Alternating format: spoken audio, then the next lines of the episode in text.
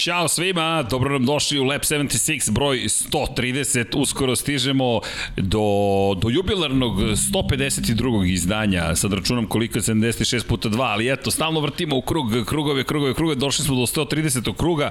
Sutra spremamo nešto posebno, o tome ćemo malo kasnije. Danas smo u emocijama, s obzirom na činjenicu da je iza nas kraljica emocija, kako Monca polako postaje, to jest mi počinjemo tako da je zovemo. Nadam se da ste dobro, da vodite računa jednim drugima, naravno vozite računa jednim drugima i mazite Pazite se i pazite se i mi vam želimo jedno dobro veče i dobrodošlicu u izdanje posvećeno velikoj nagradi Italije. Standardna posada sada već, s obzirom na činjenicu da je sezona toliko uzbuljiva, mi ovde više ništa ne menjamo. Ne, ne bismo menjali eventualno majice da se presvučemo s vremena na vreme. Moj dragi prijatelj i kolega Pavle Živković, Ćao. poznati kao kako ćemo te zovemo, Pavle Dramus, Nostradamus, čovek koji predviđa, što kaže Don Pablo, moraš da nam kažeš brojeve loto ili nešto kad slično. Bi, to kad bi znao, ja bih uplatio. Molim te, neophodno Ne bi sedeo ovde.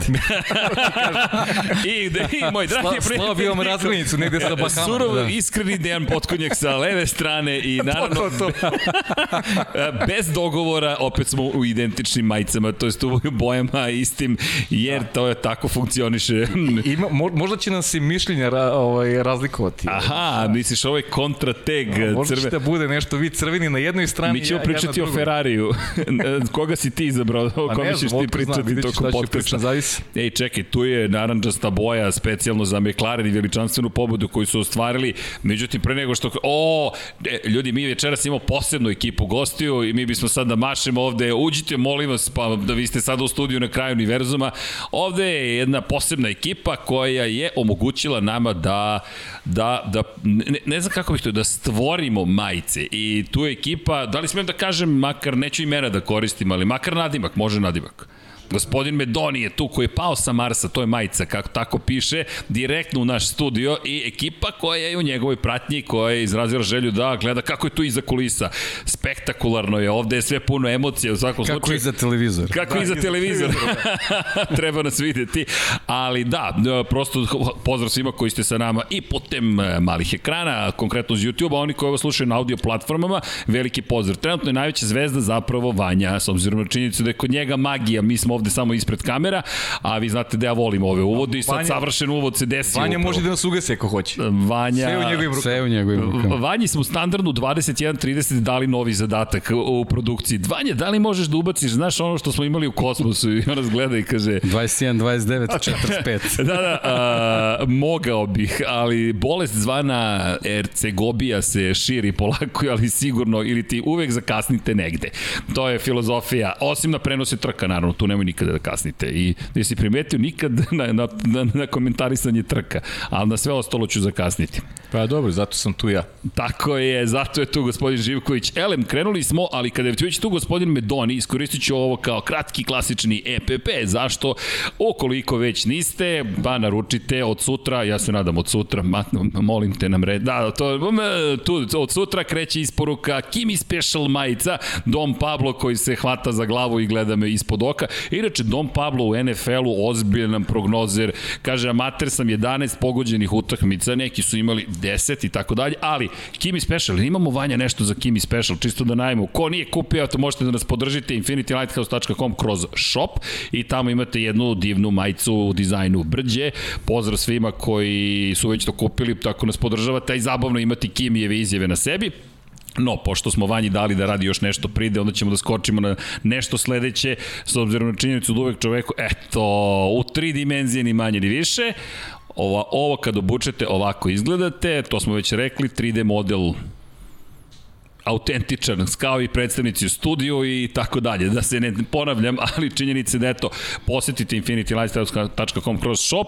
Sutra, pa najavit ćemo sutra. Da, da li smem da najavljam već sada? Smem da najavljam? Sada, apsolutno. Sada, da. apsolutno. Dragi... Ne, vidim da već ljudi pitaju za Netflix, tako da slobodno. Ok, ljudi, uh, uh, uh, imamo, imamo posebno saopštenje večeras. Dakle, i uzbuđeni smo, i krajnje emotivni. Sutra izlazi prva knjiga u izdanju Infinity Lighthouse-a pod nazivom Crveno i crno i autor je sa moje leve strane u crvenim bojama, zato je Pavle nečim što je nije crna siva je, ali kontra, moramo kontra je kontra, tu. Kontra. Ljudi, da, dobro ste čuli, pitali ste za reizdanje, gospodin Potkonjak se potrudio. Napisao je on je napisao knjigu, ja nisam predgovor. Večera sam završio predgovor čudes, čudesa digitalne štampe i već sam dobio kritiku, seći sutra sa mnom da razgovara urednik Aman Erceg, ja smo opet kasnili. Pet minuta samo. Jesmo, ali samo pet minuta da završi sa mnom. Ali, ljudi, Prva stvar, od 20.00 ćemo imati specijal pod nazivom Lab 76 broj 91 posvećen Mihajlu Šumahiru. Da, u ponoć verovatno bi trebalo, Netflix nikad ne govori kada će pustiti dokumentarac, za one koji ne znaju, Netflix pušta dokumentarac u kojem kaže, za koji kaže da će emitovati neki od do sada neviđenih snimaka iz života i karijere Mihajla Šumahira. Jedva čekamo to da vidimo, baš smo uzbuđeni, to je legenda ovoga sporta. S druge strane, od 22.0 nešto novo ćemo da radimo, to se zove Lab 76 Movie Night. Ko hoće, u 22.00 počinjemo novi stream i Companion Stream se to zove, mi ne možemo da vam reemitujemo Netflix, morate sami da se snađete, ali ući ćemo u emitovanje i mi ćemo da gledamo i komentarišemo, nadam se zajedno sa vama, bit će tu malo kašnjenja, pošto tako funkcioniše, jel te, cijelo sistem streamovanja na YouTube, ali ko želi od 22.00 sutra imamo Movie Night, ko bude gledao snimku, mi ćemo reći time kod taj, taj, tu smo krenuli i komentarišemo scene i ono što vidimo, mi ćemo premijerno to da gledamo sutra od 22.00, tako da se ne nećemo spremiti, već ćemo autentično da gledamo, pa eto, ko želi premijeru sa Lab 76 da provede, mi ćemo biti od 22.00, pored toga knjigu ćete moći da naručite na infinitylighthouse.com kroz shop, I, kažem, hvala svima još jednom, pre svega emotivni smo dosta, pošto tu, a, a, san, čujte, a, pre dve godine sećam se prvih razgovora, Pavio podcast, šta pričaš, ko podcast, šta emisija, zašto, čemu, ok, važi u hodniku, važi srđane, doći ću kad budeš spreman. Otprilike tako je krenulo, a sad izda smo knjigu. Zaboravio imamo... sam kad sam izašao ovaj na... A sad eto stigla knjiga, imamo Medonija kao partnera, imamo neko, ne, neki dragi ljudi su tu svugde oko nas i, i zaista smo emotivni i jedva čekam, moram da vam priznam. Biće toga još, mi smo svašta još počeli među vremenu da radimo, ali ne stižemo prosto sve, trudi se ekipa, malo nas je, ali smo uporni, kasnimo, ali ne zato što nas je malo, već zato što je to tako jel te, u prirodi nekih ljudi, ok, ali s druge strane bitno je da ćemo mi to uraditi na kraju. Ko britanska pošta što kažu, kasnimo, ali ćemo stići i kada pričamo o emocijama, standardno, zaista, vodite računa jedni drugima i, i mazite se i pazite se, meseci inače prevencije samobistava i sva, želim da vam prenesem da je to zaista ozbiljna stvar. Nažalost, mi imamo previše godine, rekao bih, pa smo prošli i te momente u našim životima. Nikad ne znate kome treba samo čašica razgovora, pet minuta da, da, da, da mu pošaljete nekome poruku da kažete, ej, tu sam, stalo mi je do tebe, šta god, hoćeš da pogledamo trku Formula 1, ajmo u bioskop, ne znam, ajmo u park, aj se čujemo preko telefona, prosto ljudi smo, društvena smo biće koliko god volimo da budemo individualci, pa s obzirom na činjenicu da je septembar, prosto da pošaljemo tu poruku kada je reč o nekim tako eto, konkretnim stvarima, uvek možete da pošaljete neku poruku SMS-om ili drugačije. Mi šaljamo trenutno na 917 3030, 917 je poruka na 3030 i Human 917 na 455 za one koji žive u Švajcarskoj ili imaju švajcarske telefone kako god. S druge strane, kažem, ko zna ko, ko čeka poziv. Naravno i oni koji se osjećaju usamljeno, niste usamljeni, pozovite i vi nekoga, recite treba mi pomoć, osjećam se kako god, prosto da i mi razumemo, pošto ponekad se toliko fokusiramo na, na ono što volimo i što radimo, da zaboravimo jedni na drugi, a trebalo bi više da mislimo.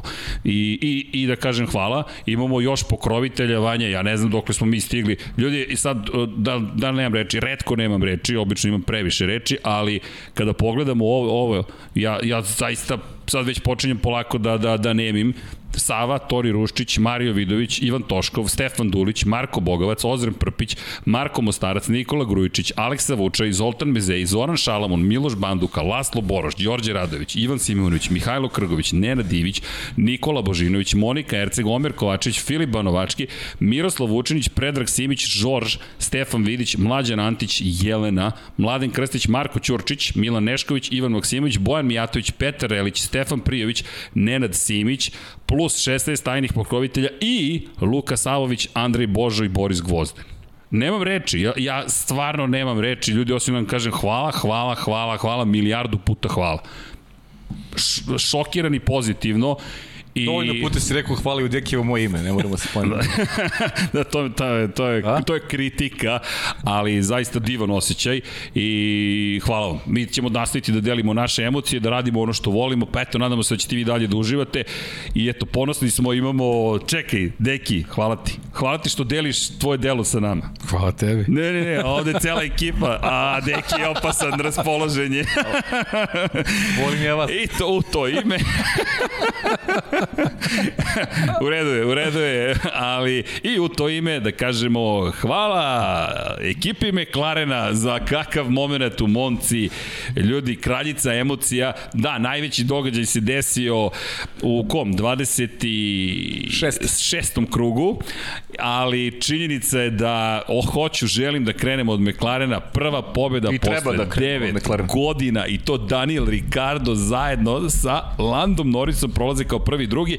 Prvi dvostruki pobednik kao ekipa ove sezone i, i, i, i McLaren na vrhu sveta, sumnjao sam u njih, Pajo, ti si predvideo još pre tri meseca pobedničko postolje za Daniela Ricarda, pobeda, ne, ne znam da li smo mogli da, da, da sanjamo o Ricardu, pričali smo pred početak podcasta, ali bravo za ovaj australijski osmeh i kako i šuj na kraju. Pazi, Deki je tipovao na, na Landa Norrisa u prošlom podcastu. E sad, zašto sam ja rekao to što sam rekao, inspirisan i onime što pokazuje Lando Norris, znači da ima materijala u tom bolidu, to je bilo evidentno, a Daniel Ricardo kao jedan fenomenalan vozač, bilo je prosto pitanje momenta kada će da klikne i to je, to je jednostavno filozofija i ono što je velika pobeda McLarena, nije došla kao posledica incidenta na stazi. Ono, lepo je rekao Ricardo, ja bih pobedio da nije bilo incidenta između Maxa i, i, i Luis. Ja mislim da bih pobedio stvarno. Ma videlo se na kraju jednostavno. Tako je, pobedio bi sigurno. Oni su, uh, Daniel je radio uh, najveći posao radio u kvalifikacijama i na početku trke. Kvalifikacije je perfektne, drugo mesto, na startu je bio fenomenalan, iskoristio unutrašnji deo staze, izašao kao prvi i tu je bio kraj priče. U suštini, McLaren u tom pogledu radio fenomenalan posao i ja, ja to recimo nisam očekivao, da će McLaren biti toliko dobro u kvalifikacijama. E, tu je Ricardo napravio onaj glavni iskorak kada pričamo o potencijalu za trku i ona rešenost njegova na, na konferenciji štampu na kvalifikacija. Ja hoću da napadnem, meni je to cilj da napadnem odmah na startu trke, da, da tu zaozmem poziciju koju želim i da, i da ono stignem do triumfa. I, Da, ta- pritom tu je bila dobra situacija u, u, u tom duelu Max Verstappen zaista nije imao razloga da, da ulazi u neki opasniji duel. Bravo, to- to kao što je kasnije priče. uradio. Da, Tako da, da, je, tako, tako je, da nije- nije morao da rizikuje Danielu što- posebno sa te strane ti si to više puta potencirao tokom trkačkog vikenda da je, da je ta druga pozicija u stvari mnogo, mnogo bolje mesto za start i Yes. on je to iskoristio, pritom znamo koliko je dobar na kočenju i Ma, apsolutno je sve svoje prednosti iskoristio do maksimuma, a imao je sreće što je Mercedesov motor u tom McLarenu konačno ovaj, na pravom nivou, naravno čita taj paket, ne, ne, ne samo motor, tako da sve mu se sklopilo, a, a znamo da on vozač koji to zna da, da, da iskoristi. Ma da, i činjenica je konstantno da- bio prvi, ne, ono, da. nema nikog ispred sebe, on je diktirao ritam koji je želo, Lando Norris Koliko pokušao kao iznenađenje, apsolutno nije. Nije, Mislim, uopšte iznenađenje. to Kad je- pogledaš se kompletan vikend, nema iznenađenja Tako nikako. je, tako I, je. i, on, I prvi put se dešava ove sezone da, da neko pobeđuje, a da to nije posledica duela Maxa Verstappena i Luisa Hamiltona. Prvi put ove godine. Da, duel se desio, ali nije Duel se desio, ali... ali doveo do ove daleko pobede. iza. Je. Daleko iza. Daleko da, da, daleko iza. tako. Pa jedino na što je uticao jeste prema rečima Landa Norisa je na to da kada je video incident između Verstappena i Hamiltona je rekao, ok, možda ne treba da napadam Ricarda u, u poteri za pobedom. Ne znam ni da li bi uspeo da ga napadne, ali rekao Lando prosto da ga je to nekako navelo na to da ni ne razmišlja ozbiljnije o tome, jer zamisli samo taj incident u kojem eliminišeš i sebe i klubskog kolegu, po, a devet godina ekipa čeka triumf, pri čemu je to druga najuspešnija ekipa svih vremena. Mi pričamo o kultnoj ekipi, zaboravljene su nekako te, zaboravljeni su uspesi, ali to je to, predivni su mi mimovi po internetu gde su, gde je sada Ricardo u grupi vozača kak, kakvi su Ayrton Senna, Alan Prost, Niki Lauda, to, Kimi Raikkonen, Mika Hakinen, David Coulter, mi govorimo o Emerson. Fittipaldi. Emerson Da, Fittipaldi koji je bio tu. Ko, Da. možeš, da ih, možeš da ne navijaš za njih, da ih voliš, ne voliš, ali mora da ih poštuješ.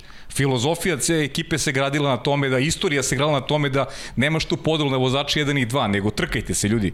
I to je filozofija McLarena i zato su zasluže ogromno poštovanje i svi koji vole Formulu 1 se raduju što su se vratili na, na najveću scenu kroz evo ovakav jedan učinak. Pazi, prvo i drugo mesto, prvi put u sezoni. Ima ovde jedna lepa trakalica koju je e, smislio ovaj, Igor Marković, pa ću posle da je podelim s vama. Ono, mnogo onako lepa priča, interesantna vezano za, za sve ono što se dešavalo u trci, a dotiče se McLarena dok ne zaključimo priču. Dok ne zaključimo priču. Pa da, ok, pa da. ostavljaš to... to ostavljaš malo kasnije, da. ok, ok, ok. Kada pričamo, moramo da krenemo od McLarena. Kada pričamo još o McLarenu, Zach Brown, ja bih da pohvalim Zeka Browna, izvršnog direktora. Dosta pričamo o Josu Kapitu, dosta pričamo o tome kako vodi ekipu Toto Wolf. Šta mene oduševljava kod Zeka Browna, krećemo njega namerno. Često vidimo šefove koji vode kompanije i rade sve i direktor sam firme i menadžer sam ekipe i ne znam šta sve biram i radim. Zach Brown je za mene najbolji izvršni direktor zato što je rekao ne, Ne, učim, učim, deki, ne brini, učim. Pusti stvari, ima ljudi. Sutra ćemo mi, nemoj Sutra ćemo, nemoj ti da briniš, šta će da se, sutra me čeka magareća klupa, jao, kad dođem sa dužim ušima, srećem imam ove, ove, ove nove slušalice. A možda se pravi da ne čuješ. Da, misliš, ali Don Pablo aplaudira, ne znam zašto, ali okej. Okay. U svakom slučaju, oprostite mi, uredniče, neće se ponoviti. Da, nikad nisam volio kad me urednik pozove na razgovor. Ja, ne, šta da, sam uvek sad... Spara, uvek misliš da si nešto skrivio. Da, uvek uvek misli, tako je, ta, da. da živi u zabludi. Ali dobro, da se vrati... A nije svaki put. A nije svaki put. Neki ali... put te pozovi da pohvali, da kaže bravo. E, vrlo redko. ali to je ta urednička sovjetska metoda. Evo ti dodatak na platu. Podra... A, to, to, to se nije desilo. Ne, ne, ne. 100%. To sad već ulazimo u hashtag nije se desilo. Da. Mislim dodatak čokolada, kao ima pa, čokoladu. Da, a onda je daba rumu to čokoladu. U tom filmu da, ali činjenice da kada pogledaš Zeka Brauna, on je čovjek rekao ja nisam menadžer ekipe. Meni treba menadžer ekipe i našao ga. Andreas Zajdl, kad je neko pobednik, on je pobednik. Davide Brive je došao iz Suzuki, a u Alpinu oni pobede. Andreas Zajdl dođe iz Porschea i, i, i šampionata izdržljivosti, McLaren ti vidiš kako ide ka tome. Bio sam skeptičan, pogrešio sam. Izvinjavam se navijačima McLarena i McLarenu, pogodak, ne pogodak, nego su pobedili Mercedes. To je sad pitanje više za Mercedes, šta sada, ali to je čuveno kultno, kultna saradnja, McLaren i Mercedes i evo posle posle hiatusa, posle jedne pauze, Honda, Renault, vratili su se svi zajedno kući i Mercedes je imao lep gest, donao im je više flaša šampanjca, pošto su već zaboravili koliko ti alkohola pretpostavljam treba da bi proslavio, pa su im doneli da, da slave malo duže u Monci i još pobediš u Monci. A kad toliko čekaš pobedu, treba ti više šampanjca, logično. Naravno. Ovi su naučili slave svake nedelje. Tako je, to je nauka, već znaš od prilike da. kako to funkcioniše. I pohvale za Daniela Ricarda, prvi australijanac koji je pobedio na, na stazi u Monci, podatak nije, nije, koji... Oskar Pjastri ujutro pobedio. A dobro, da, u Formuli, polako s Oskarom Pjastrijem, u Formuli 1. Prvi australijanac u Formuli 1, hvala gospodin Živuk, to je urednički bio moment. Da, da. Crveno, čki još jedno, okej, okay. gde, gde zaista nismo ni, ni znali, nisam ni zamišljao o tom podatku, da gledam koji je poslednji australijanac, nema ih, iz, iz Okeanije, Danny Halm i to je to, Novi Zeland, i onda razmisliš, čekaj, to je isto bitan moment za Australiju, da se tu intonira himna, predivno i zaista kraljica emocija, nije bilo baš mnogo tifozija, ali ok, proći će i pandemija, pa ćemo se svi ponovo skupiti na stazama u pravom broju, ali taj moment da, da Zach Brown kaže ej, neko drugi da vodi ekipu, meni je, meni je još jedna zaista važna pobeda u celoj priči, jer to dovodi do dugoročnih uspeha, a ne do toga da samo neki incident ti otvori vrata. E, slušaj trakalicu. Slušam. Monca ove godine. Prva i druga pozicija za McLaren, koji nosi brojeve 3 i 4. To je peti podijum za McLaren ove godine i Danielov šesti završetak u McLarenu u top 6. Na trci da nije vozio broj 7 Kimi Raikkonen. Bila je to pobeda broj 8 za Ricarda, a McLaren je slavio posle 9 godina. Čista desetka. Svaka čast. Jeste. Ej, Svaka to je Strava trakalica. To to je to je e, na na Redditu je Dasa iz Britanije to prvi pr, prvi video pošto sad pa pratim Reddit od od kada A od kada sam ja osvanuo tamo da. Na, na, na Hvala. Redditu. Hvala. Ne, najmanje što mogu da učinim. Pa divan si mislim.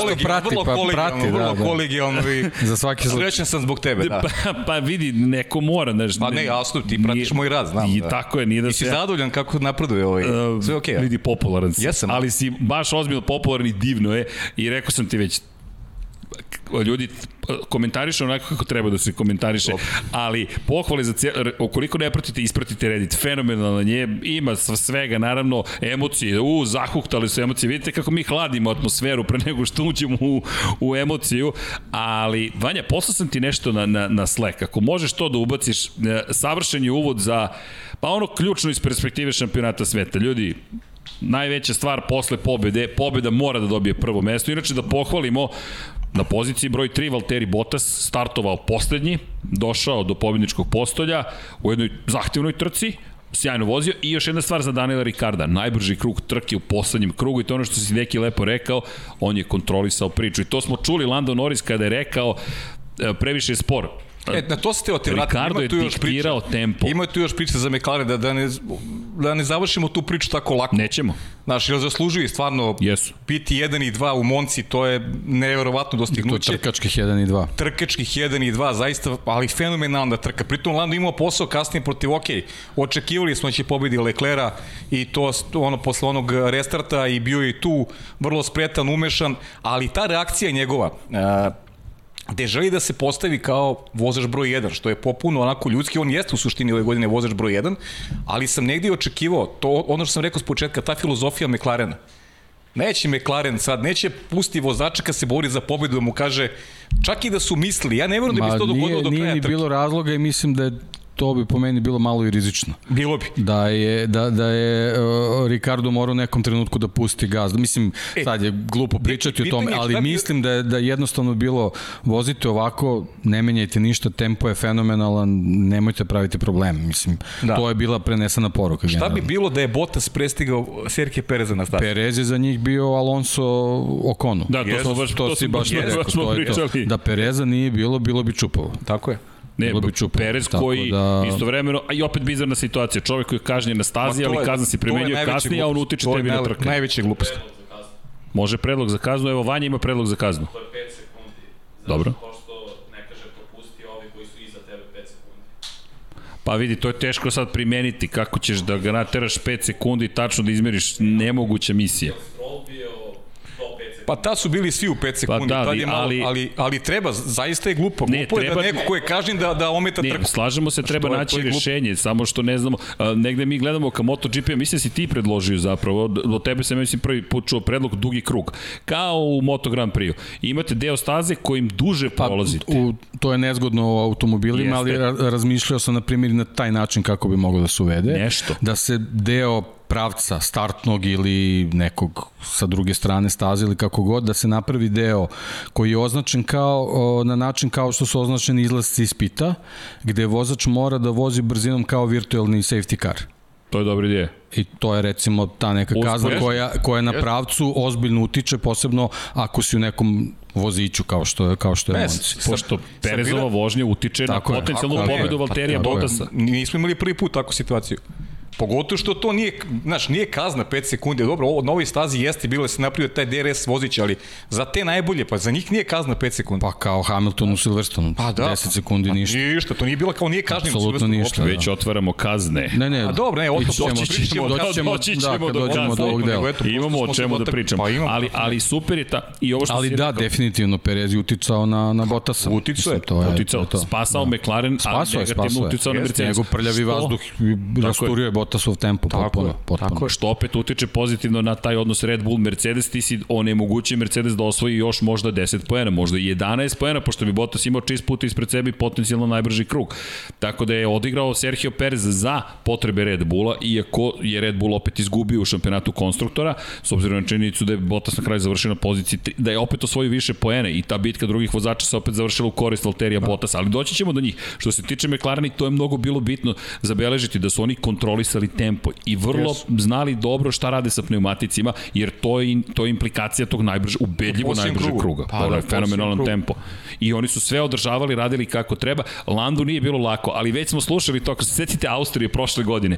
Lando, da li bi mogao u DRS-u da držiš Luisa Hamiltona? Pa do kada? Zauvek. Pa dobro, pazi. ali opet je to radio, opet La- Lando u toj je, situaciji. Lando je po svemu što je pokazao u prethodnih godina zaslužio da bude uh, prvi pobednik McLarena posle toliko vremena. Ali prosto to je A ja, tako. spominjali Pričali smo. smo danas, da. Pričali smo pre, pre Deki. Okon, Okon Da. za Alpinu, ne Alonso, nego Okon. Latifi prvi Latifi bodovi za prvi Williamsa. bodovi za Williamsa, a ne George Russell. koji je bio pretplaćen da će to da uradi. Bukvalno, ali s druge strane iz MotoGP-a da izvučemo Pole Spargaro umesto da pobedi na KTM-u, pobedi Novajlija, Znaš Brad šta, Binder. znaš šta je do je. kraja sezone? Umesto za pramak da pobedi Zarko, Zarko ili Miller ili bilo ko da. Dođe Znaš šta klinaci će- pobedi. Znate šta će biti do kraja godine? Carlos Sainz će pobedi za Ferrari do kraja godine. O, zapad, čekaj, Vanja, Vanja, ne, Da, sada, daj sada, da bi tražili ne, ne, mnogo, da, je, da. e, ko prati NFL Films, imate takozvani witching hour, to vam je moment kada pobede postaju porazi, porazi prerastaju u pobede, kada je sve moguće. E, tako za Paju moramo da smislimo taj moment, ovo je kao druid Pavle, koji kad kaže, mora da se zapamti, taj, ovo je isnjecivanje, ne, ovo moraš da čuvaš, da, dakle, izbacimo sutra na društvene mreže. Paja je 14. septembra predvideo da Carlos Sainz ove godine pobeđuje pre Charles Leclerc. I onda kad se to desi, onda Onda će idu oni brevi onda brojevi, onda brojevi. Onda idu brojevi, okej. Da, pošto to je nemoguće. Ti kažeš Honda će se povući, mi te gledamo. Belo, Honda saopšti tri dana kasnije da će se povuče. Saopštiš da će Ricardo da bude na pobedničkom postu i on čovjek pobedi. Dobro, tri meseca kasnije, ma, malo, to je zbog letnjih, ovog, zbog E letnjih dobro, sad momenta. malo ono preteruješ. Pričali smo ti Ja. o tome i ranije, samo ti si malo onako voliš da budeš obazrivija. Pričali Ja. ja. smo o Ricardu, jesmo, da, da će to da klikne i ranije. Malo si u podcastu bio rezervisan, ali opušteniji, opušteniji je kad smo izvan kamera, znaš. E, inače imaš zahtev e, Kaži. ponovo, pa ne znamo, prosto vidjet ćete zašto kasnije kada dođemo do, do druge glavne teme. Ovo je sad kao kad kupiš novine, na naslovnoj strani je incident Luisa Hamiltona i Maxa Verstappena, a to je na 42. strani. I ti onda čekaš, čitaš uvodnik, pa čitaš jednu, pa drugu, pa Izvinjavam treću. se, gledam chat, pa pitanje za Paju.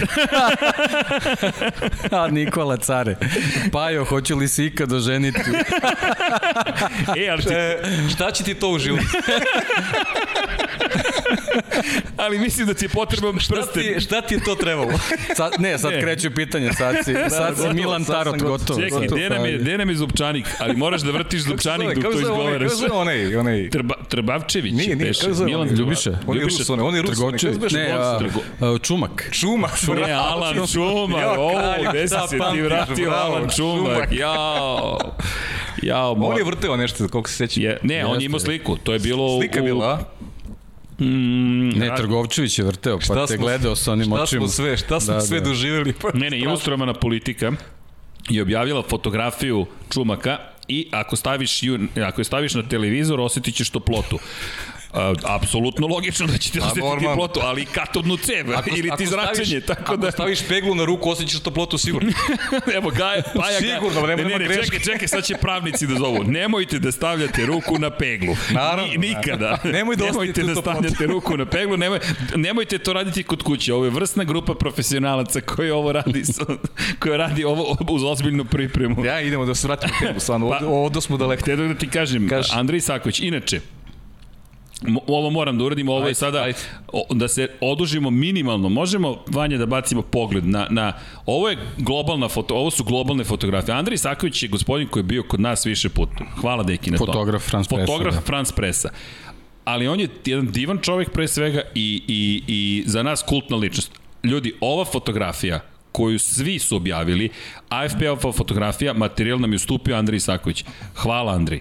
Hvala od srca, pre, pre svega svaka ti čast. Jedna od tema je bila upravo u Lab 76 e, kako da fotografišeš. I Andrej koji kaže, nikad nisam na tom mestu kada se desi nešto ovako. Andrej, dođi u Lab 76 i bit ćeš uvek na ovom mestu, ali hvala Andreju da nosi naše Ovo je nalepnice. fotografija koja je obišla planetu. Planetu, bukvalno. Ovo je na naslovnim stranicama novina, ovo je na svim medijima, ovo je svugde. Ja se nadam da njegov šef deli Mercedes bonuse. je preuzeo, Lewis Hamilton, Hamilton je je preuzeo, preuzeo, fotografiju, FIA je preuzela ovu fotografiju. Uh, fotografija da. Da. koja, koja je istovremeno fantastična, istovremeno zastrašujuća.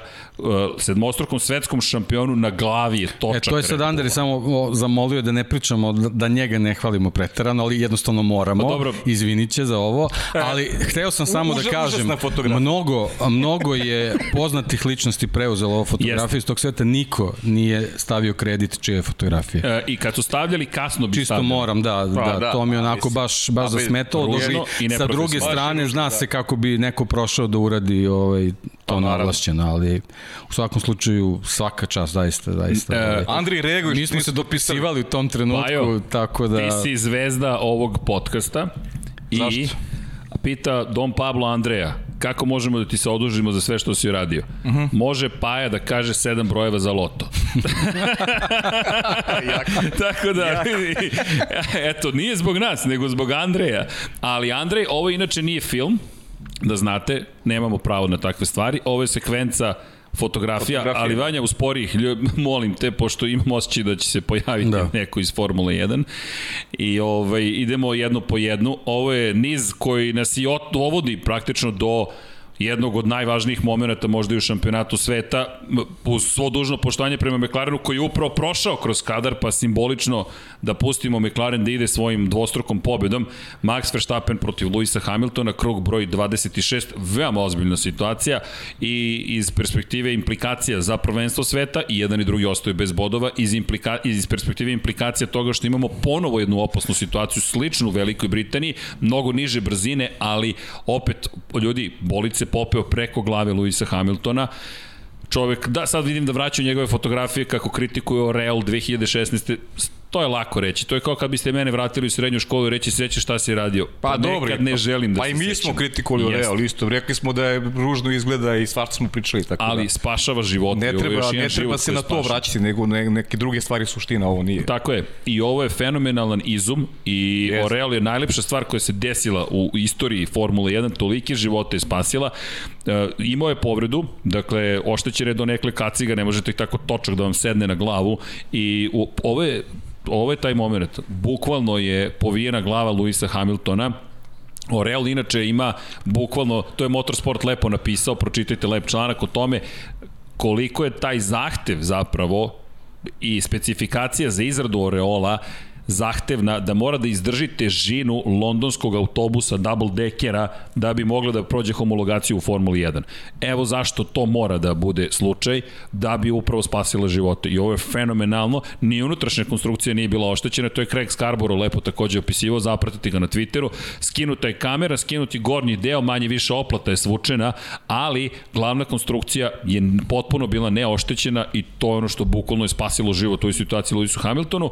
Kratko ću samo da se osvrnem i na to, to pošto su uzavrele strasti. Max Verstappen, ne, apsolutno nikakva namera nije postojala da ovo postigne, isto važi i za Lewisa Hamiltona u Velikoj Britaniji. To, to, to ad akta stavljamo odmah, ali ovo je ozbilja, sek, ozbiljan niz fotografije sekvenca koja nas dovodi i do kazne Maxa Verstappena za sledeću trku. Biće pomeren tri pozicije unazad i iz perspektive njihovih odnosa mi smo opet na ivici Pajo Deki, to mi smo pričali da će se ovo da će se ove situacije ponavljati. Ovo nije ništa novo. Nije. Ovo je bilo još lakše predvideti nego bilo šta drugo ove godine u šampionatu sveta. Nažalost, došli smo dotle. Uzbuđenje je ogromno, ali ono što smo i rekli, kada tražimo sezonu kako smo imali prosti Sena 88. dobit ćemo i ovakve situacije. Bukvalno dobijamo takve situacije. I sad, ajmo da krenemo od ovoga. Ajmo da, uvod zapravo. Max Verstappen ima ovu trku u svojim rukama iz perspektive borbe sa Lewisom Hamiltonom, to jest protiv Lewisa Hamiltona. Nema pobedu, izgubio je na startu trke, loš start, ali ono što je Paja lepo rekao, pozicija 2 vam otvara prolaz. Verstappen, međutim, zajedno sa Red Bullom u situaciji koja se redko viđa, a to je greška prilikom zamene pneumatika. Pri čemu, Deki, ti si o tome govorio, kada se uvede za novo pravilo za zamenu pneumatika, kako će se to odraziti? Odrazilo se na šampionsku ekipu po tom pitanju rekordersku koja je napravila grešku. Inače smo saznali, nije da nije bio osiguran točak prednji desni, već je zaboravio Da, da, mehaničar definitivno. zadužen za pištolj da signalizira da je zavrnuo točak. Da, on je završio sve obavio, ali zaboravio da zaboravio na signalizaciju. Signal, jer signalizacija je sada obavezna, plus dodatnih 0,15 sekundi od momenta kada je spušten bolid sa dizalice i nisu mogli da puste bolid jer je upaljeno bilo crveno svetlo. Max Verstappen je proveo preko 11 sekundi i onda kreće u brzi krug, ali Pa ne, lančana reakcija ide posle Tako je. 4,2 Mercedesa i eto, dobili smo Savršen kad, kad ti se namesti tajming. tako. Prosto, tajming je bio takav da se poklopilo da manje više Luis izlazi u momentu kada Max dolazi i eto, pod festum sad ne znam, ajde, kako ćemo, odakle krenemo, šta hoćeš da analiziramo prvo? O, ajmo da pozanaliziramo ovu sekvencu. Ajmo da vidimo sekvencu, ali Vanja, ako možemo fotku po fotku i hvala Andreju na ovome. Ustupio nam je materijal, gledat ćemo da ga e, ne zloupotrebimo, ali pre svega smo hteli da pohvalimo Andreja, jer isto kao i ti, deki, smatramo i pa i ja da nije dobio dovoljno zasluga za ono što je učinio, a ovo je... A ne, A osram, ne, ovo je antologijska Antologijska, fotografija. Ja ću da u kažem svim iskreno, kasnijim nekim publikacijama vezanim za ovu sezonu. Sramotno i ta biti da, tu. da, da nečiji rad da. Da. ne vrednuješ, makar da ga potpišeš, to je katastrofa. Tako je. To je... Mislim, jako cenim kolege fotoreportere, uvek sam s njim imao super odnosi i prijateljski odnosi Takođe, takođe. i to je stvarno sramota da njihov rad se ne vrednuje na taj način. Znači moraš čoveka da potpišeš, to ti je ono pravilo. Kao što sebe potpisuješ kada pišeš tekst, tako potpisuješ čoveka koji, koji, sli, koji fotografiš. Da stavimo stvari u perspektivu. Neko stoji na stazi dugačkoj 6 km na jednom mestu i čeka trenutak. Neko je ceo vikend proveo izviđaju, izviđajući Procenjuje gde će se desiti trenutak. A čovek ide u izvidnicu, mogli ste da, da, da, da slušate Andreja Isakovića kad to opisuje, Zorana Živkova takođe, kako idu i traže savršenu poziciju, ali niko vam ne garantuje da će se nešto desiti na toj poziciji. Vi ste zauzeli poziciju za potencijalnu dobru fotografiju. Ko vama kaže da će delići istorije Formule 1 da se desi u, u trenutku kada ste vi tu spremnog fotoaparata, spremnog oka i baš na mestu na kojem vi stojite, na 6 km, uzmite negde pravac, neki nađite od 6 km i tražite savršenu tačku za, za fotografisanje. I sad taj neko koji je proveo ceo život usavršavajući svoj zanat, pripremajući se, napravi ovu fotografiju, neko uzme i samo je zalepi na Instagram. Sramota. Uh, samo, samo da dodam ajde, ajde. stvar, uh, njegov kolega uh, u razgovoru uh, dogovorili su se, kolega je otišao na varijantu Delarođe. Uh, gde uh -huh. se desio prvi kontakt. Prvi kontakt, između, da. Tako da AFP ima fotografiju. I to, kompletni su. tako je, tako je. I, tako I je. čekaj, još neko, kako se zove, uh, s kim je Zoran bio u automobilu, safety caru, sad sam zaboravio, još jednog od kolega sa ovih prostora je bio sa druge strane zapravo prve šikane, ima fotke iz druge perspektive. Tako da ekipa sa Balkana je bila spremna ovoga puta, ne znam ko je bio kolega iz AFP-a u varijanti Del Rođa, ali fenomenalan posao. I evo, kreće sekvenca. Vidimo Landa Norisa koji je na svojoj poziciji u pozadini, koliko možemo, ovde, ovo je bitan kadar, moment kada se penje na takozvanu komasicu Max Verstappen. Tako je. I sad, mnogo je elemenata, ovo će da potre. Potreće. Potreće. Max Verstappen ulazi sa spoljne strane. Ide krivina u desno koja prerasta u krivinu u levo. Njemu pripada unutrašnja strana krivine. Hamilton ima krivinu. On je ispred. I nijednog momenta Max Verstappen ne uspeva da bude ispred Luisa Hamiltona. To se čak i ovde vidi. Samim tim Hamilton ima prednost. S druge strane, imamo uvod u trku, u varijanti Dela Rođa upravo, Max Verstappen je na gotovo identičan način branio svoju poziciju. Hamilton se žalio da mu nije ostavio prostora. Znali smo da ukoliko se ponovi ni Hamilton neće ostaviti prostora, Max Verstappen Normalno. i Hamilton ne ostavljaju jedan drugome više prostora. I ovo su slike iz Imole, o Imoli, Max Verstappen je ovako uspeo da odbrani poziciju, bile su obrnute uloge protiv Hamiltona, isto je uspeo da učini na početku trke u Španiji, pa je Mercedes sa Hamiltonom i strategijom pobedio Maxa Verstappena. Isto smo imali situaciju na početku ove trke i posle takva tri momenta mi imamo po situaciju koju Hamilton kaže, ne kaže, prosto stavi do znanja, ja se neću pomeriti, nemaš sad više, dostavio sam ti dovoljno prostora, ne punu pa, širinu bolida. Ovde baš... E ne, ne, to hoću da kažem, ovde na ulasku u prvu krivinu. Jeste, ostavimo dosta na ulasku u prvu krivinu. Ali čak i tu je počeo da zatvara. Jeste, ali ostavio dovoljno prostora. Dovoljno. Ulaze u krivinu, ovde više nema prostora. Nema. Kada se borio sa Landom Norrisom, više je bio u desnu stranu, okay. ali o, i, za mene ovo trkački incident. Isto. Ništa više od toga. Da li je ozbiljan? Jeste. Implikacije ogromne I sad, ko je kriv, čuveno pitanje. Znaš kako, kaže, kaže Luis posle trke, Max je znao šta će se dogodi. Pa i ti si znao šta će se dogodi. Čim si ostio toliko malo prostora. Ako ne odustane Max od duela, ovo se događa neizbješno. Obojca ste znali šta će se dogodi, obojca niste li da odustanete. I meni je to trkački incident. Ako je nešto školski primjer trkačkog incidenta, mislim da je ovo. Za mene. I e, meni je analiza Fernanda Alonso najbolja. Najbolji pokazatelj onog što se dešavalo na stazi verujem da ste videli analizu Fernanda Alonso, da je bilo još dešavanja tokom trke sličnih, pravo trkanje. Pritom brzine koje su na tom mestu 40-50 km na sat, dva vozača koji ne žele da odustanu i to je to. Iz mog ugla ovo je trkački incident. Iz mog ugla.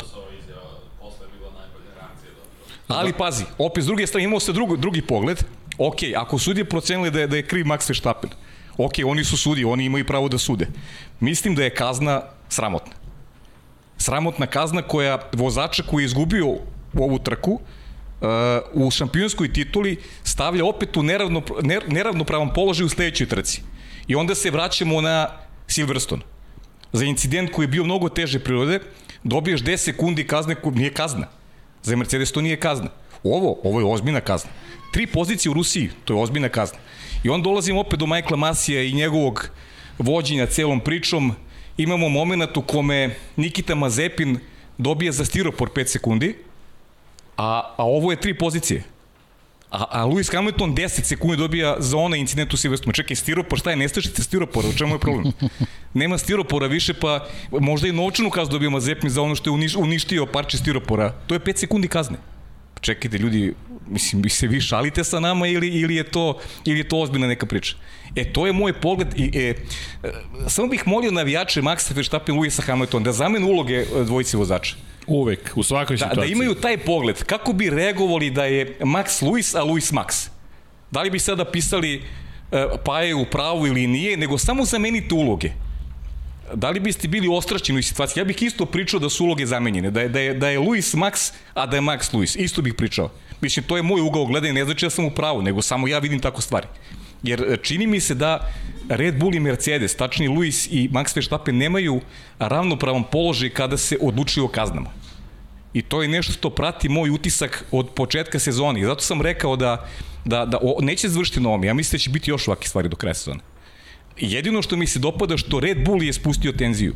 Tačnije, Christian Horner rekao da su razočarani odlukom, ali da je prihvataju. To je nešto što moraju da, da, da moraju tako da se ponašaju, jer ogroman ulog do kraja godine i treba spustiti strasti. Jer, jer preti da to bude ozbiljnije do kraja godine. Ogroman je ulog, borba za šampionsku titulu, a opet s druge strane možda ova kazna i opet ne bude neko, nema nekog utice na šampionat jer imam utisak da bi Max Verstappen svako menjao bolid, menjao motor za sledeću trku. Tako da ovaj moguće da da ta kazna i neće imati toliko dramatičnu ovaj ulogu po šampionat jer moje moje viđenje stvari je da je Rusija idealna idealna staza da da uh, Red Bull promeni taj treći agregat agregat i da da Max dobije četvrti u Rusiji bez obzira na kaznu. Eto, to je moje viđenje stvari. Deki, Hoću ja, ja sad. Kako god. Kako sve jedno. Molim vas. Pa slažem se sa, sa većinom tih stvari, a posebno sa, sa konstatacijom da je ovo trkački incident. Ja sam za, za incident u Silverstonu rekao da je trkački incident za koji je kriv Lewis Hamilton, znači neko mora da neko ga izazove. mora da bude kriv. A, tako ovde isto mislim da je ovo trkački incident za koji je kriv Max Verstappen. Zašto? Zato što se pojavila ta situacija, taj delić sekunde, taj delić prostora uh, koji je Lewis Hamilton ostavio možda sa nekom svojom nesigurnošću da prođe krivinu onako kako je trebao i da potpuno zatvori prostor Maxu Verstappenu koji možda onda ne bi tražio to mesto gde će da se pojavi ostao je prostor sa te leve strane, Max Verstappen naravno trkač je potpuno je, apsolutno je opravdano i logično da će on potražiti prostor koji koji treba da pronađe. Ovde je problem bio što se nalazi ta, kako je zovemo, kobasica na stazi u Monci. Znamo koliko, koliko je taj dodatak ovaj nezgodan. Sećamo se Aleksandra Peronija kako je poleteo pre to par se... godina je bilo, to je Formula 3 bila, čini mi se Formula 2, ne mogu se sad tačno yes, se setim, da. ono je bilo neverovatno. Lansiran čovjek bio. Ta kobasica je evo, to izazvala. Evo, da. Ako vratiš Vanja na ne, malo unazad fotografiji, e, tamo gde iskra se vidi na kobasici. Evo ga moment. To je taj moment gde on praktično gubi kontrolu. Tako je. Taj, tu bolid skače i ovo sve kasnije što se desilo, to je u stvari trenutak udara zadnjih točkova, jedan, jedan u drugi znamo da, da tu bolice, bolice podiže, jednostavno oni se on okreću. Leti, pa sledeća tako fotografija tako pokazuje da, kako točkovi da neko nisu da zemlji. priča da, da je Max Verstappen to kao nešto Ma, smišljeno uradio ili ne znam ja kakva, je, kakva je bila konstatacija. Ja uopšte ne želim, ne, ne želim to da komentarišem, da, jednostavno to, a do, pa isto ko za Luisa u samo Silverstonu. Namera. Pa to ono što sam rekao na početku, namere, preambula je, niko ovde ne pokuša nikog da povredi. Oni se trkaju. Da, neće odustati ni jedan ni drugi. Da, to samo po sebi povećava opasnost, ali da neko hoće da ugrozi život onog drugog, ne. Apsolutno ne. Posebno vratimo... od samog uh, početka tog duela. Hamilton izlazi iz, iz, iz boksa, poštuje liniju razdvajanja, ubacuje se zato što je ispred, ubacuje se s leve strane, možda to ide malo agresivnije pošto Max tu odlazi na, na zelenu površinu levom stranom bolida, ali, ali to je jednostavno a, takav duel koji se u tom trenutku očekuje, on jednostavno pokušava da odbrani svoju poziciju, on izlazi sa hladnim gumama, on, da ga je Max tu prošao, on to bi izgubio taj kraj. krug, to bi, to bi kraj, I, i, kraj, kraj bio, ali on je sve vreme njemu ostavljao e, prostor. A, a, znaš da ima razlika, Deki? Razlika mi je kad imaš boli, bolid uz bolid. Pogledaj ti ko je to, to razlika, bolid uz bolid. A kad imaš više od pola dužine prednosti, Pa to onda to je onda ozbiljni incident. To mora bude ozbiljni incident. tako je, Ovo je tako bolid uz bolid. Dve fotografije nazad nekako, Svo, složili smo sekvencu i još jednu unazad. Vidjet, bo- e, e, sledeća, ako možeš, to. Pogledaj prednji desni točak. O, pogledaj zadnji levi točak. A da. Ovaj bolid leti. Kraj. I to je ono najgore, u krivinama uvek, zašto oslanjanje toliko igra važnu ulogu, Apsolutno, ko će da apsolutno. pređe bolje preko ivičnjaka. Cilj ti je da točak se nikad ne podigne od tla. Nikada. On ovde više ne kontroliše svoj bolid, on ovde leti, to smo i videli. Namera, naravno da ne postoji, moje mišljenje, i stojim preambula, ne postoji, ali da se vratim na, na ovo deki što si rekao. I, I to je Alonso rekao. Deluje da je Luis hteo da ostavi dovoljno prostora Maxu, ali ne za ulazak u drugu krivinu. Ispostavlja se tu stvari greška. Tu Jeste. je treba da bude agresivniji i da tu zatvori prostor i da verovatno do ovog duela ne bi došlo. Tako je. Max bi morao da potraži neku putanju. Da, a Max Ako- ako je- nije pustio. Ako je pomislio da sačuva bolid, pazi, ako ne, onda mislim, nećemo pričamo o tome. Verstappen je Da, da. skrenuo uspešno, on je i dalje tu. Luis ide po prirodi stvari da zatvori taj prolaz u krivini broj 2. Tu više mesta nema i Max ostaje samo jedno, da odustane a odustati neće ni jedan ni drugi. Pogotovo ne posle svega što se dešavalo. Da nije bilo velike samo Britanije, da nije, da nije bilo Da je, još ali mađarske izvini, da je ranije odustao, završio bi kao Perez sa, Od prilike. sa tom kaznom. Od prilike. Tako da, Tako da, znaš, ovde to je, on je tu jednostavno tražio prostor. Ne, on je tu i I komitovan. tako da on, nema tu, nema tu krivice. Mislim, on je tražio prostor, nažalost, konfiguracija zbog ovog naranđastog ivičnjaka je takva da on jednostavno u toj milisekundi izgubio Ne, kontrolu. tako basica te lansira. I to je to, da nemaš je. kobasicu, Znaš kako, ja prihvatam, ok, sudije su tako, oni su, oni su tu da sude i njihova odluka ta kakva jeste. Me, meni je najveći problem u celoj priči kazna. To ono što smo pričali u prošlom podcastu, Da, da, to, ti i ja. Da, pričali Znaš, smo, da, da i, za, i posle Mađarske smo pričali, ja, ja, ja znam da si rekao, da će ćemo sledeći, kada se okrene je, situacija. Kada se okrene situacija, kada, bude, kada budu Maksa proglasili za krivca, kakva će kazna bude? Čekaj, 10 sekundi i, i tri pozicije, pa to... Ali- za, za manji incident, ok, kazat ćeš ali nije završio trku, ali mora da nađeš neki, znaš, mora da pronađeš neki balans u kažnjavanju.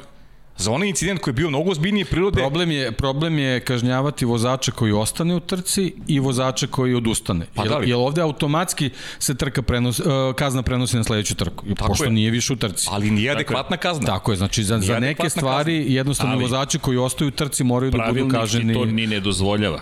Jednostavno ti sad i po pravilniku apsolutno. nemaš mnogo opcija.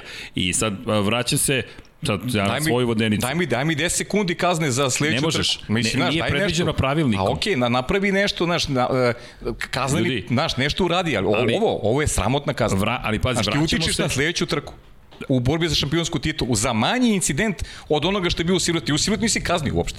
On nije kazna za Mercedes, pa nije ni za Red Bull kazna na, na, na trkačkoj stazi. Ni iz jednog od ta dva tima to nije kazna. Ti moraš posledice incidenta, moraš da pretrpiš, da imaš kaznu i da pošalješ poruku. Ako ti nećeš da kazniš za incident, pa nemoj da kažnjavaš onda. Nemoj da praviš šminku od takmičenja, nego napravi da čovek koji napravi incident kazni ga. Samo da se javim ovde Ćao, ekipi. ljudi. Ćao, ljudi. O, odlazi ekipa. Nadam se da ste uživali. Nama je bilo lepo da vas vidimo. Hvala za posetu. Hvala. Je, jer je, me- meni je nenormalno, to ono što sam pričao, nenormalno mi u borbi za šampionsku titulu, da imaš za takva dva incidenta toliko različite kazne koje Ali- opet idu na, na, na, u korist jedne strane. To je ona moja priča.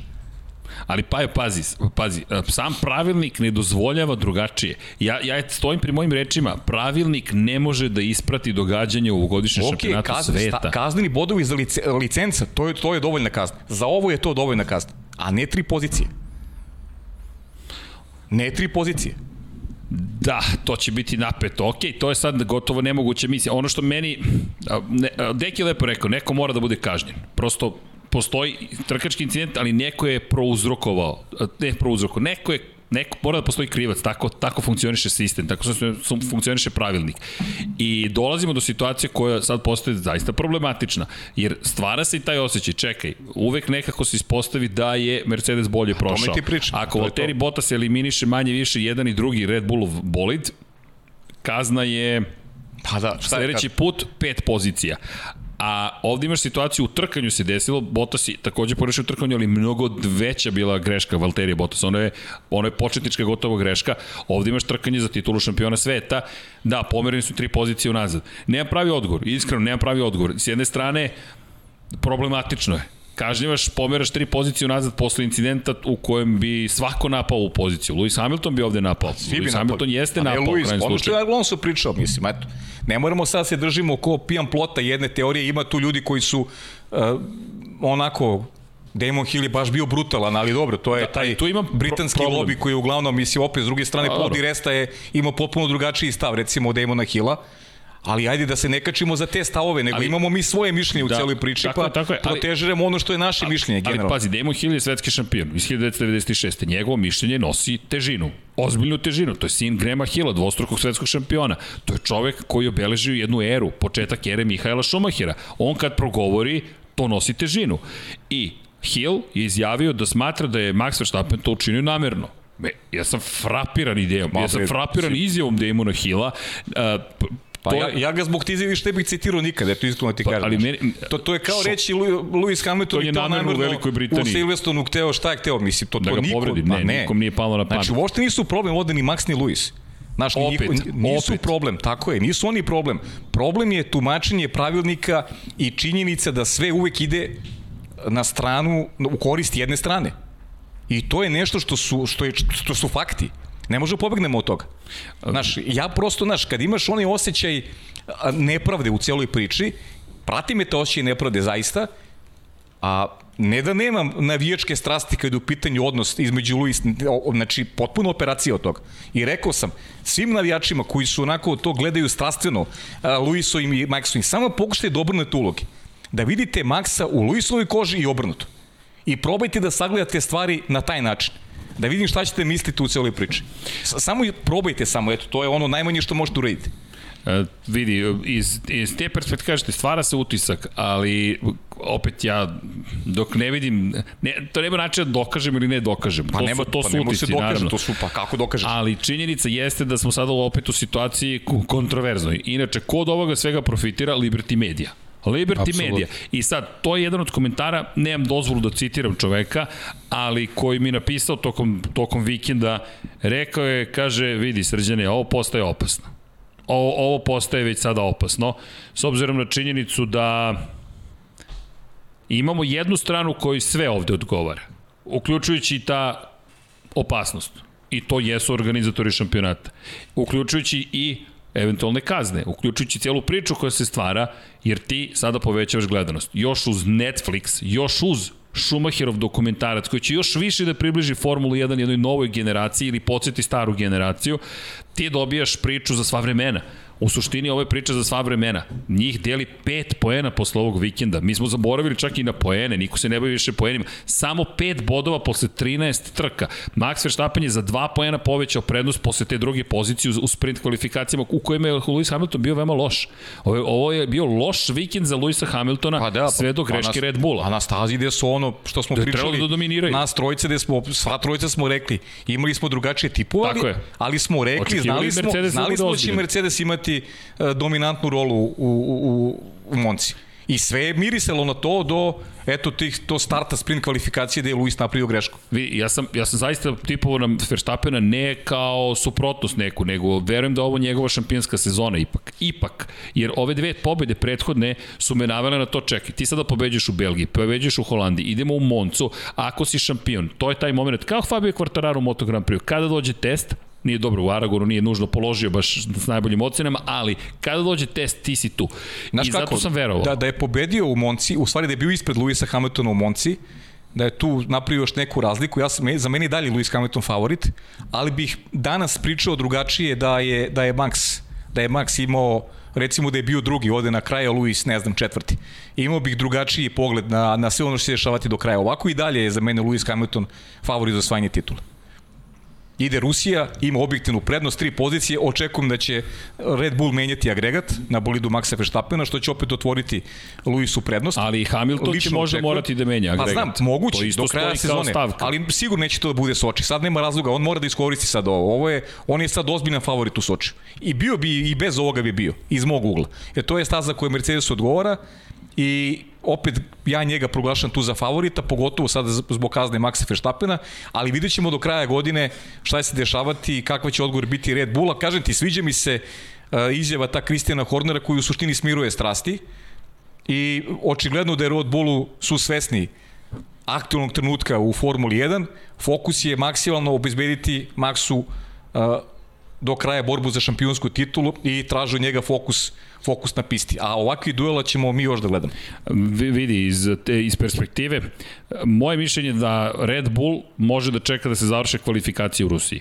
Ukoliko Verstappen tamo bude na poziciji broj 1 u kvalifikacijama i pozicije, povereš ga tri poziciju nazad na četvrto mesto. Start u Sočiju do druge krivine je prilično, krivine je prilično dugačak. Pozicija broj 4 nije idealna jer je malo prljavi deo staze, ali trojka je savršena, dvojka je bolja, Kec je najgori. Ali srđene, gde, gde može još da nadoknađuje pozicije kad bude pretrpeo kaznu?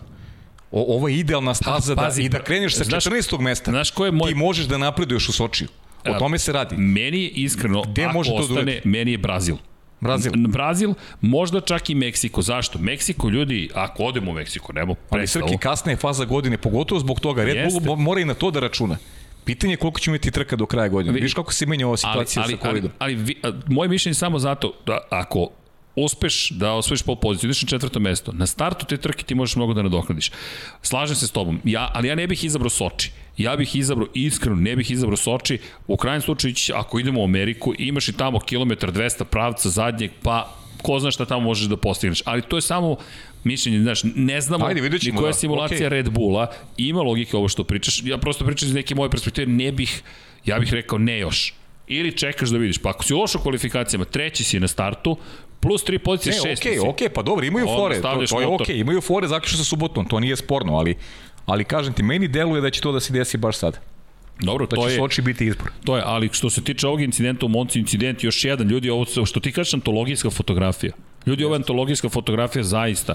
I, i, i, i, i to je moment koji bi mogao da E, ja bude... sam baš sam baš sam pričao sa Andrejem ovaj i tokom ovog vikenda, ovaj ja ja imam kod kuće uh, knjigu zove se Autobiografija Formule 1. Mm -hmm. Bukvalno je napravljena samo kroz fotografije autobiografija kroz fotografije. Svaka, svaka trka koja je bila bitna u istoriji, mislim da je vezano za, za 20. vek, ovaj, bukvalno su o, sli, o, slike dočaravale šta se dešavalo na stazi Bravo. i ako neko ikad bude pravio u nekoj budućnosti nešto kada slično, bude pravio. ova, ova fotografija će opisivati ovu Andrej, trku. e, Pobeda, pobeda Daniela Ricarda, dvostruka pobeda, 9 godina, povratak McLarena, ta, ta, ta, njegova fotografija, neki šuj ili šta god i ova slika. To je to. Je to. Deki, da li bi svoj, da imamo pravo da pustimo video snimak? Da li bi nam on bolje očarao šta, Ma ne, očarao ne može, šta jednostavno to je, to je Nema široki šanse, objektiv. To nema šanse. To, to Ovo, nije to. ovo je najbolja prilika da vidimo koliko su bili blizu jedan drugog, šta se dešavalo uh, na ulasku u taj drugi, u, u taj drugi zajvo, drugu krivinu. I još jedna stvar u ovoj celoj priči, Deki, što, što ti reče, b- istorija Formule 1. Ovo je fotografija koju kad pokažeš, u glavi ti je Monca 2021. Kraj. Kraj. Čak ni Ricardov uspeh, pobeda, da, bit će gotovo sigurno zbog onog prepoznatljivog pobedničkog postoja, ali ovaj moment, kaže Šoki, znam, znam tačno, znam tačno taj trenutak. I ovo je zaista istorija u, u, u, u stvaranju. Iz jedne perspektive, reći uživajmo, jer ovakve sezone su vrlo redke. Jeste, to je tačno. Vrlo redke. I dalje je ovo redka sezona. Da, znamo da će biti još ovakvih situacija, nažalost. S druge strane, hajde da vidimo sada, pa, posle svega ovoga, Tu šta samo, donosi samo Michael Masi i 1. društvo nisu na visini zadatka. Ali, Ali- prosto u ovakvoj sezoni mora, neko mora tu da brljavi, da, da, da ti kvari Deki, ovaj sreću. Zvedeki. Viš, počeli smo Ali brljamo okej, ja, sam, imena. ja sam rekao njemu, ja sam njemu rekao Andrej. Znaš, ja sam Dekiju rekao Andrej, znaš. To, pa to, to ti Andrej, ja, Otišao Deki tebi. skroz. Ništa, ti sad meni, ne znam, reci znam. Pajo.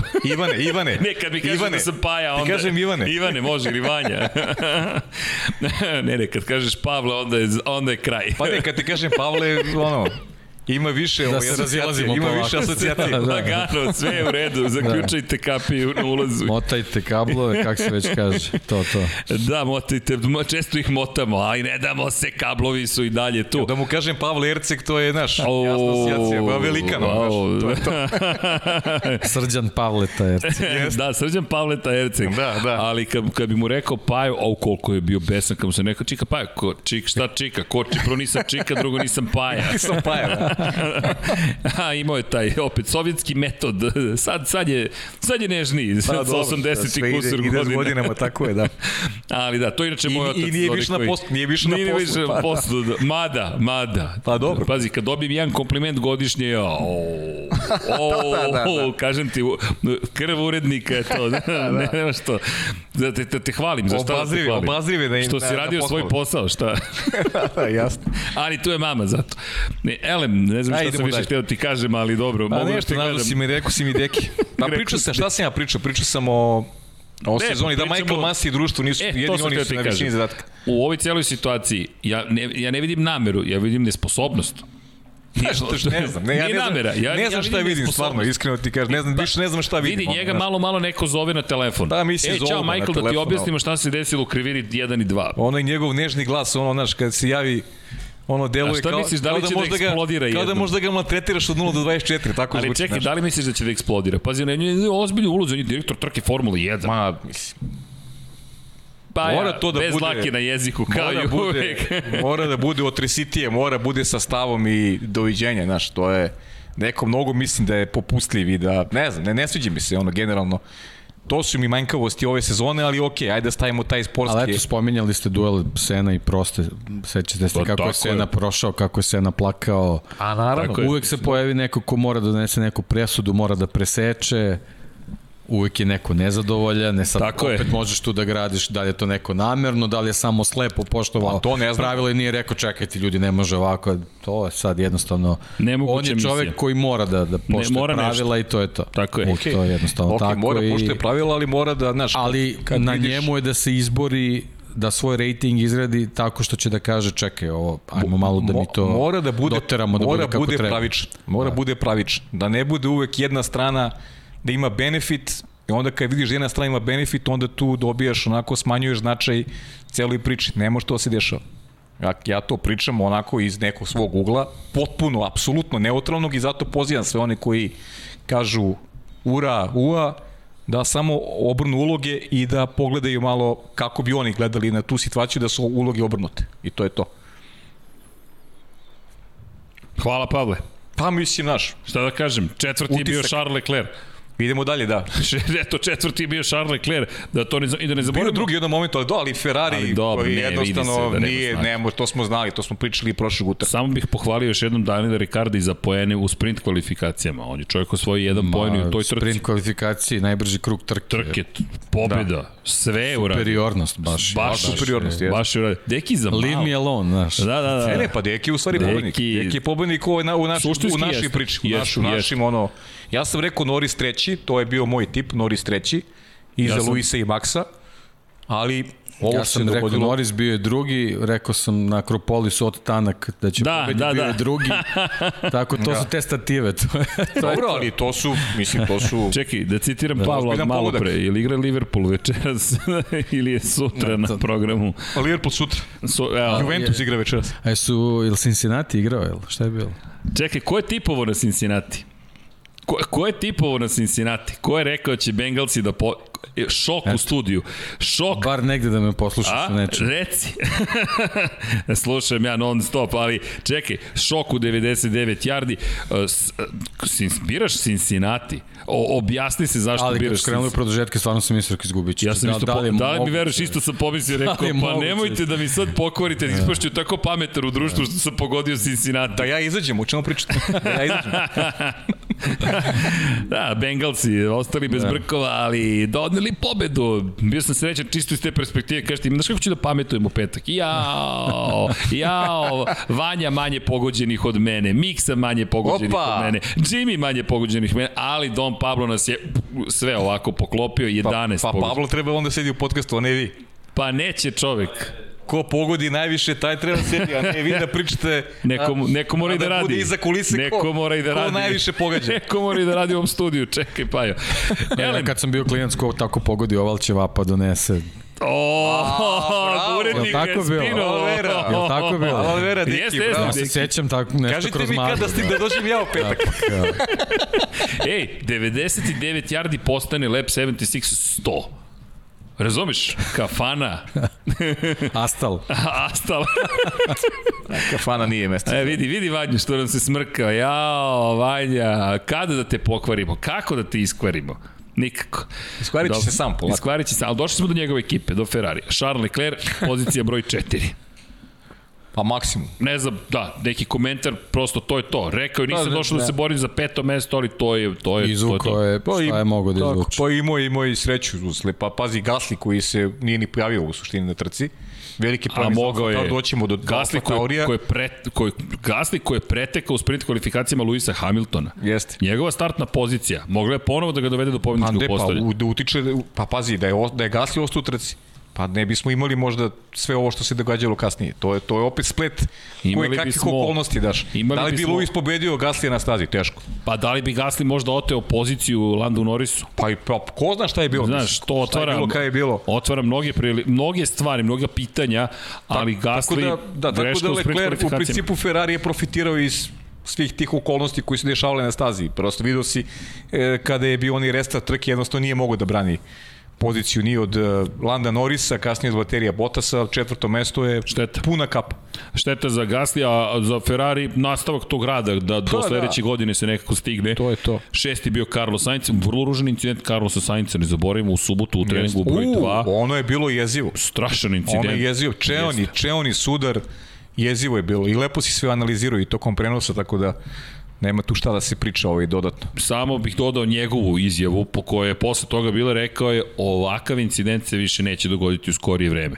Jednostavno je rekao da se još uvek prilagođava, prilagođava bolidu, ali problem je što on u Monci stalno pravi greške.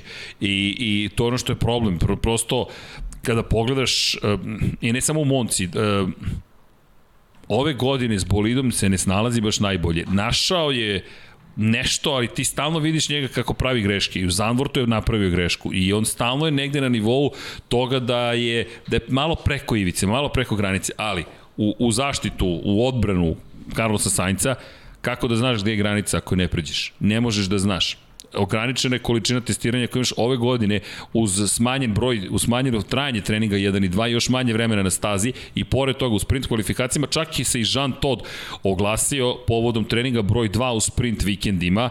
Za one koji eventualno ne znaju, tokom sprint vikenda imamo takozvane sprint kvalifikacije imamo trening broj 1 od 60 minuta i tu pola 3 popodne, to, to, to je tako zbuljujuće za nas. Zatim u 6 uveče kvalifikacije, zonce zalazimo, imamo kvali, kvalifikacije, još prazne tribine, nekako čudna atmosfera, kao da je Formula 3 u pitanju, a ne Formula 1. Takav sam utisak imao u Monci i ti gledaš kako izlaze bolidi, nema nikoga na tribinama, nažalost takva je bila atmosfera, voze kvalifikacije koje određuju startni poredak za kvalifikacijonu trku, to je sprint kvalifikacije sutra u 15 časova u subotu. A onda u subotu u podne imaš trening broj 2 koji traje 60 minuta i ne zna niko čemu služi. Da, vidim da su rekli Dominikali, ne znam ko je rekao još da su razočarani posetu, pa nek razmislite malo o, o, o, O ideji sistemu, da uvedu ideji, sedam zapravo takvih Tako je, da li su možda i sami krivi što je, što je to slučaj ovaj, za slavu postu, mada su i ulaznice mnogo skuplje. Recimo, tam centralna mesta 450 evra je bilo pre dve godine, sada 600 evra i to je ozbiljan udarac i na budžet. Da, pošto Znaš, nije kriza, je- pa da pojeftine da, na tako je, ulaznice. znaš, ajde iskori, da, da naplatimo to što prošle godine nije bila trka, verovatno da ima i toga. I da manje osetimo zato što je manje ljudi. Tako je, i, i pazi, on, on, onaj podijum, seti se, mislim, sećamo se svi kako izgleda podijum u Monci.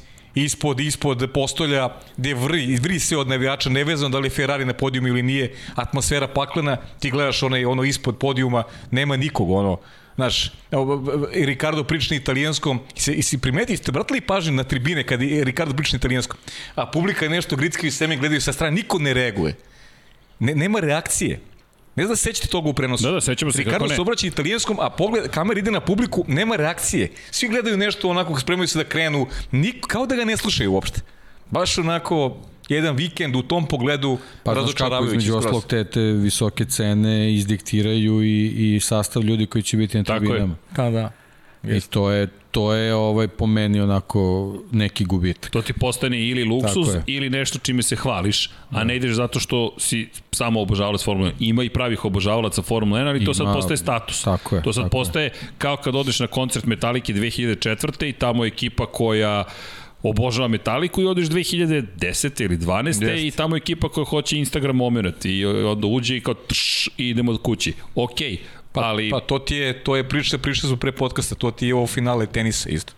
Došla je ekipa koja je htjela bude, da bude deo istorije, a ne ekipa koja je, znaš, kao prisustvovali smo istoriji, neko osvojio, ne znam, Da, Grand Slam. nije tu kao- da gleda dobar tenis, nego da se pa, slika. Pa da, da, se slika, da bude deo istorije. E, znaš da se to... Ja sam tako to doživeo. mom kumu Vladi i meni dešavalo ranije, sad ne stižem. Vaterpolo, nećeš verovati. Mi smo obožavamo da idemo na vaterpolo i svetski kup kad je bio, mi smo išli na sve utakmice osim za finale, nije bilo karata više za finale, ali smo sve ostalo navijali, imamo i kapice, izgledamo naravno šašavo mm. i, i to nam je nekako volimo da odemo na vaterpolo utakmice i onda blejimo tako na, na tribinama i ništa.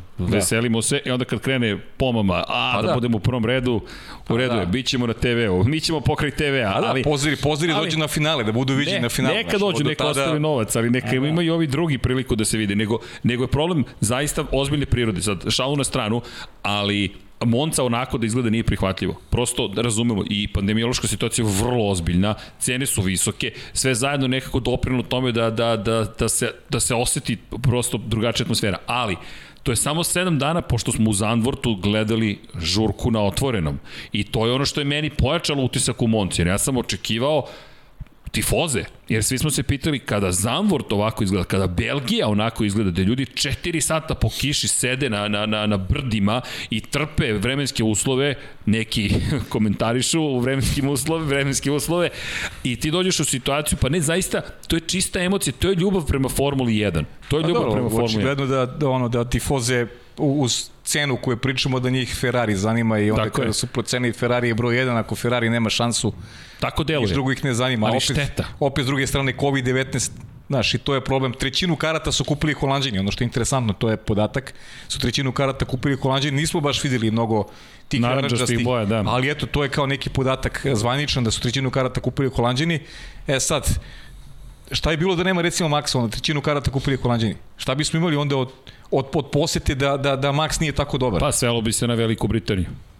Bukvalno. Svelo bi se na Veliku Britaniju, da isto bila fešta. Britanci su organizovali feštu, tri dana, spektakl. Ti gledaš, sprint kvalifikacije su tu dobili neku vrstu verifikacije, potvrde, jer tako je, takva je atmosfera bila u Silverstonu, da ti u petak deluje ti kao da je subota Jeste. popodne.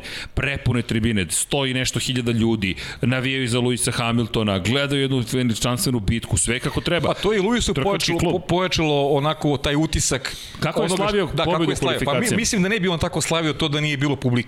Znaš, sigurno drugačiji osjećaj. Pa da, ne, komentarisali smo to, ali njemu je pojačan utisak zbog publike, zbog svojih navijača. I, i zato je tako reagovao. E ti sada u Monci toga nemaš. Da, ali imaš ono, ono, ono zanimljivost ono koju smo podelili tokom trke. Ti, imali smo dve sprint trke, sprint kvalifikacije i oba puta incidenti između Maxa i Luisa. E da, to je isto Znaš, to- to je zanimljivo. interesantno, Ali, ovaj. ti, ti u sprint kvalifikacijama dobiješ neku vrstu Pripreme pre, za trku, pripreme, da. predigre. Predigra trke, Šta da. će da se tu desi sve? I što se tiče guma i što se tiče branjenja pozicije i što se tiče borbe u krajnom slučaju na početku trke. U oba navrata to se nekako završilo ovoga puta ne baš u prvom krugu, ali da, incidentom.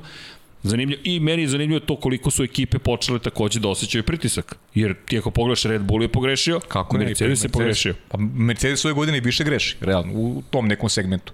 Timskom segmentu. I kad je u pitanju odabir taktike i više greši Mercedes. Ali eto, Red Bullu sada potkrala greška u kritičnom momentu. Da, ovo je Baš ozbiljno. bila i ozbiljna Da. greška. Imao, imao je Maxi reakciju, Ozbiljna ok, greška. delimo, delimo i dobro i zlo, ali ono, baš je bila velika greška. Znači, jedan taster je kriv za sve ovo što se dešavalo kasnije. Znači, samo da, ono, da prijeviš da si odradio posao. Ali pazi, to ti je isto trening. Ti ovako stojiš i gledaš i vidiš kako svi gledaju šta se događa, šta se događa, šta se događa i onda on koji uradi ovako i, i Im, imaš dve stvari da uradiš u trci. Dve stvari.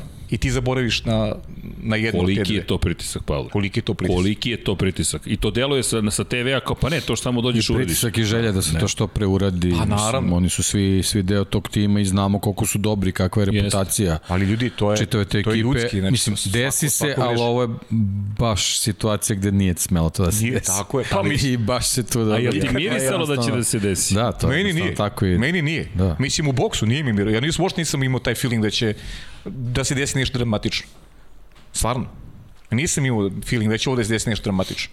Bili su u nekom ostojanju Max i Luis, de, meni delovalo da Red Bull kontroliše situaciju celu.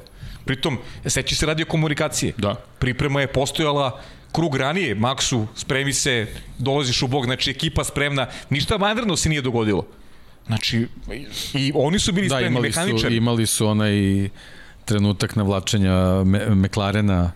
E, bravo. Baš su bili koncentrisani Jesu. da to urade kako treba. Jeste, da. jeste, jeste. I oni su prvi, to jest, da. oni su reagovali, sad ko je prvi reagovao, ne znamo, ali delo je da je Red Bull samo hteo da odglumi zamenu. Tako je, tako je. McLaren je reagovao, odradio svoj deo posla i onda dolazi Verstappen elegantno, čak i tu pitanje šta bi se sve dešavalo u, u nastavku, ali greška otvara vrata i onda Mercedes koji isto ima prednost. Da je Mercedes uradio za dve sekunde, Hamilton, Pazi, znaš šta ja... ja šta, ko zna sad gde bi izašao, vraćam- možda i ispred Norisa. Tako je, vraćamo se na taj incident. Uh, I da je Luis otvorio više vrata Maxu.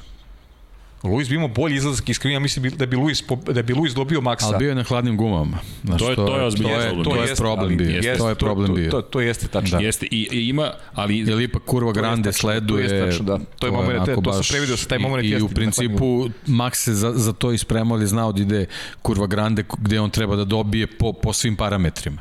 I, Tako i, da, ali to je pazi, to. dodao bih i ovo, jer sad kad to mi je nekako pobeglo u prenosu, smo to gledali, smo svi gledali gde će se pojaviti Verstappen koji dolazi, ali dve sekunde razlike, možda bi čak i bio pored Norisa, a ukoliko pretekne Norisa, Lewis Hamilton, onda imaš lov na Daniela Ricarda. Ti čak yes. imaš možda i pobedu u rukama. Tako da su i jedni i da- drugi napravili ogromne greške. 4,2 sekundi i 2,4 to je velika razlika, recimo neki standard, ajde, znači Tako 2,54 mogu je, mogu je za, prosek. to je manje od 2 znači manje od 2 sekunde mogu da 1,8 da sekundi ti 1,8 da je nadoknađuješ. dobio, to je mogu da izađe ispred Norisa. Mogu ispred Norisa. Ili makar pored pa otvaraš bitku sa Norisom. Jeste. Ali vidi, tu ako pobediš, kažem ti, ti, ti juriš Ti juriš Hamilton, Ha- Hamilton, ti Hamilton juri zapravo Ricarda, šta ti je navika? Da. Koga juriš kad je na prvoj poziciji. Ali s druge strane, tebi je onda Verstappen na poziciji broj 4.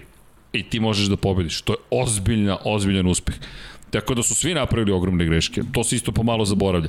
I eto, vrati smo se mi na njih dvojicu. Prosto Pa dobro, vuče, magnet. oni, oni su glavna priča, Uvlači. nije, nije sporno. Ali što Dobro, i da. da se vratimo i na Daniela Ricardo koji apsolutno nije imao nikakav problem Ništa sa on sa situacijom. time, Baš je. Ja- majstorski, majstorski. Je- Jedino što Apsolutno. možemo da, ja, ja potpuno onako podržavam tu izjavu u Ricardi i smatram da je tako i mislim da je ispravna izjava da ne bi se ništa promenilo i da su ostali u trci Mislim da Maxi. ne. Ja Mislim- sam Ne, ne da mislim se ne promenilo. 100%. Da. 100%. Ej, da, da, da, da budemo, možeš onaj Twitter što sam ti poslao da pustiš, ovo je čisto zabave radi da malo, da malo se zabavimo kada je već situacija. Ovo je Pavle Šarenac Da, da, pustio na Twitteru, da. Da, ali verujem da ste svi videli, ako niste, evropski izveštaj o nesreći i sa leve strane piše Lewis Hamilton u Mercedesu, da, da. vozilo porekla iz Nemačke, kaže šta je izjava koju dajete, izguru me sa staze. He pushed me off the track, imate izveštaj kako se desilo na kraju i Maxov izjava, to se događa kad mi ne ostavite prostora, gde je oštećenje na bolidu, na krovu i zadnji desni točak. to- I Verstappen Max ima i godina rođenja, proizvodnja Red Bull Austrija. Čisto malo da, da, da budu vedri tonovi na kraju. Znaš ali- kako, to, to su ti sad, znaš, dva, dva, ovaj, jedan šampion, jedan koji to želi da bude i malo te priče su, znaš, jedan drugog optužuju i stalno. Ti ovaj kaže, ti si kriv, ovaj, ti si Šta kriv. će da kažu? Znaš, imaš, imaš Luisa koji je posle Silvestrona rekao kako mu nedostaje onog pravog trkanja. Ovaj, Ja bih ovo Maxu pro, izjavu protumačio i kao komunikaciju sa, sa ekipom. Može biti. Uh -huh. Može biti. Ja bi to i tako protumačio. Može biti. Jer Može biti. Ima tu i zamerka. On jednostavno nije dobio prostor da sa tih E, ali 11 sekundi Toto za ostatka tu nije bilo prostora. Nije bilo prostora, Da. tako Da. je. Ali može biti, to, je- to je, to je Jer dobra ne, mi poruka, ne znamo u kom je poruka. trenutku ta poruka puštena. Jeste. Znaš. Jeste. I, I to je opet režija Liberty Media koja će da izrežira da bude još veća Da, drama. Hollywood, tako. Hollywood I, je. I onda da ne zaboravimo, pričali smo pre, ja sam to, popuno sam e, tu situaciju negde zapostavio, šta je srce šampiona. U, to je mnogo dobar moment. Točak mu, je na, točak mu je na glavi, on hoće da se izvuči da nastavi Možeš trku. poslednju Da. I, sekvencu i, da, to je, da I to je vratiš. ona priča kao zašto Max nije video kako je Luis. Pa šta da vidi Mislim kad... da je zbog toga, da. Pa šta da vidi ne, kad ne, čovjek- Ne, sad da ja branim i da ulazim u tu Pa ne, neku, ali- ali čovjek neku priču, ali kad si već spomenuo malo ta patetika i Ma, to nema- politi, politikanstvo... Ma, glupost totalna. To je- Ti- baš mi pritom- smeta, baš ti mi pritom, smeta, Ti da. pritom, možda, on možda čuju pozadi kako, kako Luis želi da nastavi trku da se izvuče. Ne, ne, on je čovjek samo da nastavi otišao. trku, e, znači. e, stani sad ovde, Vanja, stani. Ljudi, a, uf, ah, dobro, ne, ma, samo tamo gde smo bili u pesku. E, to, to, super, stoji. Sto, inače u pozadini e, dimne zasta, zavesa kao što vidite ti naranđasti, ipak vidiš, Da, vidiš, ima, tu su da, naranđasti. vidi se naranđasti, da. Ali obratite pažnju na ovu scenu. Lewis Hamilton, dakle Max Verstappen je dalje u bolidu, videli ste izveštaj o nesreći, uslovno rečeno, Max Verstappen izlazi iz bolida, međutim, ako pogledate ponovo snimak, danas je Formula 1 izbacila taj skadar, ne samo da vam pustimo, kamere 360 stepeni su smeštene na, na prednjem kraju bolida i možete da vidite praktično iz savršenih uglova kako to izgleda, gde se jasno vidi Hamilton kako brani Verstappen koji zostaje na pola je bolida Luisa Hamiltona, prosto nema dovoljno prostora da prođe, ali se ne povlači, nailazi na jel te, kobasicu, odskače, Penje se ovde i onda se vraća kadar na Luisa Hamiltona, gde vidite kako šljunak leti Pa da, pa da. On kopa. Šta ti je? Lepo si rekao srce šampiona. Pa Ej, ne, ma, ali- nije trka završena, ja ću da trk, nastavim. On hoće da nastavi i, i, i zato što kaže Deki, ba, daj ljudi batalite tu patetiku, tu, tu priču kao što nije stao. Šta, da stane čovjek hoće da nastavi trku? Znači da je u redu, sve je okej, okay, znači mislim ono, idemo dalje. Teo je da nastavi se trka. Pa, da, pa nije on ni video da je... Ali pazi, pazi, pazi ovu sekvencu. Lewis Hamilton, koji... Aha, ovde više nije u bolidu, ovo je krug kasni, sada tek odustaje. Ali, uh, point je sledećem. Lewis Hamilton, apsolutno skidan kapu. Čekaj, ti Pa si, isto, tebi pa je to je- točak prešao preko glave. da, Znamo da A ti... to je adrenalin, mislim. Pa to da, je, pa i- pri idem tom da- to što si počeo da, da, da izgovaraš, Max Verstappen uopšte nije video ono što smo mi videli u onom Tako je. kadru. Ko, ko, on kao zna da je spustio točak ovo je, na... Ovo je scena koju on video, znači bolid Tako je. koji se podvuku ispod Ma, u njegov. retrovizoru ti vidiš Tako da, nebo iz ove Tako perspektive. da to politikanstvo, ja bih stao, ja bi Ma, pogledao. Mislim, pa to opet, to opet navijačka. To je bez veze, opet mislim, to je, to je, mislim, pojačavanje tih nekih ne, nepotrebnih Ma, ne, da, Jel da. to je sve ono vraćanje kao zašto je Vettel stao da vidi automobil se raspao Pa naravno Landa da je Norrisa, pa naravno će da stane, kiši pritom zna ko u- je krivina. u- Mislim, Pa, to što kaže Fernando Alonso, da- ovde voze 30-40 na sat, a man, ovo je najmanja opasnost koju može, naravno da je opasno, uvek je opasno, ali najmanja, ali Lewis Hamilton, to je suština priče, koju hoće da se bravo paju, hoće da se iskopa to čovek. pri, to smo pričali pre početka. da, pre ne početka. Ja, ja se toga setio i ono kad smo za, ono, radili kasnije, završili, nastavili smo prenos Jeste. i razmišljamo o tome kako čovek Nije odustao. o, neće da odustane, hoće da nastavi trku. I to je ono Pa suština dobro, cele on je, mi, mislim, Evo ga, te, znamo... evo, evo, evo ti kao, evo ga, Andrej evo ga, car. evo ga, evo ti najbolji. odlazi, Andrej je legenda. Odlazi Max, a, a ali Luis Max i dalje pokušava da pokušava Ne, ne, da... znamo Luisov karakter, sećate se u Nürburgringu, ona kiša kad je bila kako su ga sa, Da. da. sa kranom iznali, on je nastavio trku. Mislim, on jednostavno razmišlja u tom trenutku da ne trebaš da napustiš bolid, ostani da vidiš dokle možeš. Tako je. Ali, Pa verovatno seti kad se su mu Imole. javili ugasi Seti motor. se da, Imole, to je bilo seti se. Imole kad je, kad je vrteo točkove, kao on, ono je bila teška vožnja. Vozi, vozi, vozi, vozi, ja neću odustati, nastavi čovjek i druga pozicija na kraju. Isto i sada. Vozi, vozi, vozi, vozi, vozi, kopaj, kopaj, kopaj, kopaj, Kopaj, kopaj, u kopaj. Kini Kopaj kad je promašio pit, Kad je prošao pokušao je, pit, sve je uradio što je mogo. uradio što je mogao da izađe. Sve. Da, on to je to. Ne, čovjek ne Ne, odustaje. ovo je fascinantno. Tako da trenutak kad je jeste. Max izašao, on je u tom trenutku pokušavao, ja verujem da, mislim, Drago mi da se setio, Da je da to pričali to. smo o tom Da, i pre da. početka, meni je stvarno mnogo jak utisak. I, Je, i to, to, znaš, on, on, ona naknadna pamet, samo, znaš, kad samo prođe sve. volio eto tako te neke patetike da mi oni izbegnu. Ja baš je mogao i da me pita šta i kako. Pa mogo si ti kad je, Ma kad da. je bio safety car u Silverstonu, kad si vidio da je hitna pomoć pored bolida Red Bulla, mogu si ti da staneš pa da vidiš šta je. Mislim, Ma sad, da, sad ma možemo dobro. krenemo u te glupe priče, to je, ali to je potpuno deki, on- veze. Ono što, sam, što sam malo pre započeo temu, znaš, Luis je pričao o tome kako mu nedostaje stara formula. Gde je trka, to je priča posle Silverstona. A sada, se, a sada se zahvaljuje sudija. Jeste. Čekaj, pa mislim, Ej. ili ti nedostaje staro trkanje ili ne? Čekaj, ljudi. A ne u zavisnoj situaciji, Tako ili je, hoćeš ili je. nećeš staro trkanje. Skreće mi Dom Pablo na pažnju na, na donacije. U, čekaj, stani, stani. Sad, Staj, sto, staj. sto, stani. Sta- stali? Ustanite, šalim se. Mirno. Uh, Vanja, jao, jel možeš da ubaciš ono što smo slavili pre neki dan? Jubilej.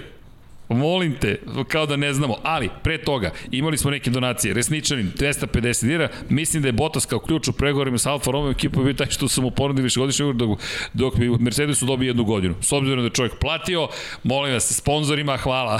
dakle, kao vozači kada kažu hvala sponzorima. Resničanin da. cenim da je ovo komunikacija na konto uh, još prethodnog puta, tako da sam pročitao iz prethodne nedelje. Da, ovo iz prethodne nedelje ostalo. Učito sam pogrešno šta da radite. Ali da se vratimo na ovaj, taka, taka, taka, taka, taka, izvinite, dešava se. Pozdrav svim podcasterima F1, posebno voditeljskoj ekipi, ne samo da zaboravim iz prizme, da lupimo like. Aha, Ivane, Opa. hvala vam, 10.000 subscribera i u to ime udrite like, like, like, like, like, like, like, like, like, like, like. I čekaj, nisam rekao like, toliko je uzbudljiva bila ta, ne, toliko sam uzbuđen što izlazi knjiga Dekijeva.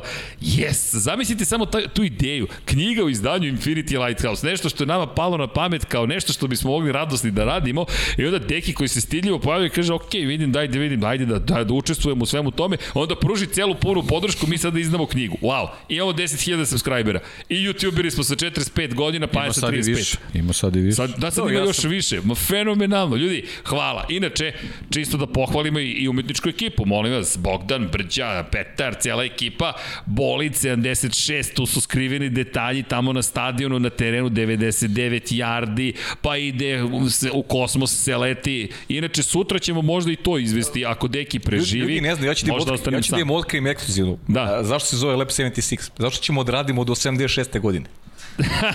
Čije? Tvoje. Ti si najmlađi. Pa tvoje. Ja zamisli... Znači vreme, vreme radi za nas. A šta ćemo tada biti? Hoće YouTube biti tada vodeća Pa nešto ćemo, ko zna šta će biti. Vidjet ćemo. Ali mi polako. ćemo biti tu. Ne žuriš negde? Ne. Pa šta onda, saznaćemo. Polako. Ne žuriš, ima, ideš mnogo Hoće li. Deki smekšati kao urednik tada? Hoće, hoće. Hoće. A odmahuje glavom. Odmahuje Pa glavom. do tad će da napiše jedno 30 knjiga, znaš. Do tad će Odmahuje jedno 30 knjiga da glavom. napiše. Odmahuje glavom. Kao, "Ma, nisam siguran da se to dešava. Ali ljudi, hvala. Ali stvarno hvala, 10.000 subscribe.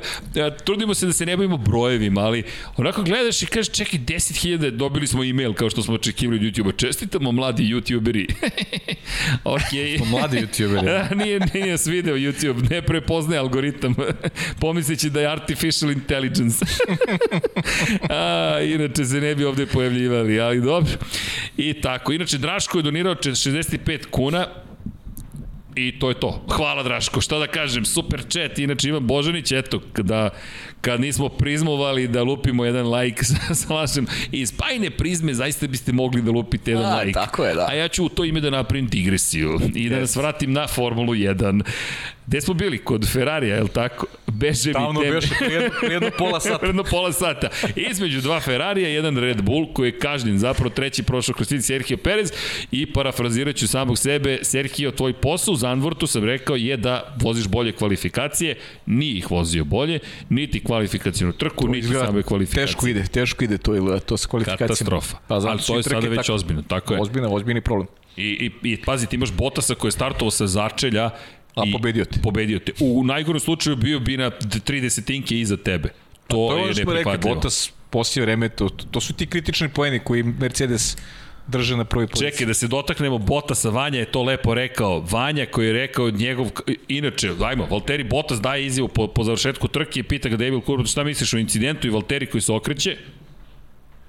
That's unfortunate. Nego, to je baš, baš i nezgodno to što se desilo. Nego, ova moja treća pozicija. Da se mi vratimo da na, se mi vratimo na, na mene. mene. I ja sediš i kažeš, ok, ej, ide u Alfa Romeo sledeće Pa godine. dobro, već više mu je vratno i muka, znaš, ono, šta li sad komentari, trebaš da komentariše šta rade.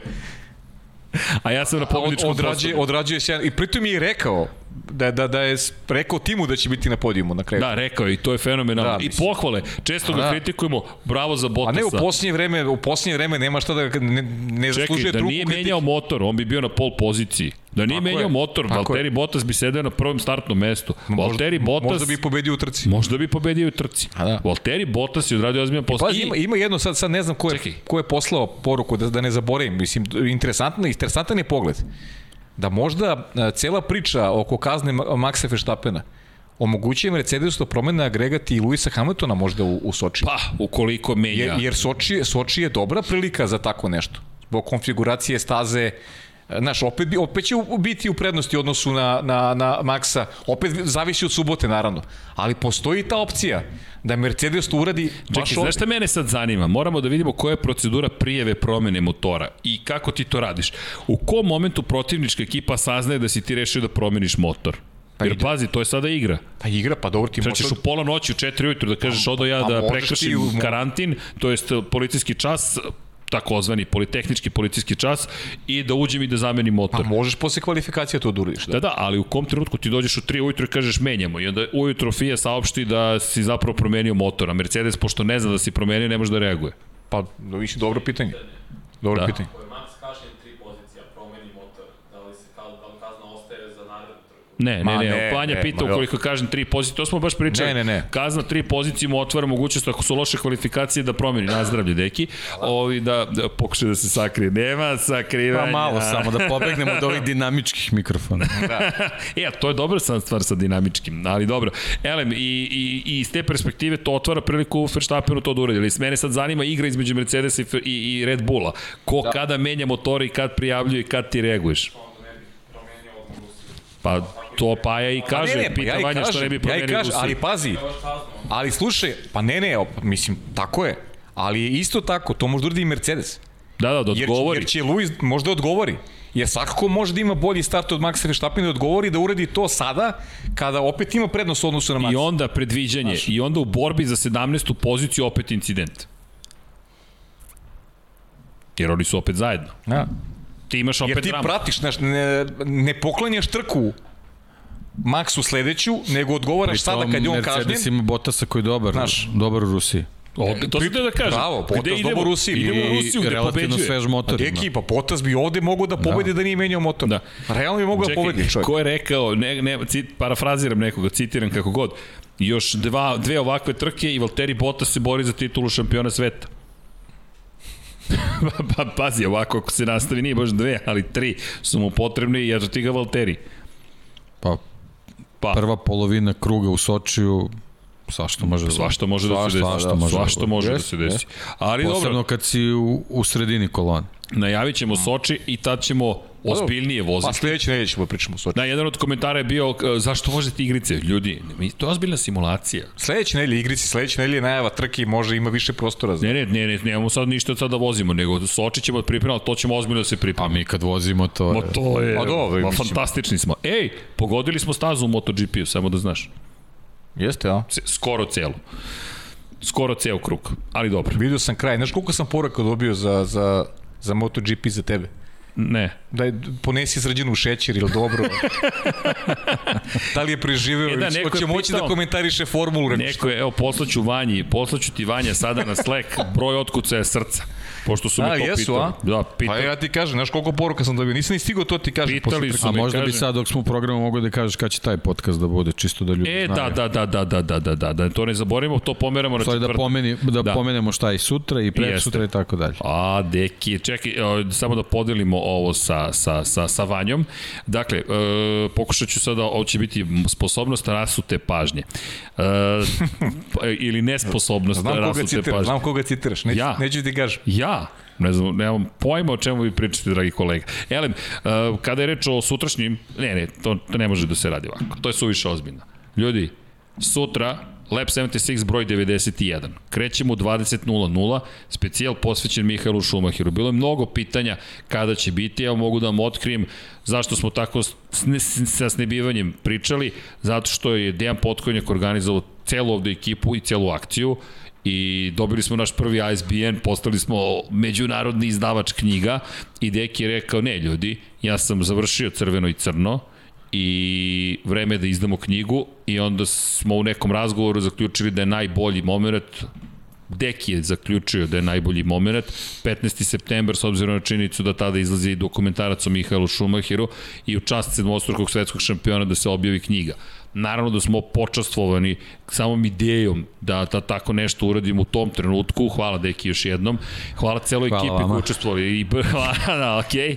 i Brđa koja ti se ne ne ne vredi danas me ej vidi danas mi je u Mortal Pa, Kombatu dobro, mislim. Mortal Kombat 76 Sve vreme pokušava da izbegne svojih 5 minuta sutrašnjih, ali Ne možeš, ne možeš, ne. Ne treba da izbegneš. pazi, oni su u vremenu upisani, tako da... Tako je, tako je, vidi.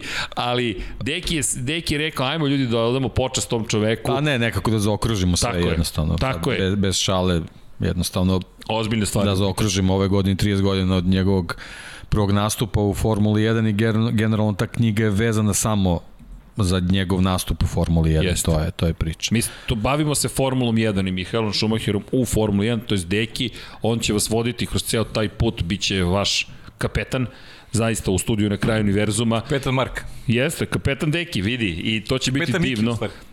kapetan, da, ali bit će zaista divno i, i, i za, ja Kad sam, kad sam kako- bio mali, volao sam da budem Black Stan. Samo da znate. Olivera. Ali pošto je knjiga crveno i crno, onda si red and black stena sada. Prekršten si upravo, tako da znaš, ali je stvar u tome Dark što je Maul. to, tako je, da je to naša prva knjiga i mi se osjećamo i čudno i ponosno i mnogo smo srećni, biće ih još, odmah to mogu da vam najavim, raznih, mi se nadamo ćemo uspeti u, u našim planovima šta sve smo smislili, ali da krenemo od toga, da krenemo od priče o Mihalu Šumacheru, dugo odlažemo taj 91, sad znate razlog zašto smo ga odlagali i potom ćemo ići u, u takozvani, u takozvani Slap 76 Movie Night i companion stream takozvani gde mi gledamo Netflixov dokumentarac, komentarišemo ga, ne možemo da vam pustimo niti zvuk, niti sliku iz dokumentarca, to je protivzakonito, mi to ne radimo, poštujemo autorska prava, ali dajemo naš utisak pa ukoliko vam se jedu kokice, pio sokići, gleda Mihael Schumacher sa ekipom Lab 76, eto mi ćemo biti tu, pa ni ne znam da je to planiran da gleda dokumentarac, ali eto saznao je upravo Da, nisam, nisam ovaj znao. u duhu Lab 76, ali Moram da vidim kakve su mi obaveze sutra. upravo su izmenjene, ako treba... Pa mislim, da, Da. šta ćemo da radimo ako treba? ja ću da zovem. Ti znaš ko može da bude dežurni krivac uvek, tako da rešit ćemo. Imam neku, no. imam neku ideju šta možemo da uradimo tim povodom. Halo Bin, kako vratimo? I tako, ali da, to, to će se desiti, a automatski to znači da ćemo pomeriti Lab 76 posvećen Moto Grand Prix za jedan dan, ne zamerite, ali smatramo prosto da, da sve to što se događa nekako zaslužuje, a trka je bila toliko uzbudljiva da eto, meni treba ipak malo vremena da spustim broj otkucaja srca sa 117, E, i eto, ljudi, ne zaboravite, još imamo mi šta da pričamo o Monci, ima tu još Ima. priča, da, ali I imamo još, vratit ćemo se. evo da pošaljem Vanji kroz Slack da, da, da pokaže dokazi. Meni su potrebni dokazi. Evo dokazi, pošto imam, jel te, sat koji meri broj otkucaja srca i onda me kad me ljudi pitaju, ja kažem, čekaj sad i znam zapravo broj otkucaja srca koji imam u minuti s obzirom na činjenicu da, i eto tu sam baš Vanja, kao što je obeležio između 14 časova i 15, eto, od 85 do 117. I tako. A bilo je uzbudljivo, baš je bilo uzbudljivo. Pa vidi, za Formulu 1, pa to, to nisam posle merio, moram, vidiš, uzbudljivo, preko da. 100. Preko 100 između 3 i 4. Moram da priznam da sam vrlo zadovoljan ovaj epilogom trke. Za, navio si za Italijana, baš Za me iznenađuje. baš me iznenađuje. Zabanjaju svim srcem. Eto, Francesco Banjaj je inače pobedio protiv Marka Markeza, da, veličanstvena trka. Nego, da se mi vratimo u Formuli 1 i da pokušamo da uvučemo u priču ljude koji su bili na stazi na poziciji 7 Lance Stroll, posle dosta vremena, posle velike nagrade Velike Britanije, Stroll osvojio poene zastavno. Aj, aj samo da konstatujemo, pošto nismo kroz, kroz emisiju Sergio Perez tih 5 sekundi Da. da. kazne, ipak je u posljednja dva kruga uspeo da napravi razliku dovoljno U odnosu na veću u Carlosa odnosu na. Carlos Sainz da bude peti na kraju. Tako da je smanjio štetu Da, tu smo videli ono, ono što smo da. najavljivali da će biti taj DRS vozić u finišu i to Tako se je. desilo i A, ali, ali šta je pro, što Carlos Sainz je uspeo da ostane u tom DRS voziću. da, da. On je izgubio jednostavno u finiš trku, nije imao tempo, izgubio u odnosno na Leclerc, izgubio dosta vremena i za nekih čini mi se sekundi i šest desetinki recimo da je Perez na kraju bio brži od, od ispostavilo se da je da je imao prednost veću Da. u odnosu na Ali Sainz. utisak vezan za Pereza stoji, mislim ovo jeste Monca brza staza, sve ali ovo je jednostavna staza u principu. Da. Da on ni tu nije uspeo da, da A drži svoji, sve kakav god priključak sa Maxom koliko se god to merilo nekim, nekim stotinkama, desetinkama, kako god, baš je onako da, sam, da, da gledam to iz njegovog ugla, bilo bi mi onako razočaravajuće. Ne mora niko sa strane ništa ti govori, nego jednostavno A ne, trka, trka za trkom je veliki problem taj, taj petak, ta subota, Da. Pa problem dobro, za problem. Čak pokaz- trka, trka još bude ok, kao, ali... ali pokazatelj neki, on, ono što je rekao, ljudi, malo smo, pričajući o Gastiju, malo smo, a, ja se sad setio, reakcija Pjera Gaslija na ostanak u Alfa Tauriju. Znači, direktno je udario po Red Bullu, rekavši da je očekivao da će dobiti poziciju u Red Bullu, ali prosto odluka tima je takva i on nema tu šta da... E, Kratko odgovori dr. Helmut Marko da Pierre Gasly je potreban Alfa Tauriju. U suštini, ajde sad da onako... Da li bi učinak Pjera Gaslija bio drugačiji od, od Serhije Pereza? Pa ja nisam siguran. Sada Pjera Gasly. Teško je, teško je reći, ali opet ja verujem da su možda u Red Bullu malo razmišljali da nekako i tu situaciju ozbilje. Jer jako je nezgodno da jedna ekipa koja je na tom nivou, kakav je Red Bull i, i, i čitava ta priča oko, oko te dve ekipe u šampionatu, da ti na, na pola sezone već koliko godinu nazad stalno postoji pritisak da će biti neka rokada vozača, da će biti neko otpuštanja, da to je malo, jednostavno nije, nije za taj nivo. I onda možda su oni odlučili da preseku, ok, Sergio Perez je taj koji će ostati, ali E, pokazuje, Gasly uvek pokazuje da, stav. ali- Opet ali- je po, ali- ali- stav. ali upravo Ništa to. u rukavicama nije, nego A dobro, je direktno ali, rekao. Pajo, da li želiš takvog vozača Znaš kako, pobednik, svog vozača pobednik broj velike nagrade ja apsolutno ima znaš, pravo da priča tako. Da, da, naravno. I treba, i treba da priča, sviđa mi se da- stav njegov, i, znaš, to je potpuno, I u potpuno više okej. navrata bio na pobedničkom postolju, ali vidi, da to kvari s izuzetkom McLarena, mi imamo jasno definisane timove broj 1, broj 2, broj 1, broj 2. Da, za sledeću godinu. Ti znaš kakve klauzule ugovor ima Max? Ne, znam, Jasno. Šta, šta će bude sutra? Ti, ti Pierre Gasly će ti možda sutra biti lider tog tima. Pa da li hoće da bude lider? Ili će Pierre Gasly kada istekne ugovor Pa, sa Red Bullom kompanijom i reći... pitanje. Zašto neće? Uh, pitanje je i koliki je on kapacitet, mislim, Jeste. to su A stvari koje... Okej, mislim, ali Evo, mi sad imamo Okona kao, kao pobednika velike nagrade, mislim da se tu da tu postoji razlika. Tu je- Slažem se s tog, nije oko, nije taj kapacitet. on je, on je ja mislim da Gasly- vrhunski mislim da od, Gasly odradio čitavu situaciju u toj trci gde je pobedio, ali Ne znam, Ne, meni je nema Gasly... kontinuitet. da, Mislim, ja mislim da, Gasly jeste. Ako klasifikujemo to uvek nezgodno, meni su na, u, u prvoj grupi vozača Lewis Hamilton, Max Verstappen, Charles Leclerc, George Russell, Lando Norris. I Daniel Ricardo mi se tu lomi s jedne na drugu. To, to su mi vozači broj 1, apsolutno po, po, po klasi koju su Pa dobro, pokazali. okej. to je moje ono što mišljenje su radili u nižim kategorijama, Tako mislim, okej, mo- možemo A tu onda da se mi složimo, dolazi- da, možemo polemišemo, Tako ali je, ali... a- a nema tu mnogo razlike u odnosu na ono što si ti rekao sad. To, je- Nema. to, je- to je, ali i onda mi dolaze ovi ostali. naš simpatično je što tu treba uvrstiti i Fernanda Alonso da ima malo bolju bolite. Da, Pa dobro, To E, je, okej, to je dobro, znaš. poražavajuće za ostale, mnogo mlađe. Pa jeste, slažem ali i divno da. za njega. Pa da, ali i divno za njega. Osmi je inače bio u ovoj trci. Ma bre, Ljudi, ponovo zato- i kažem. sve kako je treba, Monca. Ej, on je stalno tu. Fernando Alonso. To, Lewis Hamilton, Fernando Alonso, ljudi, oni se trkaju u 20 već godina. Lewis Hamilton je 15 godina u Pritom, Formuli ko Ima 1. najviše preticnja ove godine u šampionatu Formule 1. Sebastian Vettel i, Sebastian Vettel. i Fernando Alonso. Pa, mislim, znaš, to je Vredni su bili. Ni- trkači. I niski bolidi osrednji. šampioni. A, Sad, sad to možemo osrednji, da kažemo. U, u ovoj fazi šampionata oni, oni upravljaju osrednjim bolidima. Jeste, ali zato Lance Stroll, samo da napomenem, to njegovo sedmo mesto jeste odličan rezultat za Aston Martin. Pao je u senku Sebastina Fetela, nije se desilo ono što se pričalo kako je doveden Fetel uh, na zamaku svoje karijere, vozač koji će omogućiti da Lance Stroll izbije kao vozač. Ne, ne, ne. Sebastian Vettel je ozbiljan vozač. Da, Sebastian Vettel i Sebastian Sebastian Vettel, tako je, četvorostruki uzastopni šampion sveta, o čemu mi pričamo, čovjek je pola decenije osvajao titule, kao da, kao da se da Ponosniji sam na to što sam pogodio da će Vettel da bude na podijumu nego ovo za Ricarda. Ovo Ricarda to su manje više mnogi očekivali za Vettela, bilo mnogo sumnji s početka godine i ponosniji sam na to, zaista. I Ej. drago mi je što se Vettel vratio i ova trka je bila ok i, i reakcije sada iz Aston Martina videli ste naravno da pričaju o, i o produžetku saradnje, tako da Vettela da, da, ćemo gledati. bilo je navodno manje više. priče To o i, tome. i čisto se ne dovežemo što je što je odlična odlična vez za Formulu 1. Aston Martin je počeo da gradi fabriku novu vezanu za Jeste. za, za ovaj, konstrukciju i razvoj bolida Formula 1, što je dokaz da ozbiljno Ostaju, žele ozbiljno se ozbiljno žele da se bave formulom. To je to je odlična Dobro, stvar. stiže i novi- Odlična stvar za šampiona. Stiže novi Bondov film, tako da. Pa da, vezano je, vezano. Da, imali su 007 na, na automobilu. Gde god Da. pogledaš imaš 007. Ali uh, kada je reč o... Ali nije vreme umirati, tako da... A, okej. Okay. Pa 76 smo rekli. Posljedimo, posljedimo u penziju. da. Onda ćemo da igramo šah ovaj, na Ej. Kališu. E, ljudi, a, hvala Nataši Petrović. Dama je donirala 2000 dinara, ništa nije napisala. Nataša, hvala vam. Ne znam šta hvala, drugo da nema- kažem, nema hvala, hvala, potpuno da. oduševljenje, hvala. Ivan je inače donirao 1000 dinara, malo pre to nisam spo- spomenuo, tako da eto, u njegovo ime lupite još neki like. Ovaj. Mada smo popili 11 dislajkova, pa to je... Neka, pa i to je za da, ljude. To je, Naravno, budimo je emocije. za ljude. E, ljudi, Crveno-crno. slušaj, ja, ja to Tako volim i tako. treba. Pa, to naravno. znači da ste na pravom mestu u Naravno, pravo vreme. hvala Da je i nula, mi. malo bi se zabrinuli. Pa ja, bi, ja uvek, uvek to kažem.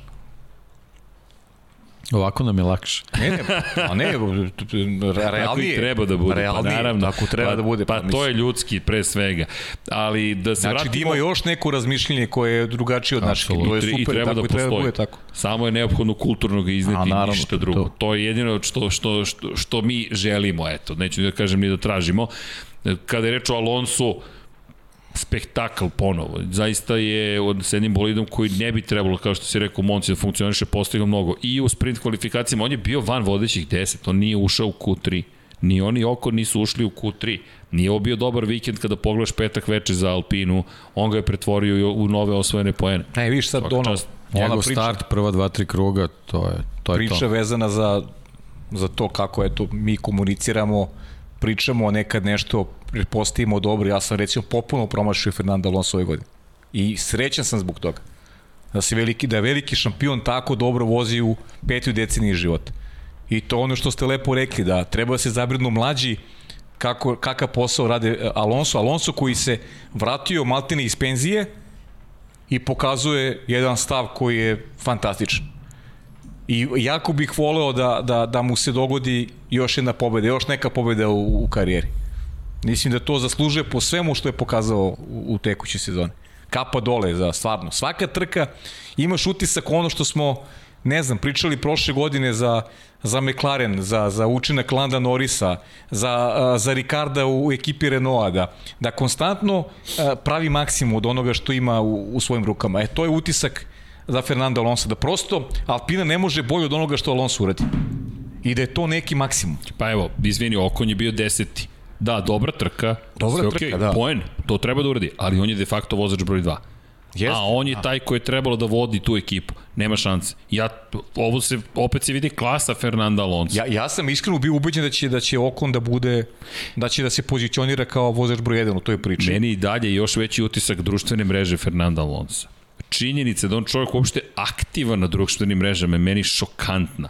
Meni je potpuni šok Fernando Alonso koji zapravo je aktivan na društvenim mrežama i što je najlepše od svega, on čovjek pleše pred kamerama, pokazuje neko lice za koje ja nisam znali da postoji. Znali smo da postoji neko lice, samo Pa da, nismo znali ko je. Opustio se maksimalno i I deluje da mu prija. prilagodio se naš celoj, celoj priči. Sjajno. Meni to izgleda zaista sjajno. Tako da, pohvale za Fernanda Alonsa i spomenuli smo Okona kada je reč o osvajačima poena. Ogromne pohvale za Đorđa Russella. Ide srđene sve u, ide sve u sazrevanje, znaš, imaš drugačiji pogled, to je već jedno iskustvo životno potpuno Polako pa je doći ćeš do tih drugačije godina. doći, a ja jedva čekam da vidim kako to izgleda. Kako to izgleda kada Da, saznaš? jedva čekam, da budemo u vanjenim godinama da vidim kako to izgleda. Ali, ali stvarno, znaš, to je popuno Jeste. drugačija percepcija sada životna njegova i i to jako dobro prenosi na, na celu ekipu, na, na neki svoj učinak. Pa i na Okona. Na Okona, pa da, u krajnjem slučaju na njega. Znaš, to su, a to je taj moment to kome je Sazor i Đovinaci uz, uz Kimije. To je, to je ta priča. Ali teško je će mu pomoći da ostane u Formu 1, evo i sad je jedna prilika propuštena. Teo je da strka sa Ferrarijem, ja kapiram njega kao, mogu je da bude malo kako bih rekao, staloženiji, da bude da malo... A ponesete, redko si u tim Naravno, ali situacijama, još u mogu je malo da razmišlja, trč, znaš, nisi, ne, nemaš mesto sledeće godine, treba ti dobar rezultat. Ali pohvale za Antonija, bio je u pa, Q3 pa delu nije kvalifikacije. sporno, ali moraš, moraš, moraš trku da imaš. Mora to da unuči. Mora to da unovči, da dobim slažem se. rezultatom, a on to nije uradio, opet je propustio. Sjajne kvalifikacije u dve nedelje za redom, si među deset I ne osvojiš poene. i ne osvojiš poene, još A imaš tri, tvoja ekipa ima tri poena ove cele godine. Pritom a ti koristiš, se boriš za koristiš ugovor. Ferrari da agregati, ti se trkaš sa, sa Charlesom Leclercom, pa izgubit ćeš tu bitku sigurno. Budi malo mirniji, pokaži da, da, da Svesniji. si... Tako je, svesniji, prava reč. Pokaži da si onako pribran u momentu kad treba da uriš nešto za sebe. I po, pored toga, Kimi Raikkonen nije bio na stazi. Nažalost, poslednji Ferrari šampion iz 2007. nije imao priliku da se oprosti pred tifozima. Da, nije ih bilo mnogo, ali opet Kimi bio je prisutan kao isečak kartonski i to je neki Kimi, ledeni i uvek ledeni. Možda bi došao više ljudi da je bio Kimi. Pa ko zna, možda i bi. Možda i bi, neka i, i 300 ljudi Pa, i to je super. i to je nešto, I da. to je super, svaki ima čovjek. armiju Jedan čovjek vredi. Ej, jedan čovjek, jedan čovjek. Kako ne? To su bitne Kimi stvari. je legenda. A zamenio ga Robert Kubica, kažemo Bobby K, evo i Zandvort i ovde i dobar je bio Robert Kubica. Pa da, Ti kada pogledaš, to ne ulazi već dve godine. za redom. Dve- 99. trka za njega. Da, to je lepo bilo. Da. Jeste. Čeka stotu, nadam se da će uspeti da se pojavi još jednom. kome je bila 200 trka? 200 sada, ne mogu se setiti.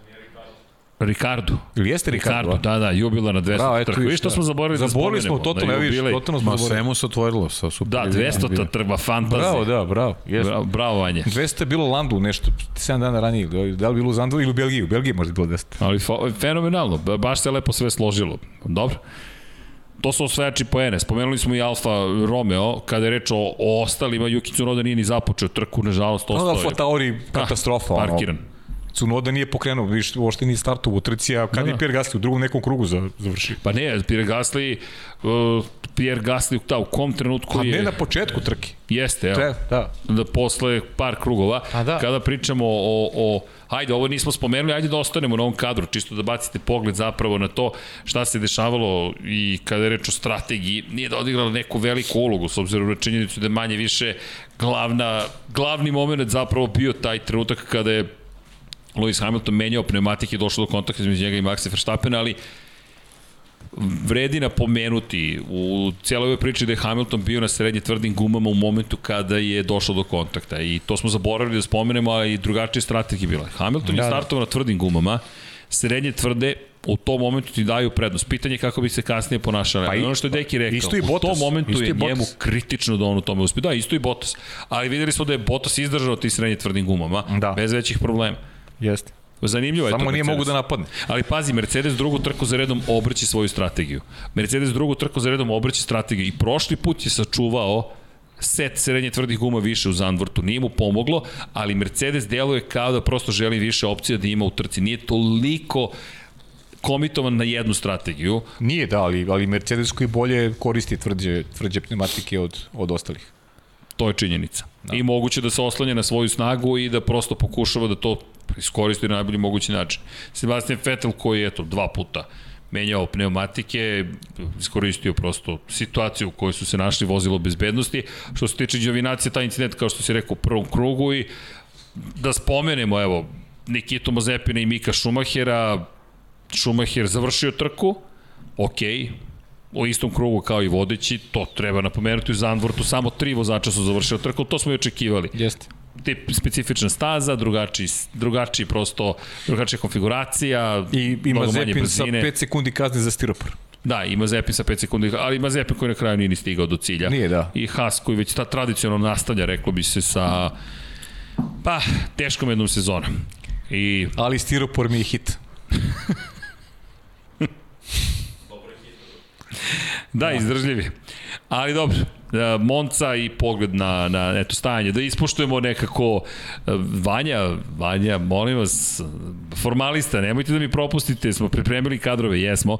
Spomenuo bih samo u celoj ovoj priči, eto, da kada sve saberemo i oduzmemo, zaista vikend pun emocija. Mnogo Ne, ne, emocija. to, smo rekli tokom prenosa. Tako je, zato si- sam i zadržao Ne, ne, naslov. lepo si rekao, zaista. Kraljica emocija. Kraljica Pazi, emocija, baš tako i ti kad pogledaš sada prethodne tri godine, kad pogledaš ko je pobeđivao, mi pričamo o dominaciji Mercedesa, nemaju, nemaju pobedu u tri godine već. Charles Leclerc 2019. prošle godine Pierre Gasly, ove godine Daniel Ricardo. Imamo, imamo potpuno neočekivane pobednike generalno u pogledu onoga što je neki, neki standard i ono što su realno očekivanja realno od, od, od, od trke. Pierre Gasly prošle godine luda ona trka popuno, ono, od Magnusena krenula od onog njegovog a, zaustajanja na Da, stazi. da li mi veruješ da kvara. sam, da sam Kaži. bio, ne kažem šokiran, ali ovako sedim i neko je spomenuo Magnusena. Ja kažem, čekaj, ti spominješ Kevina Magnusena, ja razmišljam zašto Kevin Magnusen i onda vraćam film. Pa da. Kevin Magnusen je zapravo sve prouzrokovo Pa je napravivši grešku u Pa Haasu i onda Lewis Hamilton koji je napravio grešku na ulasku u pit lane koji je bio zatvoren i tu počinje kompletna drama. rokada, Pa da. počinje drama. I ovako sedim i razmišljam, da, Kevin Magnussen, kao davna istorija nekada je u E, pitanju. ali meni je zato super ova godina i pobeda Ricarda, jer ovo je prvi put ove godine da nismo videli Max ili Luis, a da njihov incident nije bio uzročnik toga da pobedi neko treći. I zato mi je super, ovo je najvrednija pobeda neke ekipe koje nije Red Bull ili Mercedes. I zbog toga McLaren zaslužuje ne pohvale, nego ono veliko poštovanje, svaka čast i, i, i, i stvarno sam srećan zbog tog, velik, zbog tog velikog tima, jer oni su meni uh, oličenje filozofije trkanja. Zaista stvarno su mi uličenje i, i pritom, naravno, neko mi je pisao u komentaru, oni jesu i negde je ekipa koja je a, profilisala i nekoga se ima najviše volio u Formula 1, Artuna Senu i tako dalje, ali njihova filozofija je kompletna i uvek mi je bila za, za najveći moguć, mogući naklon. I ovo što su radili ovde u Monci, mislim, stvarno čista emocija. I zbog toga sam ti rekao, uh, emocija je prava, pravi izraz. Jeste, pravi, Pravi potpis. izraz, jer to je ekipa koja ima mnogo navijača i ekipa koja neguje prave vrednosti Formule 1. Oni to nisu zaboravili, to, oni to nikada nisu uh, promenili. Kako god da vodi ekipu, drži se tog nekog njihovog da Kao kažem, da je geslo, ej, Ej, g- ali Bravo, Zače, to- na, najbolji mogući, Pazi. stvarno, najbolji mogući, kapa Oni dole. su izgubili titulu, ljudi, 2007. zahvaljujući tome što nisu izabrali Upravo to. niti Alonsa, niti Hamiltona. Upravo to. Čista izgubljena titula. To, to oni su mogli da biraju ko će da osvoji titulu. To je njihova, njihova godina, bukvalno oni su tu mogli da izaberu. Ne, trkajte se. Ma, mislim, I Kimi Stvarno. Raikkonen za pojenih pobedi sve. Da. Fascinantno. I onda posle, sledeći put kada su imali dva jaka vozača, Jenson Button, Lewis Hamilton, trkajte se. Heikki Kovalainen stvarno nije imao čovjek nikakvu šansu protiv Lewisa Hamiltona, ali kad je Button stigao, Ne, ne, filozofija, Trkajte se. filozofija traje. Ej, samo bih pohvalio Jensona Batona, pošto smo se podsjetili na Jensona, da gledam sezone u kojima je Lewis Hamilton izgubio od klub, klubskog kolegi.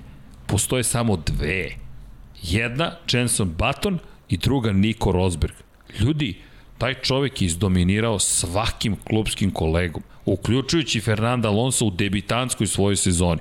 To se nekako olako tako shvata. Ma da, Kao ma mislim, ljudi, mislim. 15 godina, ti si samo dva puta ti, poražen. Ma bre, Srki, sve je pitanje, znaš, ljudi gledaju sve kroz neku navijačku prizmu, znaš. Lako im je da, da ako nekog ne vole da ga ono stave ad acta, kao, znaš, on je, ne znam, zahvaljujući ovome, onome i tako dalje. Mislim, to su, što ne možeš da budeš ti sedmostruki šampion zato što si, ne znam, zato što te neko protežira. Pa ne, to, to, to, su, to su glupe priče.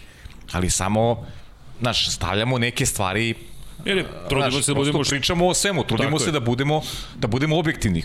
Znaš, to je to je priča. I imamo jedno pitanje, Densić 8, inače donirao čovjek 500 dinara, hvala na tome, divno, stvarno, hvala vam svima. Kakav je problem bio u komunikaciji Red Bulla sa sudijama i zašto Perez nije odmah vratio poziciju? Sudije, to je Michael Masi i Međunarodna olimpijska federacija tvrde da je Red Bull bio obavešten da će Sergio Perez biti kažnjen ukoliko ne vrati poziciju. To je ono što je rekla FIA. S druge strane, Red Bull prosto nije tražio od Serhija Pereza da vrati poziciju posle kontakta i posle jedne bitke koja je delovala da opet mora biti završena tako što Sergio Perez vraća poziciju.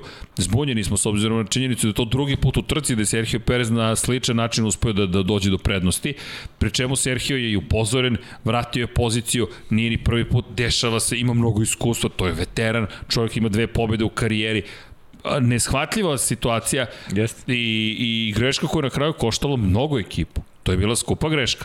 I to su isto stvari koje ne mogu da se dešavaju. Ali lepo si rekao, to mora i on sam da, mislim, naš, ne treba niko da mu kaže, ti, ti osjećaš šta si uradio.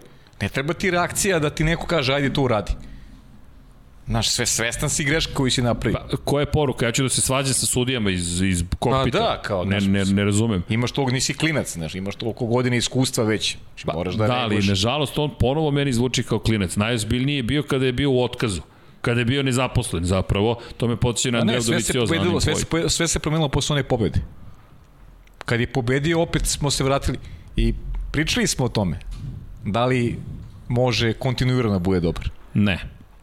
Evo odgovora. To je ono što si rekao za, za Luisa Hamiltona. Pa Max nije šampion još. Ne možemo da ga stavimo u tu kategoriju. Ali ima taj nerv, znaš. On Ima. jede, jede timski kolege. I konstantan. Ne da ih jede, nego ono guta ih la, lagano. Ne obazire se. Ma da, Da, bukvalno se ne lagano. bazira. Da, i tako, Formula N je bila toliko uzbudljiva da smo zaboravili u potpunosti na druge kategorije. Ljudi, Da, evo, Bori, pri, pri, Formula 2 Tu ti i javlja, Porsche ljudi. Super Cup je kao usputna da. stavka. A ne zabore, imamo, ti ti čestitam, Čestitam. Trojek junior pobedio. Da, da. Ko ide dalje u play-offu. Za one koji ne prate NASCAR, ja se zaista izvinjam, ali pratite prave, prave vrednosti. Martin Truex To je Srđan Erceg. A, pa, Živković, Pa ide Joe Logano dalje, mislim manje To sad više obezbedio, da, obezbedio, Joey obezbedio je bez pobede. Deki, ko je tvoj? Moraš da izbereš nekog u Naskaru. Ja sam rekao, Ti si rekao? Kiselovski. smo O, pričali. A, mi smo ista bre, ekipa, mi vozimo za Penske. Nazvali. Još uvek. Ti još počeš navijaš za Blenije i onda smo ista ekipa. ne, ne, ne, pa momcima, pa čekajte, mora malo raznovrsnosti. Tako je. Ali, Ivane, te moraš da izabereš nekog iz Naskara, Vanja, moraš da izabereš nekog iz Naskara. Ne može, Vanja, ne proti. Vanja, pa dobro imaš brojeve, biraj nema, po nema, fe, brojevima. nema Ferrari u NASCAR. Još. Još. Još, ali stiže nova generacija. U, Božija nismo davno zvali. Mogli bismo da zovnemo Božija da, Da, vidi kakva je nešto da je bio nešto na, u Severnoj Americi. Na, da, nešto je bio na Laguna Seki, ne znam šta se držalo tamo. Nešto Ne, nisam, ne mogu da ispratim. Boži Da, da, Tatarević, je- pogledajte čovjek Vidio koji... si ti, vidio si sliku, vidim da si, da si ovaj, Da, da, da, da. ubacio si like, tako da ne znam šta je radio. Pa ne znam, Indikar je bio u Portlandu, čini da, mi se. ne, ne, da, nešto ne se dešavalo, ne znam, da, ne znam šta je da. bilo. tamo. Ko će ispratiti Pa dobro, Božija možda neki Tatarevića? američki Ovo ima nešto, ma da, da, Boži, akciji stalno. Boži jeste stavko. Možemo ga zovemo, možemo ga zovemo sledeće nedelje kad bude bio presek, ovo, znaš. Malo da vidimo kako Kad ide bude presek, bravo, Pa kad da, bude presek u NASCAR-u sledeće nedelje, taman. Da. da. Vanja, samo da e, ti kažem, moraš da izabereš. Uzmi broj. Znači, moraš, deo ekipe si. Nema tu sada. Sad te uvlačimo u automotosportove. Kako? A, bravo. Jordanovski, broj 23. E, pa ne, ne, onda imaš samo jednog. Baba Valas, to je to. Da. Babo, evo, Ima jedan, ima Babo jednog vozača, Baba Valas, Jordanov tim. Nije. Nije. Nije. Nije. Pa, pa, pa znaš da nije prošao, kao ne pratim, nemam vidiš? koga, Pa, jo, pa prati zbog Jordana. Dovoljno, a zna da. i broj i zna ko je Prati prošao zbog play Jordana, i ko prati nije. zbog Jordana, pa A, da. Vanja, obožavam te. Vanja je poseban. Da. Naš šef studija, pravi. E, da. Ajmo sad, hoćemo Formula dvojku. 2. Hoćemo da spomenemo Formulu 2. Kako nećemo, pa Ajmo da mislim, spomenemo Formulu vratili 2 smo i sjaj- Porsche sjajne Supercup. trke i Porsche Odlučen je završen, Porsche jeste. Supercupu. Ali ajmo krenemo Ajmo Formula 2. Formula Ovo 2. ipak je ovaj, pa super vikend, definitivno. Super vikend e, zbog te borbe. Formula 2 čini mi se interesantnije u toj borbi za titulu Od Formule 3. od Formule 3. Da, tamo je dosta...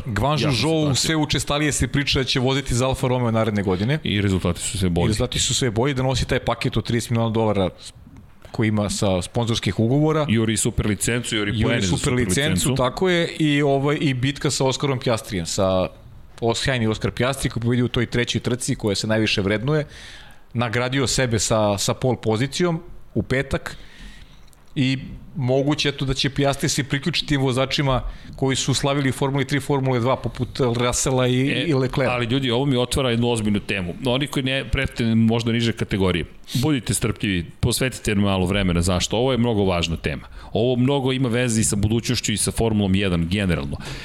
Formula 2 je tako koncipirana da šampion Formule 2 kada osvoji titulu, naredne dve sezone ne može da vozi u Formuli 2. To konkretno znači da Oskar Pjastri, koji je prošle godine bio šampion Formule 3 i sada je debitant u Formuli 2, posle svoje dve pobjede ove sezone, uključujući i pobjedu u glavnoj trci sada u Monci i osvajanje pol pozicije i uz vođstvo u šampionatu sveta, može slobodno da počne da razmišlja o tome kako da ne osvojim titulu. Zašto? Gde da ide Oskar Pjastri kada osvoji šampionsku titulu. U koju ekipu će da ide Oskar Pjastri? Priča se, kao što si rekao, o tome da su otvorena, otvoreno još jedno mesto, samo da ne Alex Albon je potpisao za Williams, to nismo prokomentarisali, makar ne u Lab 76, Alex Albon odu ljudi u Williams. To je velika stvar. To je velika stvar iz mnogo razloga. Zatvorena su još jedna vrata, Alex Albon ima svoju poziciju, postoje se to pitanje da li će ostati negde Red Bull na njegovom kombinezonu ili neće. Ipak je tajlandskog porekla i kao što si Deki lepo rekao, Red Bull kao kompanija je u suštini nastala na Tajlandu. Kako? Tako što formula koja se koristi dan danas u Red Bullu zapravo dolazi i od tajlandskog naziva crveni bik. Bukvalno tako se zvao taj apotekarski proizvod, koji je Dietrich Matešić, Dietrich Matešić otkrio kada je otišao na Tajland i investirao i stvorio Red Bull. Tako da Tajland ima ozbiljne veze sa, iz te perspektive sa Formulom 1. Williams Mercedes, vrlo interesantno, Jost Capito je vodio pregovore sa i Totom Wolfom i Christianom Hornerom i to je vrlo interesantno jedan splet stvari koje se tu događaju. Zatvorena vrata, Nikolas Latifi, očekujemo da će produžiti ugovor. Dolazimo do Alfa Romeo. Valtteri Bottas je dobio priliku da vodi tu ekipu, prosto dobio je, on će biti vozač broj 1. Ko će biti broj 2, to je sada otvoreno pitanje. I imamo Haas, gde Mick Schumacher ostaje gotovo sigurno i Nikita Mazepin koji je dalje potreban ekipi Haasa i sponzorski novac njegovog oca. To je, to je prosto potreba. Šta nam ostaje? Ostaje nam, dakle, Alfa Romeo. Potvrđeno Alfa Tauri dostaju Pierre Gasly i Yuki Tsunoda, Mercedes je potvrdio Luisa Hamiltona, Georgea Russella, Ferrari ima Carlosa Sainza, Charles Leclerc, McLaren ima Landa Norrisa i Daniela Ricarda, Red Bull ima Maxa Verstappen i Serhija Pereza, to je to. Jedno mesto je ostalo. Oscar Piastri, ukoliko osvoji titulu, da li on ide sada u Alfa Romeo? Šta ako mu Alfa Romeo kažu, sorry, žao nam je, Vanju Zhou dolazi ovde iako je bio drugi, treći, četvrti, koji god daje. Nema, nema Srki šta, to je... To je Ali to zašto je... bi onda ti osvojio titulu? Pa, Pa to je znam, sad ali- suludo. Pa dobro, ali zašto je, zašto je Vel, Velseki osvojio titulu? Pa Da, nadam da da- u Formulu 1, A da, da bude, da bude test vozač u, u Renaultu, tako? I negde se njegova karijera i završila. Ali Moguće kažem, negde zbog završila njegovog stava i ne znam, ono, znaš, on meni deluje onako, kad vidim kako vodi konferenciju za štampu i to, znaš, neko mi, ali pazi, ne može neko ko, ko je neozbiljan da osvoji titulu u Formuli 2, a osvojio je, ali nije nagrađen za to. I to je sad, znaš, to ti je neko... Pri čemu tajming je mnogo važan. Pa to je to. ali- Piastri ali jeste Francuz. Timing nije dobar za, za, Za Piastrija, Piastri je Piastri je Australijanac. Australijanac, Australijanac. Ali je, znaš, za, za Joa se priča da taj paket i kvalitet koji ima, paket koji vuče sa sponzorima, ima, ima ozbiljne sponzore, da je dovoljan za, za Zauber, tačnije za Alfa Romeo da ga angažuje. šta će Piastri? Pa ne znam šta, ništa. Osvojiš titulu i šta, ideš u DTM? A šta, šta radi, šta radi Ailot? Pa, On nije osvojio titulu, ne mogu da vozi. Šta radi Ailot? čeka. Je li talentovan Ailot? Jeste. Super talentovan. Jeste. Pa ništa, šta da radi? Čekaj. u Indikaru. Sad je vozio, Pa sad je da. vozio trku, bio je među poslednjima Da, i pa odustao je. I, i sad, ništa. da li, i, i gde ti ide karijera posle toga?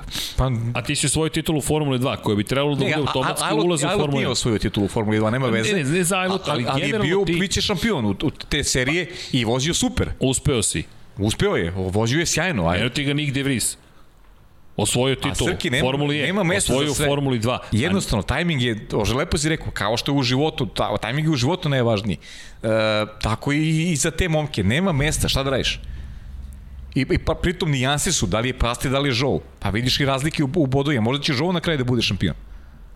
Male su Moguće. razlike. Moguće. A pritom može se dogodi da, da, da Pjastri koji u dve godine osvaja dve titule i Formuli 3 i Formuli 2, Upravo to. nema mesta za njega. Pazi, Charles Leclerc, šampion Formule 2. George Russell, šampion Formule 2. Nick De Vries, šampion Formule 2. Mick Schumacher, šampion Formule 2. To su ove četiri godine postojanja Formule 2. Ove godine je peta godina postojanja od kada je nasledila Grand Prix 2 seriju. Ne, Grand Prix 2 serija je sa izuzetkom Valsekija, svi pobednici su automatski ulazili u Formulu 1. ali je, I bilo je mesta za ali pravilnik bio drugačiji. U, u krajnjem slučaju Srki i, Valseki ušao, ali si ali mogao kao da test ostaneš, vozač. ali si mogao i da ostaneš u Grand Prix 2 E, seriji. mogu si da ostaneš, tako je. Razumeš, Tako mogu je, si da ostaneš. Ti sada ne možeš da ostaneš u Formuli 2 Jest. ako osvojiš To, titul. to, je, to je glupo pravilo. To, Zato to ti kažem, pravo, to je glupo pravilo. Šta sad? Ja osvojim titulu i kažnjen sam zato što sam osvojio titulu.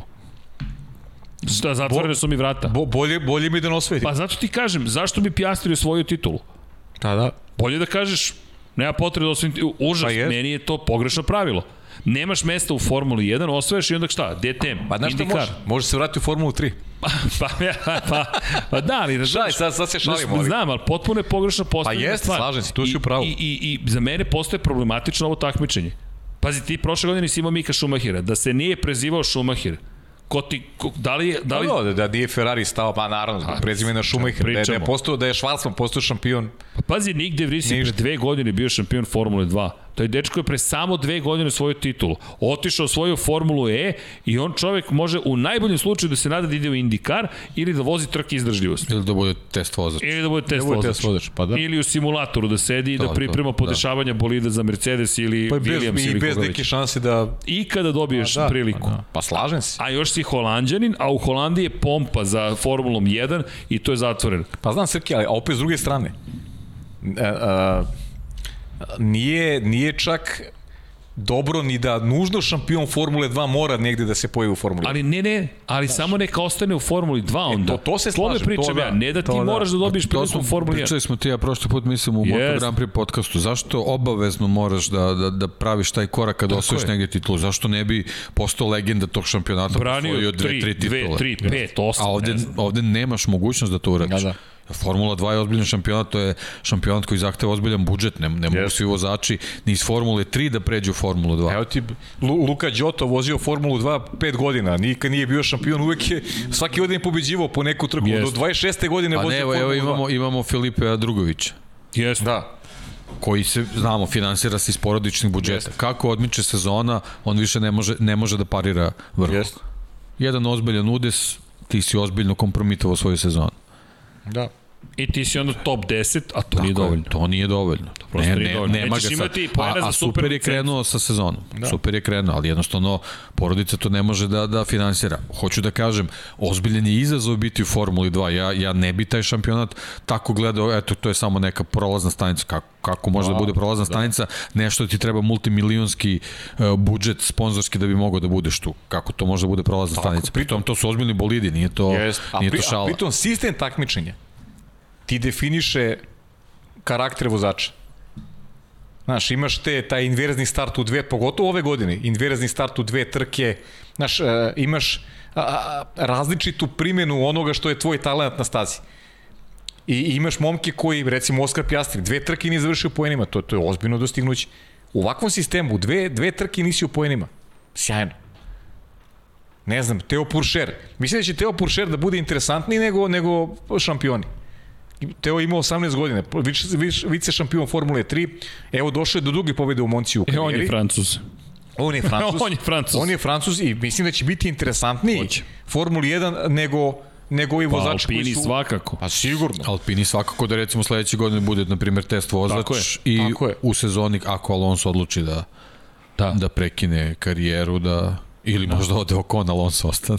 Vidi, to, to niko, ne garantuje, tako je. To je to je za njega, to je za njega recimo idealna situacija da sledeću godinu provede u učenju Formula 1 nove Deki, generacije i- bolida. I priča se uveliko da će Teo Puršer biti da. naredne godine. Pritom on test ima vozač. velike sponzorske pakete, da, dve, dve velike francuske kompanije. On, on ima sve sve predispozicije da bude tu. Ma da. Već sledeće godine, to, to je neka priča da je on sledeće godine test vozač Alpine. Da neće se takmiči ni on u Formuli 2 naredne godine. E, imam jedno pitanje. Kaži. Den Tiktum. O, ova godina sjajna. Pazi, Tiktum odlično vozi. I uz sve žute minute i sve što je radio tokom karijere, Den Tiktum je četvrti u šampionatu 2. zaboravio sam koja od tri trke ove godine, o, sada u Monci je vozio toliko dobro uz dva incidenta na stazi da ga je sigurnosno vozilo zaustavilo na putu do pobede. Da, ne mogu setim koja je trka, da li je to bila treća ili druga trka, popuno sad zaboravio u moru Mislim događaja. da je treća. Moguće čak Bio i je treći na kraju. Jel treći, treći bio, e, bravo. Treći je osvojio treći, bodove u tako, tako. prve dve nije bez Tako bodova. je, ostao. treća trka. Da, Onda treća, treća, treća. trka, imao je dva incidenta na stazi, promena taktike, leteo je stazom do kraja i dva kruga pre kraja sigurnosno vozilo.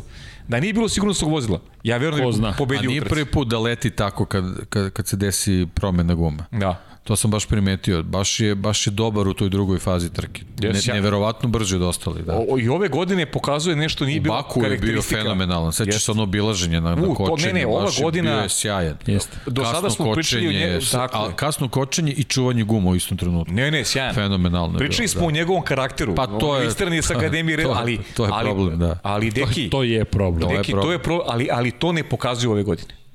Mora budemo da. iskreni do kraja. Vidi, on je... On je zaslužio kritike maksimalne, a ove godine vozi fenomenalno. Romano Fenati.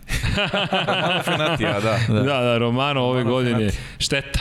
A da, pričat ćemo u četvrtak, da. ali šteta. E da, da podsjetim još jedno, molim vas, ne zamerite, sutra Lab 76 broj 91, posvećen Mihajlu Šumahiru, izlazi dokumentarac na Netflixu, izlazi knjiga Crveno i Crno, Dekija Potkonjak u izdanju Infinity Lighthouse i imamo companion stream od 22.00. Inače, bilo je par pitanja gde može da se kupi knjiga, od sutra ćete moći na infinitylighthouse.com kroz shop da naručite knjigu, tako da eto, ja se nadam da ćete uživati. To nama takođe je podrška da znate, tako da svi smo uzbuđeni, ali pre svega kulturološki moment. Dekijeva knjiga u izdanju Infinity Lighthouse-a i to ide u Narodnu Sjajno. biblioteku. Yes! Bravo, Dobro. neki i za brzinu, ne samo za pisanje.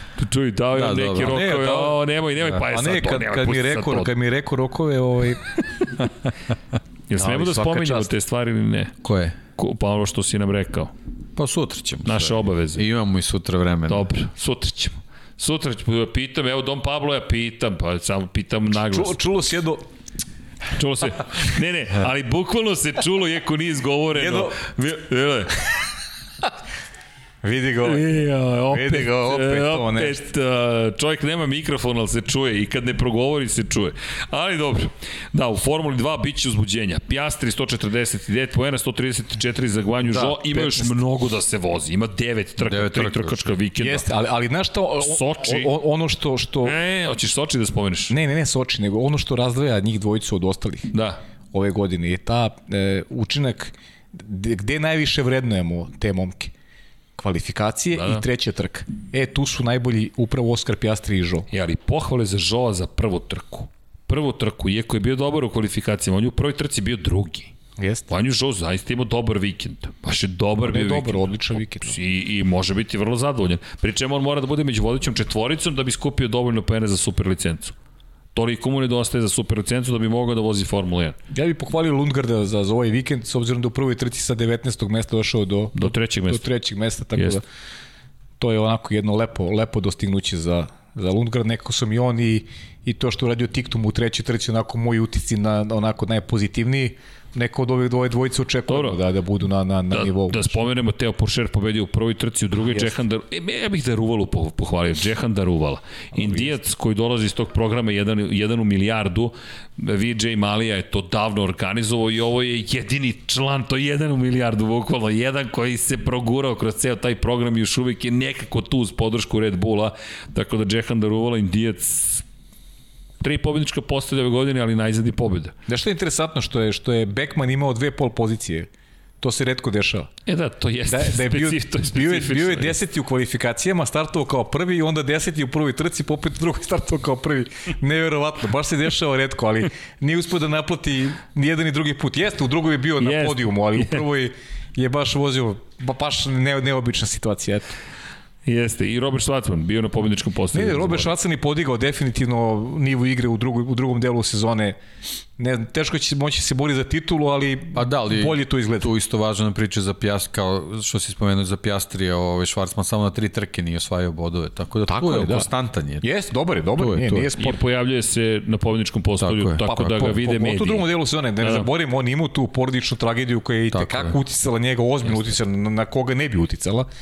E, ali se on vratio i u ovom drugom delu sezone vozi odlično, on je stvarno talenat je. Eto ti, gde, gde će nađeš mesto u Švarcmanu? Ne znam. Da li će ikad ući u Formu 1? Teško. Ha, Teško. Nije nemoguće, ali vrlo teško.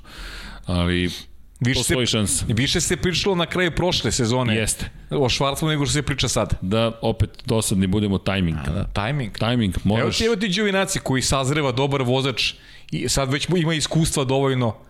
Znaš, šta da radiš? Da li da njega ostaviš u Alfi ili da otvoriš vrata nekom mlađem? koji opet nosi neke sponzorske dobre poput Joa recimo. Znaš, kako se postaviš u cijeloj priči? Nisu to lake odluke uopšte.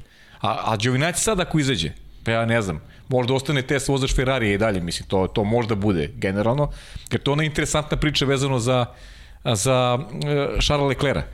Charles Leclerc se žalio da mu nije dobro, da i, e, imao je Sainz incident, Leclerc nije bilo dobro. Jeste. I, I bilo je upitno da li će se pojavi Da. Ko bi vozio? Vozio bi Đovinaci za, za ekipu Ferrari. A ko bi vozio za Alfu? Da je, da je Đovinaci uskočio. Ko bi bio drugi vozač Ferrari? E, Alfa? Hulkenberg. Hulkenberg, kažem ti, Hulk je bio u bojama Aston Martina Da, da. prisutan u Znaš, zelenoj. vrlo, vrlo zanimljiva priča. Je, Samo jer- iznajmiš Hulkenberga i kažeš, ok, mi imamo vozača sa super licencom. Leclerc, Možete Leclerc, da platite. Leclerc, se, se žalio, Leclerc se žalio na zdravstveno stanje. Loš se osjećao, osjećao neku mučninu, nije mu bilo dobro. I, I bilo je upitno da li će da, da, da nastavi trkački vikend. Zamisli Đovinacija u bojama Ferrarija, e, ti nemaš Da li bi sada vozača. rekao, još je rano za mene u Ferrari. Da, da. I rekao, nađite nekog drugog, Nika Hulkenberga. Ali Tako da, je. zanimljiva, simpatična teorija. I, da ne zaboravimo Porsche Supercup, samo da Pa, mislim- krunišemo šampiona. Larry Da, da. Tam Ward odbranio Pa, mislim, titulu. To je onako bilo... Samo da spomenemo, eto. Treće mesto u subotu, prvo u prvo, nedelju. prvo u nedelju, dva, znamo da su se određivale na pozicije u petak, prvi najbolji krug, najbolje vreme regulisalo startnu poziciju za subotu, drugo najbolje vreme za nedelju, ten Ward oba navrata bio dobar i tu se već znalo negde da nema Da. šanse Evans, ono što je meni utisak je ovaj Heinrich. Lorin Lorin Heinrich, koji da. na, na kraju bio četvrti igrač, pa smo nedostajemo bod od drugog mesta, ali eto, na kraju mislim da je jedno preticanje, sad sam zaboravio ko je u finišu, e, da li je da li je to Ajđahan Gjuvene? Ne, Gjuvene, ne, Gjuvene. Gjuvene je pretekao. Da, ali, ali ne, Evans je na kraju bio sedmi, pa je zato na kraju bio drugi. Jeste. Da, Evans je uspio na kraju da nadoknadi neke, neke izgubljene pozicije i na kraju je eto bio Evans na, za jedan bod je Max bio Evans drugi. Je na Ali mislim da je treći ipak Juven to je zato to. što ima zato što ima bolje ta ima nekoliko drugih mesta. Jeste. Da je zato na, traj, na kraju trećeg Juvena, da je Heinrich četvrti. Jeste. Ali mi utisak Heinrich, on je ipak ruki, a imao jednu pobedu, zaista je, i Bokolač je vozio sjajno u završnici godine. Tako Još da, jedan Francuz. Još jedan Francuz. Čisto onako da spomenemo usput. Ali dobro, Porsche Supercup nekako nam je upao u tu celu priču. Možda ćemo deki sledeće godine iz Moto Grand Prix pratiti više GT3 kategorije. S obzirom na činjenicu da Valentino Rossi planira tamo da nastavi svoju karijeru. Ali dobro. Dobro, to je neki pregled Monce koji smo imali za vas. Ne znam da li imate neka pitanja da pružimo, da pokušamo da pružimo neke odgovore Da. s obzirom na činjenicu da zaglavio mi se stream, ali dobro. Vidim da se svašta dešava. Evo, krećemo sa pitanjima, pa trudit ćemo se da odgovorimo na što više možemo, mada vidim da se vodi diskusije i, i I, ček, da li da stavim uh, pitanje ko je kriv za incident? Pa ne, dobro, nećemo, to je, nećemo, znaš, nećemo. Mogu stavi šta, naravno, pa mislim ljudi... U stvari, hajde da vidimo. Što da ne, mislim, to je... Po vašem mišljenju, Svako ima- odgovoran Svako ima pravo na svoje mišljenje, to je okej. Okay. za incident između Ali ja sam samo jednu molbu, ono, samo sam zamolio navijača, oni koji su navijački opredeljeni da probaju da gledaju iz oba ugla. Da ne bude ono navijački stav, nego pokušaj da budu objektivni. Koliko je to moguće. Evo, dodat ćemo još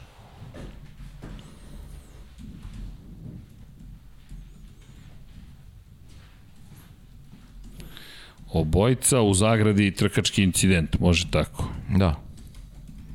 Evo, stavio sam tri opcije. Pitamo zajednicu. U svakom slučaju, krećemo pop out chat, pa da vidimo šta se sve događa i čega sve ima. Uf, čekaj.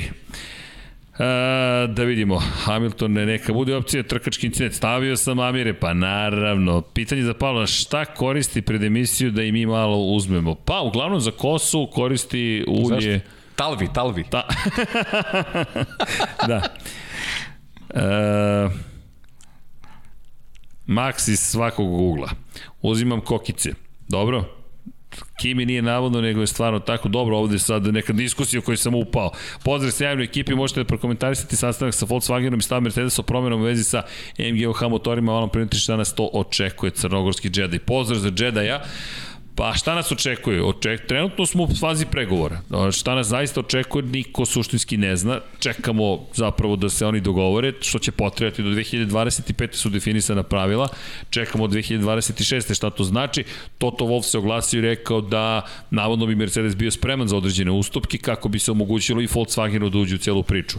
To moje tumačenje, ne znam za, za moje prijatelje, jeste zapravo da je to neka vrsta pregovora. Dakle, Mercedes je rekao, ok, spremni smo za pregovore. Sad, šta će sutra tražiti Volkswagenu kao ustupak, nemamo predstavu, ali obično se ništa ne daje besplatno u svetu Formula 1, tako da lepo je da, da Mercedes dao tu vrstu zelenog svetla, podrške Volkswagenu, s druge strane, ko zna sutra šta će Da, biti. Gledaju svoj interes. Tako je, da. tako je.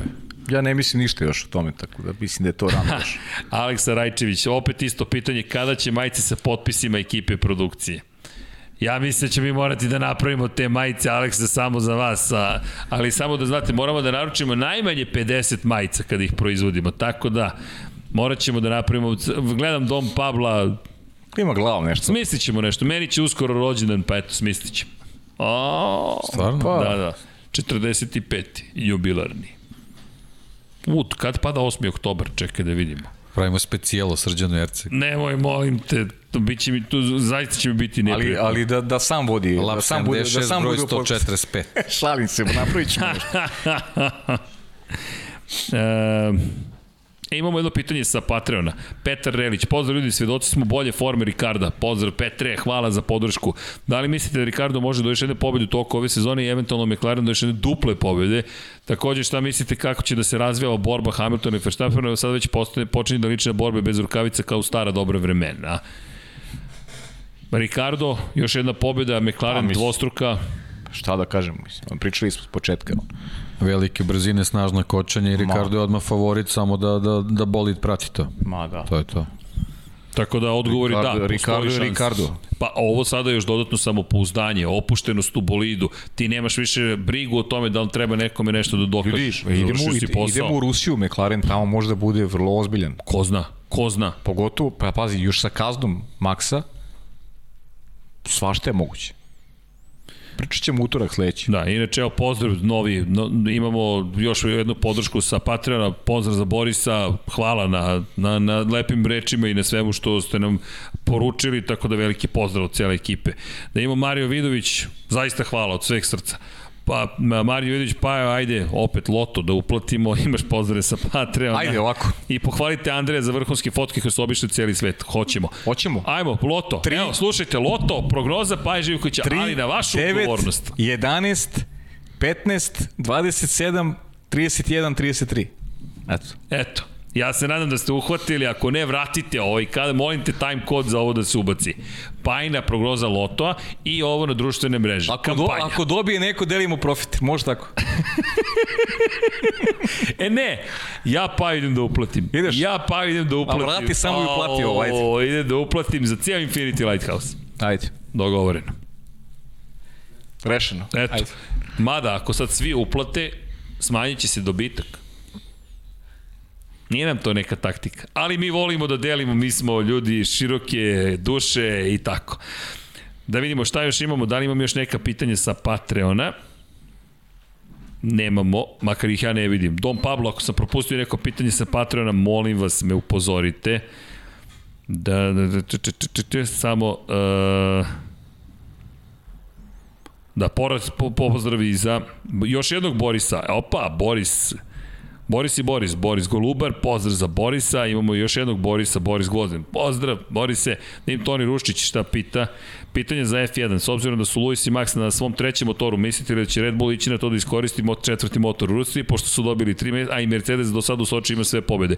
Odgovorili smo već Toni, ali da ponovimo, pa, Paja ima utisak da će se to desiti. Ja ne bih to uradio, ali nije nemoguće. Naprotiv. I iskreno, iskreno, neko je pisao ovde, sad ne znam Da. da. ko je, i to nije loše zapažanje da će možda i Mercedes ukoliko se to Tako desi je, tako je. da odgovori na isti način. Jer, ali dobro, o tom potom, ajde vidit ćemo. To je ono što je, to si ti lepo zapazio, to, kako Mercedes da zna da Red Bull to planira, to je opet pitanje, ako ćeš to da uradiš ovaj, nakon kvalifikacija subotnih, Ok, tema za razmišljanje svako, ali analizirat ćemo malo više ovaj. Možda će neko opet da farbar garažu, ko zna šta će bude Da, sve. ko zna, da. Sad se igraju Biće neke koje igre, kakve pa igre, da, da, da. Koje kakve igre se igraju. Čekaj, imamo pozdrav iz Lapova. Čovjek je uplatio Hvala puno. Ali čekaj, kaže... Pozdrav Lapovo. Pozdrav iz Lapova, verovatno niste čuli za ovo malo mesto. A, je, Nismo pa, čuli za e, Lapova, ajde, molim vas. Aj, ovo je sad neozbiljno Pa, sad, da, ovo je baš- je neozbiljno. Pa kod Lapova, molim, gde si kod Lapova? Ovo imate pumpu tamo, zna se ko je služio vojsku u Aleksinicu, kod Lapova polovina puta do,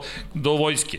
I onda znaš, na pola si puta. Još sat vremena lastinim autobusom i to je to. Ima i pumpa, ali da ne spomenjem, još nisu sponzori. Kad budu. Imamo mi malo i Sa godina. jedne i s druge strane. I sa jedne i sa druge strane, To zna je se. 100 km od Beograda, je li tako? Tako je, 100 km, pa Tačno su, nemojte. pumpe su tačno Frelo, 100 km tačno od Pozdrav centra za Beograda. pozdrav za Do Lapovo. Niša 230 km, do Aleksinca 205, ali zavisi da li ideš na prvi izlaz ili na drugi izlaz. Evo. Molim vas. Da. Dve, s, a, k- klasa e, septembar 2003. 203. mešovita artiljerijska brigada. Poslužioc na topu od 130 mm. Ja sam 2012. bio isto. Mo...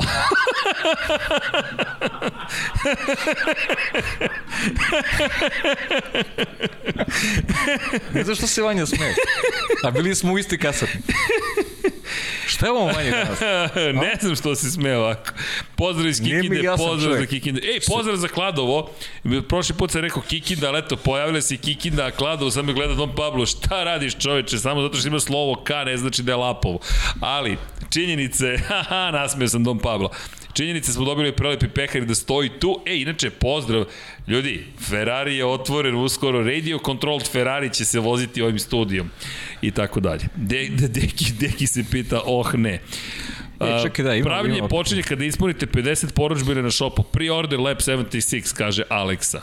Evo, jel može Dom Pablo? Ako ljudi naruče 50 majica sa potpisom, ulazi u proizvodnju. Jel može? Čekam odgovor. Rekao je da.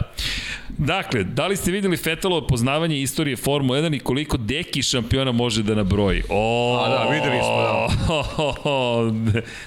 Ne, to ćemo jednom kad ne bude bio laptop ispred mene, da ne bude sad da, da googlam. Da, ali mogu da vam kažem pouzdano da je dosta dobar.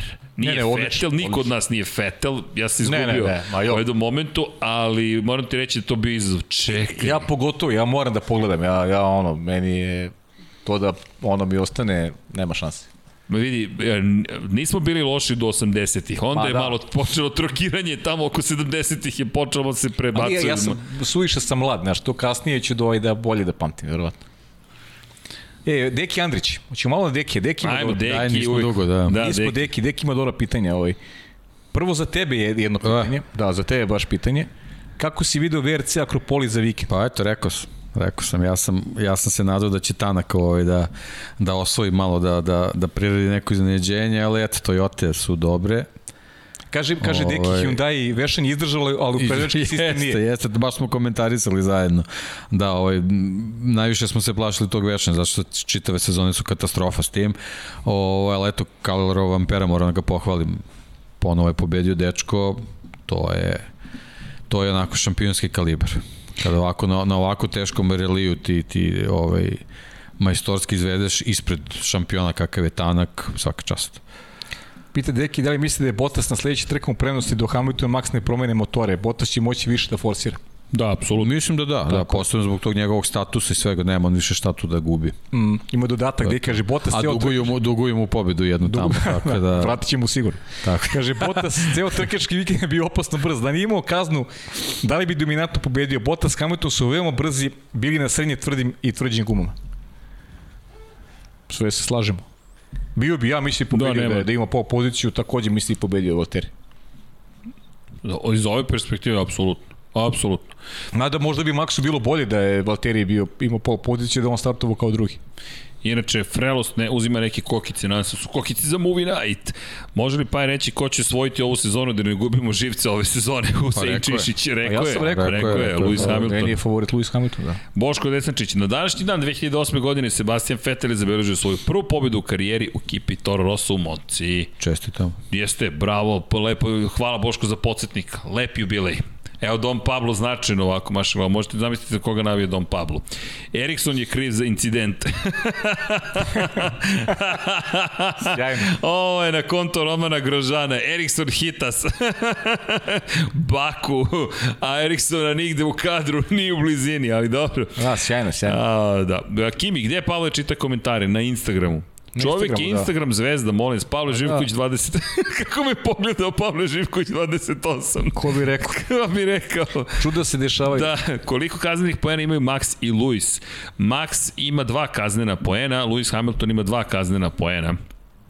Maxovi su za incident na velikoj nagradi Velike Britanije, u- Lewisovi su iz Velike Britanije, Maxovi su sada iz Italije. Tako da nisu oni u nekoj dramatičnoj situaciji iz perspektive kaznenih poena. Eda Hasan Pakić pita, kaže, pozdrav za sve, šta mislite koliko ja britanski lobby u Formuli 1 i da li je to jedan od razloga ovakvih kazni?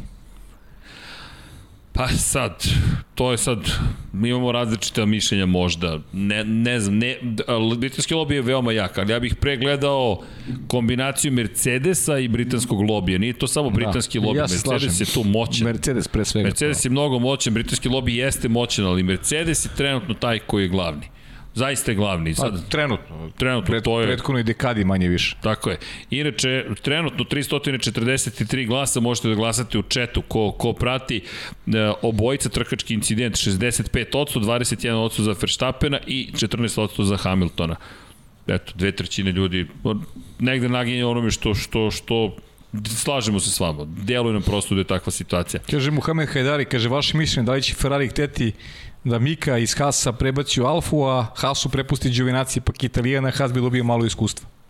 Nije loš pogled, ali nešto nisam siguran. Teško. Da će mi ostati u, Teško. u, u Hasu, a da će Alfa biti popunjena nekim drugim vozačem. Tanić Dušan, šta mislite o Luisovoj izjavi da bi sa pola, da je bio sa pola bolida ispred, da je po tome Max trebalo da ga propusti, a on nije popustio u Silverstonu kada je Max bio ispred tako nema propuštanja ljudi, oni se bore, mislim, svako To gde to. vidi neku, neki prostor gde može da, da krene s bolidom, oni kreću, mislim, to, to nema tu Povlačenja džentlmenskih više sporazuma. Da, nema, povlačenja, nema. bon tona, Nema, ne znam čega, Ljudi, lepog e- ponašanja, empatije, otku znam o čemu sve pričaju ovih dana. Ljudi, ne ljudi oni se trkaju. Naj, najmanje je priča o tome o njima dvojici. Bitno je kako se kako, kako oni koji Vratite se kroz istoriju Formule kako- 1, noviju ili stariju, u svakoj sezoni ćete naći Tako dva, je. tri duela koji se vode na isti način. I- to je to je jednostavno I takav iste sport. su izjave, samo da se razumemo, izjave su za javnost, izjave su u kontekstu odnosa sa javnošću, tome služe te izjave. Te izjave nisu, e, da li su autentične? Pa, znate kako, jesu. Ali kao i većina ljudi, obično ispustimo iz perspektive. Niko neće da bude đavolji advokat, da kaže šta druga, kako je drugoj strani. Nego gledajte svoju stranu. Tako. Ja sam sad bio ispred. A kada je iza, kažete, pa dobro, imao sam unutrašnju stranu krivine. Racionalizacija je čudesna stvar, ali prosto... Ne, ne, meni je samo problem smo- tumačenje pravilnika, ništa više. E, to Kenan ima zanimljivu konstataciju, pozdrav. Sve fine promene pravila u toku sezone se dešavaju u trenutku kada Mercedes nije dominantan, koliko ih je samo bilo ove godine. Flexi krila, pit stop, gume, Tako toliko je. ravnopravnom A takmičenju. to smo pričali, to, to jeste. I to jeste sve problem. ide, sve ide u, u, u prilog onome, onoj tezi da je Mercedes favorizovan. I E, to, nije to prvi ta put. prvi se kada su gume menjane u sred sezone, zato što smo imali situaciju gde je Pirelli opet rekao problemi i to je pogodovalo ekipi Mercedesa. Pa smo imali bušne točkove i hlađenje koje je bilo problematično. Pa smo imali dvostruki sistem, imali smo double axis steering, sistem sa upravljanja sa dvostrukom osovinom. Svašta smo imali, Slušaj, činjenica. ni, ni jedno ozbiljno takmičenje, ovo je, ovo je vrh piramide automotosporta. Ni jedno ozbiljno takmičenje ne sme sebi dozvoli da u sred sezonje mene pravila. To je nedopustivo. Jer to se kosi sa, sa onim što je regulativa neka, ne, nešto, što, ne, nešto se zove regularnost takmičenja. Zamisli ti da, da promeniš u sred sezone recimo sistem bodovanja u nekom, nekom, nekom sportu Pa, drugom. promeniš, da promeniš pravila, znaš, kao ne, ne pritisak znam, u loptama. Pa, pa, pa ne, ne samo to, nego, nego promeniš recimo, više nije pobeda tri boda, nego je sada dva boda. U sred sezone. Pa ne može, to ne može da se radi tako. Pa mislim, promeniš obim lopte, evo Vanja me značajno gleda. dobro, šta- šta god, da, znaš, da, mislim, to- promeniš to je- loptu i kažeš, evo igramo sad s drugom loptom. E, to, to je ono, znaš, i onda ti se sve, sve, ti ide, sve ti ide u prilog jednoj ekipi. To je nešto što ne sme da se dešava. Miki Kiki 8. Zašto ne maknu kobasice na šikani u Monci? Mas je rekao da će ostati uprkos ovom incidentu. Pa ne, mislim. Ne znamo. To, pa mislim, ali to je, to je opet deo neke, zašto nema, pa to je opet deo neke priče, neke, ne znam, ja, ja, Pa imaju one svoju ti, svrhu ti upravo. znaš da one tu postoje. I treba da se prilagodiš cijeloj priči. ja zaista mislim da Max nije očekivao da će bolid onako da odleti. Da će izgubiti kontrolu nad bolidom. Ja mislim da očekivao preći ću preko njih i to je to, idemo dalje. Pa ne, Uspeću nisu, nešto da hteli skrenem. da odustanu jedan i drugi, to, to, su, to su, ono, ne znam, trkači. Tu su, blizu su, neće da odustanu. Pa to je ono što sam ti rekao, to je meni utisak. Luisova izjava. Max je znao šta će desiti, pa i ti si znao šta će se desiti. Obojce ste znali šta će da se desi. Ali niste hteli da odustanete. Pa dobro, to Znaš, je test. on, on, on, Pazi, je, on je negde priznao sa tom izjavom, da i on znao šta će ali se vidi, desiti. Hamilton se već bio povukao u onom prvom po, potezu. U Del, Del Rođi. Drugi put da se povuče, u istoj trci, da, nema šanse. naravno. Nema šanse. A, zatim, imamo, svaka čast momci, imate veliki pozdrav i Podgorice, pozdrav za Podgoricu i za Marka 46. Uh, u prvom krugu Antoni imao sličnu situaciju kao što se desilo sa Maxom i Hamiltonom. Pa, uh, Pa Giovinazzi imao... naravno, pa, Pa imali su, pa Ljudi, svi, svi su su imali. imali, to je Ne Alonso znam, rekao, Alonso bilo je tačno tri, naveo sve, on, on je tačno naveo duele koji su To su- dogodili na staži. Tako da, da očekujete da će u prvoj krivini tamo u varijanti Dela Rođa se oni poređuju karavan i da prođu. Mislim, ne, ne, ne postoji šansa da će da se desi. Mora, mora nešto da posebno sa, to sto puta ponavljamo, srđan ja, veličina tih bolida jednostavno ne, ne mogu da prođu, mislim, Jes, ne mogu. nemaš, pa ne, po pet i po metara, nemaš da ih spakuješ. Nemaš gde da ih spakuješ, deki ti... Kad su bili Ti kraći, pa, pa, su, prošle- pa su je problemi. Bilo teško, po metara, to, to, to međuosovinsko rastojanje, vi morate ko, ko kamion kad vozite, ka, ne mora kamion, ajde, mada ti lepo si rekao ko kamion, uzmete, vozite, ne znam, neko dostavno vozilo, neki kamionet, pa nije kao automobil, vi morate da idete pravo, pa onda kad vidite da su Pa zadnji točkovi je, pa ne, pogledaj prošli, koliko je među, skrenete. međusovinsko rastojanje, to, to ti sve ti govori. Jasno je. Sve je jasno. i sve jasno. Inače, veliki pozdrav ekipu, sjajan posao, radite sve bolji i bolji, samo Pierre Gasly. Stevie G8 MM93. uh, gospodin ima b- 250 dinara čovjek donirao. Znamo Stevie G, hvala vam na tome. Pozdrav. Imate ovde svog čoveka. Bojan Mijatović pomeri čist trkački incident, Hamilton, Hamilton agresivno zatvara, Max ne popušta, obojica krivi. Tako je. Mislim da ovo najbolji opis ikada, ovo ću da screenshotujem. Hvala. Slažemo se potpuno, sla- slažemo se skroz. Trkački incident kao Sena i Brandon. Da li ste znali da se vozači broj 2 i 1 u ekipama razlikuju po bojama na vrhu bolida? Da, Kimi, Da, da, razlikuju da. se po tome što vozač broj 1 obično ima u crno ofarbanu kameru, a u žuto vozač broj 2. Nije uvek tako, Pierre Gasly vam je izuzetak, on ima žutu kameru, a Tsunoda ima crnu kameru. Eto, čisto za one koji eventualno nisu znali. Koja je klasa Formula W? Bliže Formula 3 ili Formula 2 specifikacije? Nikola Formula 4. Da. Pa, e, zapravo ona je, ona je Formula 3, ali kao da je Formula 4. Formula 4. U suštini je to Formula 4. Da. Ali to, to vam je, to su turbo punjeni motori od nekih 280 konjskih snaga koliko se sećam i šasije kao iz Formule 3, ali onda dođete do Formule 4 zapravo. Tako da, ali su to isto da vrlo pristojni bolidi i pravo trkanje i u Zandvortu je baš bilo lepo gledati kako su se devojke takmičile, bilo baš baš pravo. Čekaj, mnogo pitanja stiže, pokušam, ubrzali smo se, čak ni ja ne odgovaram više po 5 Treba da se ubrzamo, da, treba da se Da, da, da. ubrzamo. Pa mislim, zbog ljudi, ne? Tako je, e, pre par meseci ga Landa obilazio za krug, kaže Miroslav. Jeste, ogroman napredak i za, za, za, za Ricarda kažu da je ovaj letnji raspust bio kritičan. Da je zaista bio kritičan. Kako bi se odlučio šampion na kraju sezone ako bi oba vozača imali isti broj bodova i Mercedes i Red Bull isti broj bodova šampionatu konstruktora? Marko Živković, pozdrav Nisam za Marka. objašnjavao to sve, da. Da, ali da, kratko, Da, da. ko ima više pobjeda? Ako ima isti broj pobjeda, ko ima više drugih pozicija? Ako ima isti broj drugih pozicija, ko ima više trećih pozicija? Ako je sve isto, ko je prvi zabeležio pobedu? Eto, to, da. to vam je. E, šta još imamo? Pajo, zašto baš 3-3? E,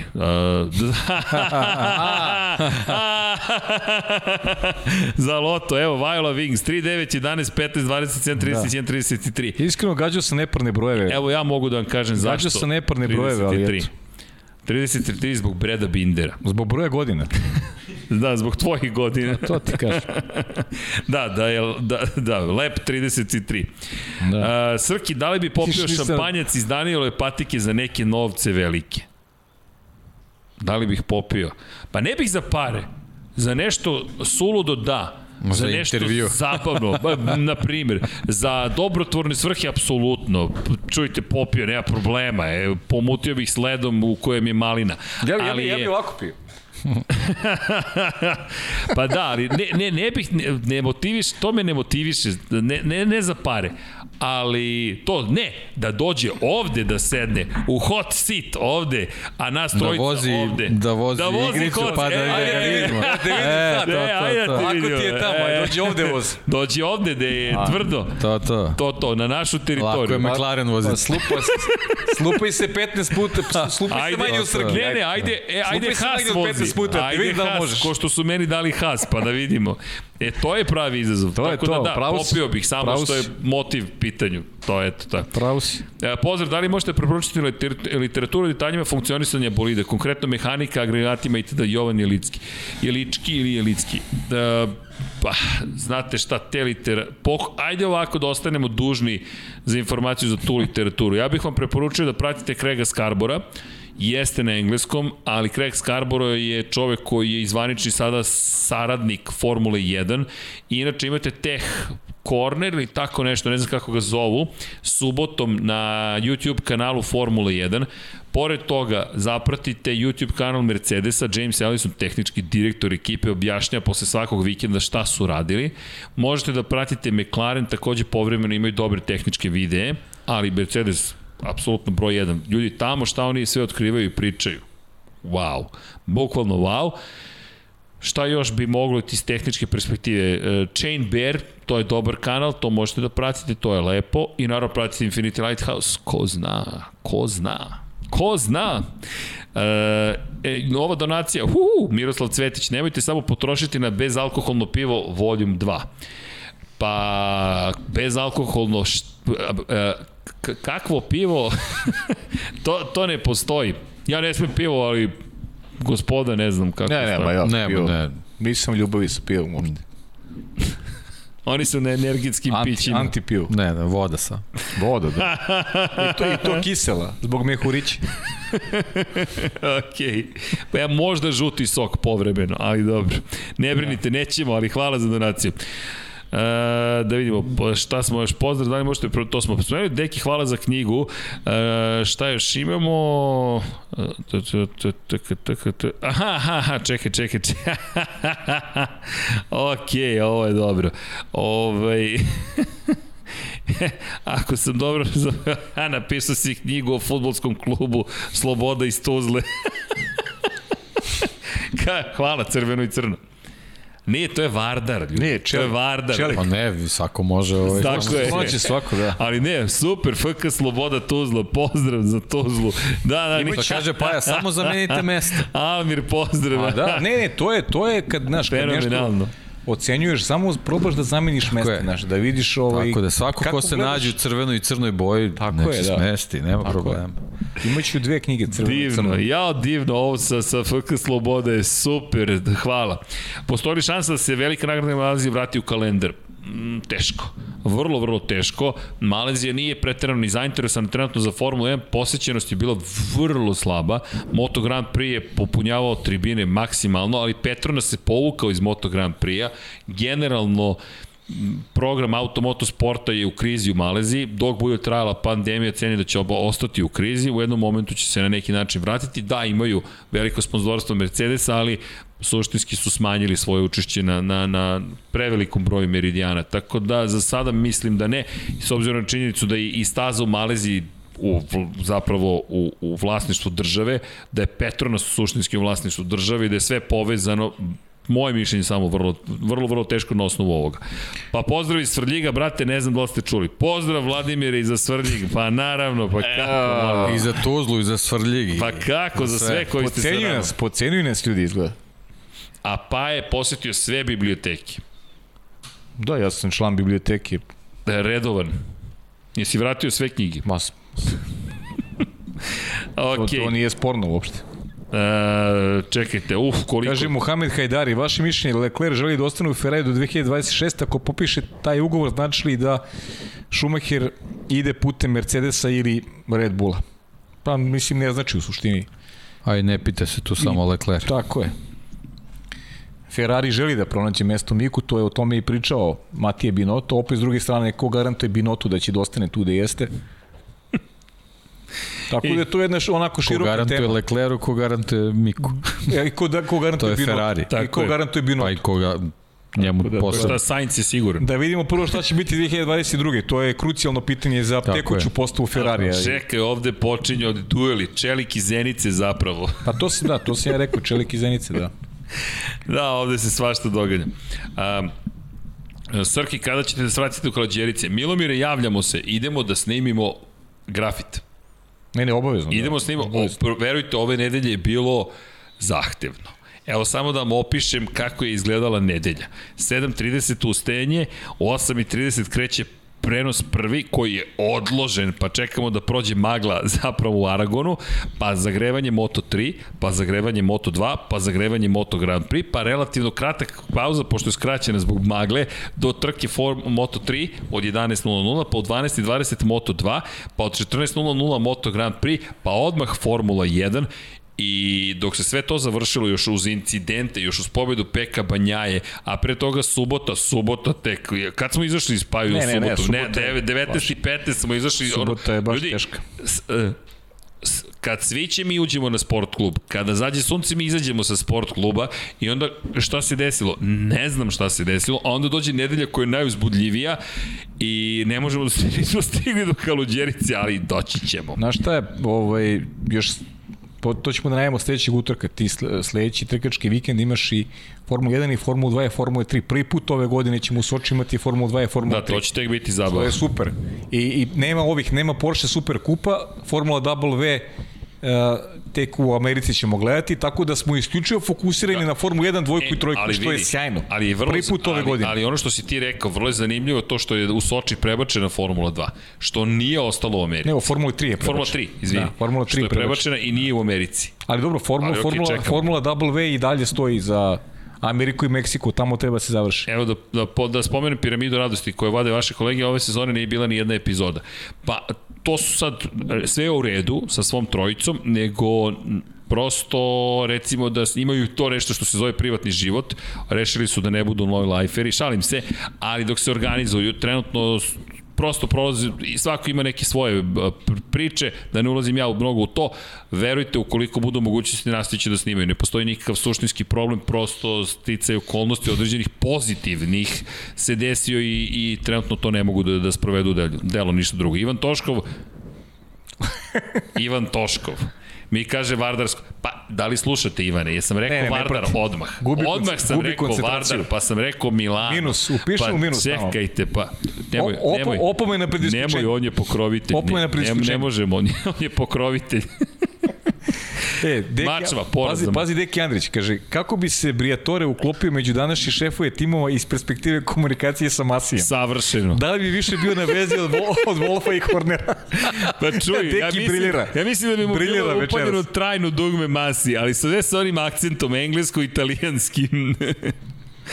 Imam jako loše mišljenje o gospodinu, tako da neću uopšte da, da ga komentarišem. Deki je kulturan O Flaviju. čovjek. Nemoguće.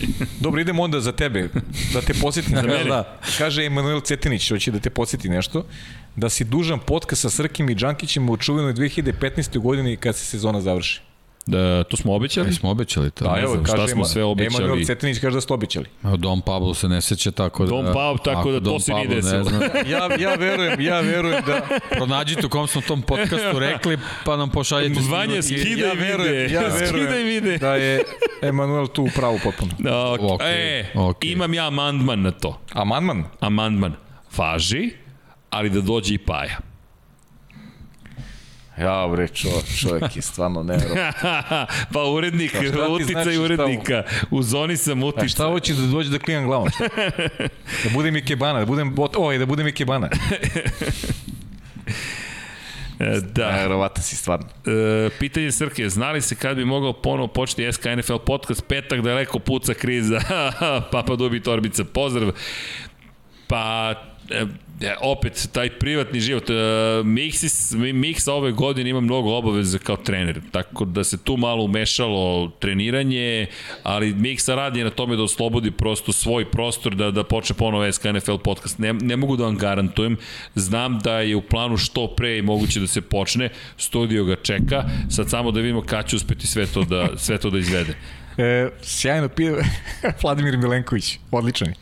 Kaže, Red Bull je po ovome poznat. Reči Srke i Erciga za vreme ulaska Maksa u boks, svi znamo šta se desilo. 11 sekunda. I kaže, jedno pitanje, da, jedno pitanje, da li je Luis video Maksa da izlazi iz bolida za vreme dok on pokušava da se izvuče iz, peks, iz peska? Šta, da li je video? Da li je, da li je Luis video Maksa da izlazi iz bolida za vreme dok on pokušava da se izvuče iz peska? Da, to je moglo da bude opasno. To je sad Dobro drugačiji pitanje, aspekt da. priče, da, znači, drugačiji aspekt, da, odlično pitanje. Dobro pitanje. Odlično Dok pitanje. je ovaj izlazio da se ovaj pomerio, šta bi se desilo? A da.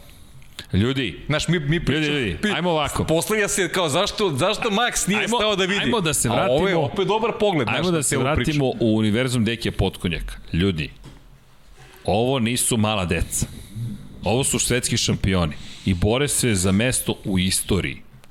I ta razmišljanja tipa, jao čekaj prvo da vidim, ne, ne, ne, ne, Rikverc, Rikverc, pazite, oni imaju bolide koji imaju 500 opcija na svom upravljaču. Dakle, imate jedno 16 različitih podešavanja. Kombinacija njihovih dovod, to je beskonačna kombinacija stvari. I vidite da je Hamilton igra se sa svojim volanom. To što mu je točak prekao, prešao preko glave, sitnica.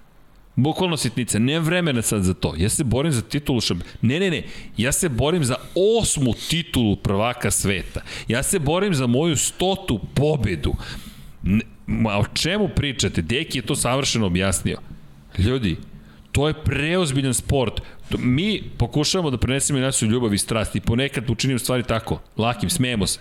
Ali ljudi, ovo su ozbiljne stvari. Pa da, ovo je, ovo je više bilo preozbiljne stvari. Jeste šala. Više, pa mislim, ali, naš, ali, pogled samo drugačiji, ali, ništa ali više, je ali dobro mislim, sve pitanje. je suština, naš, Nema tu suština je negde razmišljanja. drugde, da. Nema tu razmišljanja. E, Inače, izvini, imamo... Dorijan, imamo, ne, moram, Dorijan Tiček. Ovaj, kaže da ga strašno zanima šta se dešava sa Vinjalesom. Ovo je pitanje za Deki, apsolutno. Inače, Jovan Jelicki, mala pomoć za veliki TV, pozdrav iz Novog Sada. Hvala. Hvala, 500 dinara je čovjek uplatio, hvala, ali zaista hvala. Ja se nadam da ćemo vas obradovati, a i nas da ćemo obradovati da, u, u, uskoro. Pita- uskoro. pita- Radimo na tome. Radomir Ivanović pita da li je možda Dragana radila strategiju za Ricarda. ne znam, ali ćemo Nismo, proveriti. nismo Radomir je prekinuli saradnju taman posle, tu je Dragana. Nismo, Dragan ima neke obaveza i... Tako je, promenila je malo ovaj, dejstvo da. svog ovaj, posla, nije više na nekim starim zadacima, tako da o to potom. A i neke stvari ne sme više da spominje, pa Da, šta da radite? tu smo, tu smo. Ali tu smo. Pozdrav za celu ekipu. Inače, čekaj sad, uf, koliko pitanja. Ima sad, ano, Vanja, daj onu sliku, to se ne radi. Ne znam, jesam izgovorio, to se ne radi. Nisam još. A Kaže- Vanja čeka strpljivo. Kaže Boris Tutin, kakve bi bile sankcije da su se Verstappen i Hamilton potukli kao Piquet i Salazar 1982. A ne, nisu se oni potukli. Pike je tukao Salazar. da. ne, ne, ne, ne, Dobro. čekaj, čekaj, to je, to, to je, to nije, konstrukcija nije ispravna. Napravit ćemo specijal o tome. o tome. Ne, ne, Pike je izašao i krenuo Target Renegade 2. To su bili ti potezi. Tuf, tuf. I, to I je bilo- nogom. I Ali nogom, da, i promašio. nogom je udario, da, Da. samo ga promašio. Da. O, ali za one koji ne znaju, Pike je obilazio Salazara za ceo krug u Hockenheimu i ne znamo šta se desilo Salazaru u te, celoj priči, došlo do Pa incidenta. dobro, mali nesporazum Pa, pa je bio, posebno što nije. te nesrećne šikane bile Jest. tad jako čudne u Hockenheimu. Nije ga tukao, malo ga mazio. Pa, da, mislim, udario ga po kacigi, ništa Pa, strašno, sve okej, ali Nije je bilo jako simpatično, da. Kaže, Deki, kad će da se vozi VRC u studiju, pita tebe. Opa, o, Deki, ovo sve, de, Deki, ovo su tvoje pitanje za tebe. Ja, ja, ja, ništa ne Deki. Andrić i sistema stvarno, ako, ako zaista to želite, nikakav problem. ako Ne, ne, to hoćete hoćemo. da gledate, super. Hoćemo. Inače, kažu iz studenjaka, imamo pozdrav, gasite ljudi, mora se ustati sutra i u čitaonicu. tako je. Tako je, idete u čitaonicu, vi na spavanje, a mi ćemo da nastavimo. Idemo mi- idemo i- idemo i mi u čitaonicu. pokušava da prekine, ali mu ne ide. E, vi ste uredniče, sutra mojih 5 minuta čekam u hot seat, ali da iskoristim ovde mojih 5 minuta. Sutra je sad. O, sutra je sad, o ne, Piki je tu da, pa to. Na, znači, imam godinu onaj Hamilton sa, sa, sa gumom na glavi. Da, dobro je prošao, možemo da se nasmejemo s obzirom na činjenicu. Ima gumu na Pa, glavi, da, da, da, šala. to je Kaže šala. Milan Ristić, šta mislite, da li postoji mogućnost da Luis ode u Ferrari 2023. u slučaju da George bude bolji od njega sledeće sezone? Pa ne, ne, Ja sam ne. to ranije mislio da je realna priča, ali više ne. Izvini, pa slušaj ovo, univerzum Dejana Potkonjaka zvani ovo ne smemo da zaboravimo. Ja mislim da nisam zaboravio više ovih pitanja, ovaj, da sam okačio sve. Ne, da, inače Vanja, je li pitanje... tako? a? A da. E, inače, Vinjales Fan Club Srbija, pozdrav za Vinjales Fan Club. A, dobro, prva trka je pala. Ne, mene, to mene dobro. najviše zanima to sa Vinjales razdeša. Vidim, ti si nas toliko tiltovao prošli put sa Jorgeom Lorencom. Ja sam 5 sekundi pokušao da obradim podatak zašto Jorge Lorenzo... dobro, i- udario i- sam Mošu. I udario si Mošu, ali, ali Pajo, pazi, ti, Šta? ti imaš neku konekciju, kosmičku. Zašto? Jorge Lorenzo je ovoga vikenda došao na stazu Eto i dao jedan od najboljih intervjua za motogp.com. Pa znao sam, ja sam znao, mislim. Osetio sam čovek. Da na loto ima broj 99, ja bih vam rekao sad stavite 99 koji je tako, tako. Znači, Đuvinaci pobeđuju u Rusiji. Da, pa evo, Đobinaci. 99. a, a, pa zašto se dešava da povremeno ne čujemo poruke vozača? To je... Bip, bip, bip. A, uh, uhodavanje. Idemo sledeće, idemo sledeće pitanje. Ne, ne, evo, samo kratko, ljudi. E, e, I, i, I mi uvodimo, to jest ne mi, ali uvode se neke promene, kao što smo pretili sada na SKHD-u ima sve više trkanja i trkanja i trkanja i trkanja. I to je sada druga ekipa koja realizuje, druga kabina i onda dok se pohvatamo svi zajedno, nismo, nismo sarađivali dosta dugo, ne zamerite tome, kao novog inženjera dobijete, pa vam on kaže, izvini pa ja kažem ja sam srđan, on kaže, Ličite, ja kažem što zbog frizure. U svakom slučaju to su sad to je I su- jedan moment ja, ni ja nisam čuo ništa, pa a vi ste čuli, pa bitnije je da vi čujete nego ja Bez i brige, tako dalje, to, i tako to dalje, ćemo, ali uveli biće- smo novu proceduru biće, svi ovaj, zajedno. sinhronizovano Jest, to sve Seli smo svi vremenom, da. zajedno i rekli, ajde vidimo gde nam se to dešava i zašto, ali to su sitnice, bez brige. E, Marko Živković kaže, nedostajeće na sledeće sezone Valtteri, it's James. Dobro, Valtteri, it's George. Ne, stvari, George, it's James. Dobro, ko zna. Pajo, it's Srki. to je komentar. Da. E, da, dobro, evo sad još par pitanja i vreme je da idemo. Kaže, Dovi uzima Mizano. Sutra ćete to Preko ajde. sutra. Preko sutra, preko sutra, ajde, preko sutra. Bravo, četvrtak. I U stvari sutra, upravo si. Sutra, smo pa sad da. već zag, zagri, Mi smo sutra zagrizli sad. duboko. Mi smo sad sutra, da. Da, da. Evo da pitanje, čitam da Masi kaže da kazna maksa 3 pozicije je ekvivalent kazni od 5 sekundi. Je li to malo bez veze ako vidimo za kako su stvari da bi dobijali 5 sekundi kazne? Pa naravno da je bez veze, to smo Pa da, to smo ves, već. apsolvirali smo, šta? Rekli smo, stiropor je bio 5 sekundi, a mislim, Da, gde će Sainz kada bude istekao ugovor krajem sledeće sezone? Ferrari. Ja ne vidim da- će oni odustati od njega, čovjek završava posao. ja, ja, bi se, ja se ne bih ovaj zakloćio tako da bude, ali ajde, o to potom. I tako. Kad je Ferrari u pitanju, ajde imamo 2022. Oni mnogo, mnogo pričaju o tome. Sve zavisi od... tre- Treba će im žrtveni jarac ako budu imali loše rezultate. Moraće nešto da menjaju. E sad, ko je tu? Da li Leclerc, da li Sainz? Ne znam. Pre, pre bih video Sainza u toj ulozi žrtvenog jarca nego, nego Charles Leclerc, ali o tom potom, ajde. Na jedno pitanje ovde za, za, za veličine. E, imate na sajtu, pogledajte mere, to je sitno, sitno, sitno između veličina i količina. Dakle, veličina što manja, količine što veće, a šalno na stranu, ali između imate, pogledajte mere, kada kliknete tu imate tačno mere, pa možete da vidite za majice, to da govorim. to Tiček, sjaj, sjajna. Raspoložen. A, Ne znam da li ste spomenuli da je ove sezone 8 od 10 timova bilo na podijumu. Mm. Znaš, to, to, To je, nismo spomenuli. To je sjajno, je, zaista. tako je, nismo, tako je. nismo o tome pričali. Samo Haas i, i Alfa Romeo nisu bili. Samo Haas i Alfa Romeo. I, Da, hvala, I to u suštini, u suštini kad pogledaš Alfa bi, mislim, ne, ne znam, ne, može, ne može ni Alfa teško, ali Haas je jedina ekipa gde, Da, da, zaista gde nema teško. nikakve šanse, ali i, i Alfa, čak ne znam šta treba se dogodi da bude neko od Pa vozača ne, Alfa na ove podijumu. trke koje su preostale nisu staze gde može to da se Tako desi. ali sjajan podatak, ovo da, nismo da. pričali ovome, hvala ti Dori, ovo je stvarno sjajan podatak. Nisam o tome možete razmišljao, 8 od 10 timova je bilo na podijumu, to se nije, nije dogodilo dugo. E, Da, evo samo kratko, da li je, ovo sam pokazao da je Perez ipak samo dobar midfield vozač. Pa jeste. Jeste, ima on svoje trenutke. On se trudi da to pokaže. Da, surovo, ali istinito. Da, i ovo, evo Jovan pi- pita da li da mislimo moguće da Mercedes iskoristio pomeranje za tri, tri pozicije i moguću zamenu motora Red Bulla, pa takođe oni zamene motor, pa to je ta spekulacija, Pa da, moguće. moguće. Da se ne ponavljamo, ali da, to je, to je vrlo, vrlo, vrlo moguće. E, pogledajte izlazak iz Hamiltona iz pit lane plavo svetlo je bilo istaknuto. Plavo svetlo je uvek istaknuto na, izlas, na izlasku iz pit lane kada e, neko nailazi sa leve strane. To ne znači da je on dužan da nekoga propusti, nego mu je to upozorenje da zna da izlazi u Tako je, saobraćaj. Tako da znate, to nije isto kao plava zastava kada vas obilazi za ceo krug, a čak i tada plava zastava ponekad može da bude upozorenje da se, obično bi to u Formula 1 bila bela zastava ili Moto Grand Prix upozorenje da neko brži od vas nailazi, ali u ovoj situaciji plava, plavo svetlo samo upozorava vozača da zna da će možda izaći u neku trkačku situaciju. Tako da znate. Strki, kad možemo da očekamo Luisove majice? Upravo finalizujemo dizajn Tako da znate, Brđa izbacio jedno novo izdanje koje je mnogo, mnogo, mnogo bolje, pa ćemo to isto da, da, da podelimo uskoro sa vama. Ljudi, hoćemo polako da, da, Ma da, ma da, da. se pozdravljamo. 0-0-31, o Tri wow, tri dobro. Cash ili kartica. A, da. Na, nadođem ti. Dra, zaista, pre svega, da, hvala vam. Zaista, e, pre nego što nastavim u duhu onoga što je bio jedan moment u emisiji. Prva stvar, sutra specijal o Mihajlu Šumoheru, kada kažem sutra, to je već danas, 15. september. E, čekaj, evo samo, samo jednu stvar da vidim. Da vidim da li Netflix već izbacio.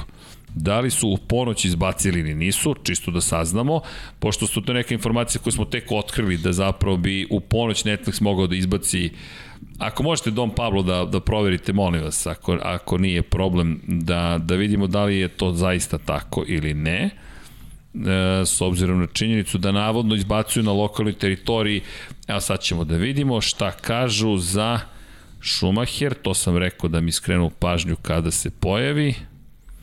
Schumacher, reminder set, coming Wednesday. Još nisu pustili. E, Ne, ne, ne, ponoć po lokalnoj teritoriji. Tako kažu, tako su rekli, ali ja nemam predstavu, Netflix ne izbacuje u koje vreme će izbaciti, još nije izašlo. Tako da reminder set stoji, još nije izašlo. Tako da možda ćemo svi zajedno gledamo premijernu, Huu, ko zna. Elem, čekamo Schumacher pa da, da pratimo. To je druga stvar koju sam htio da kažem. 20.00, 15. september, specijal broj 91 posvećen Mihajlu Schumacheru, zato što je zaslužio. U blago rečeno. Zatim Lab 76 Movie Night od 22.00, Companion Stream, malo ćemo da zagasimo svetla i da jedemo kokice. I da pričamo o tome šta vidimo kada je reč o dokumentarcu. To je nešto novo što radimo, nadam se da ćete uživati, zaista hoćemo samo da se družimo i da podelimo s vama ono što mi vidimo i osjećamo. Zatim, ukoliko, ukoliko zaista budu lansirali Innovation 4 o 0101, a, neki će od nas ostati u studiju, neki će otići da spavaju, ali eto i to ćemo možda da uradimo. Ne znamo da li će biti lansiranja i tako dalje. Stidljivo gledam u levu stranu, ali ne smem ništa ni da pomislim. Mada mogu biti da ostaneš za lansiranje, ja da ti kažem. Da, da vežbamo za tih 37 da bih sati. ostao, moram prvo da dođem.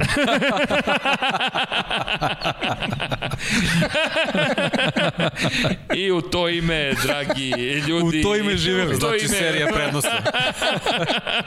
U to ime živeli. U to ime živeli i Šta da vam kažem, nadam se da ste uživali, mi svakako jesmo, želimo vam laku noć, želimo vam prijetan dan ili šta god, da god da ste, da je u ovom trenutku, kada god da slušate ili gledate i nadam se da ste uživali, mi svakako jesmo, jedna neverovatna trka iza nas, Formula 1 nastavlja da da oduševljava, da uzbuđuje, da, da nas pokreće na, na, na, sve moguće načine, baš crveno i crno i, i neke neverovatne stvari, lepe stvari se dešavaju. Vidiš kako crveno, ti imaš crvenu ekipu, ti imaš crnu ekipu, sve to u balansu. Ali to ima i simbolike u celoj priči. Tako je, mnogo simbolike. To Zaista crveno mnogo. i crno. Mislim, zbog Liverpoola i Juventusa. Tako je, tako je. Baš, baš crveno, Svašta crno. nešto. A razumeli smo se. Da, da. Ne, o, to je Lab 76. To je magija gospodina Potkonjaka, dok sam uhvatio ruku, pošto si na TV-u ovamo, gospodina Potkonjaka i gospodina Živkovića i naravno cele ekipe koja je ovde. Počeli su i da se šale na moj račun, tako da pa je ušao u, u jogu. Ljudi, nadam se da ste uživali još jednom. Mazite se i pazite se, vodite računa, vozite računa jedni u drugima, budite dobri, trudite se da uradite nešto lepo, zabavite se i ako razmenjujete mišljenja, uradite to na jedan lep, kulturan način, to je poenta cele priče, da ispričamo i lepe priče, da nekako lepša bude planeta, da stvari budu nekako romantične. Tu smo, možda samo jednom, ko zna, a što kaže Nietzsche, čak zamisli da imaš beskonačno mnogo života i svaki je isti, pa tim pre da budemo dobri jedni prema drugima. E, samo da, da zaključim priču celu o formuli. Da. Luka se javio na dan, moramo to, na današnji dan 2008. godine Sebastian Spomenuli Vettel smo. prvi put pobedio. Boško Desančić, spomenuli smo, Bravo. Čestitali smo. Čestitali smo, tako davno da- beš, davno beš. ali više nije taj dan, to je bio 14. septembar. Ušli smo u 15. septembar. Bravo Luka, hvala ti. ali hvala Luki, hvala i Bošku Desančiću na toj informaciji. Hvala Dom Pablu na podršci i majicama koje ćemo eto proizvesti. U svakom slučaju, još jednom, vodite računa jedni drugima, 917 na 30 30 ukoliko ste u Republici Srbiji možete da pošaljete Human 917 na 455 u Švajcarskoj gde god da ste, šta god da radite. Da budemo da bude dobra nekako i da bude ovaj lepo, se 15. septembar stiže nam i dokumentarac o Schumacheru. Wow, bit će zaista fenomenalno. A kada pričamo o, o, o Lab 76 Moto Grand Prix, u četvrtak se družimo, nadam se da ćete uživati. 99 yardi standardno petak, ovo ovdje američki futbol, Vanja je spreman je da čeka da završi sa switchingom, a ja mu ne dam mira nikako, ali hoću. Šaljemo vam ljubav iz studija na kraju univerzuma i nama je bilo drago i zadovoljstvo. Hvala svima koji nas podržavaju, hvala svima vama. Udrite like, udrite subscribe, možete da kupite majice, to nama naravno i znači, mnogo lep osjećaj, a i podržavate nas, tako da se nadam da ćemo se vidjeti i tamo infinitylighthouse.com kroz shop i Dom Pablo kaže završi čoveče više. Hvala celoj ekipi. Ljudi, Veliki pozdrav od cijelog tima koji je već odustao, Možemo ali da odemo tu smo. deki, možemo da odemo ti ja. I naravno, čao svima. Ćao. Ćao ljudi.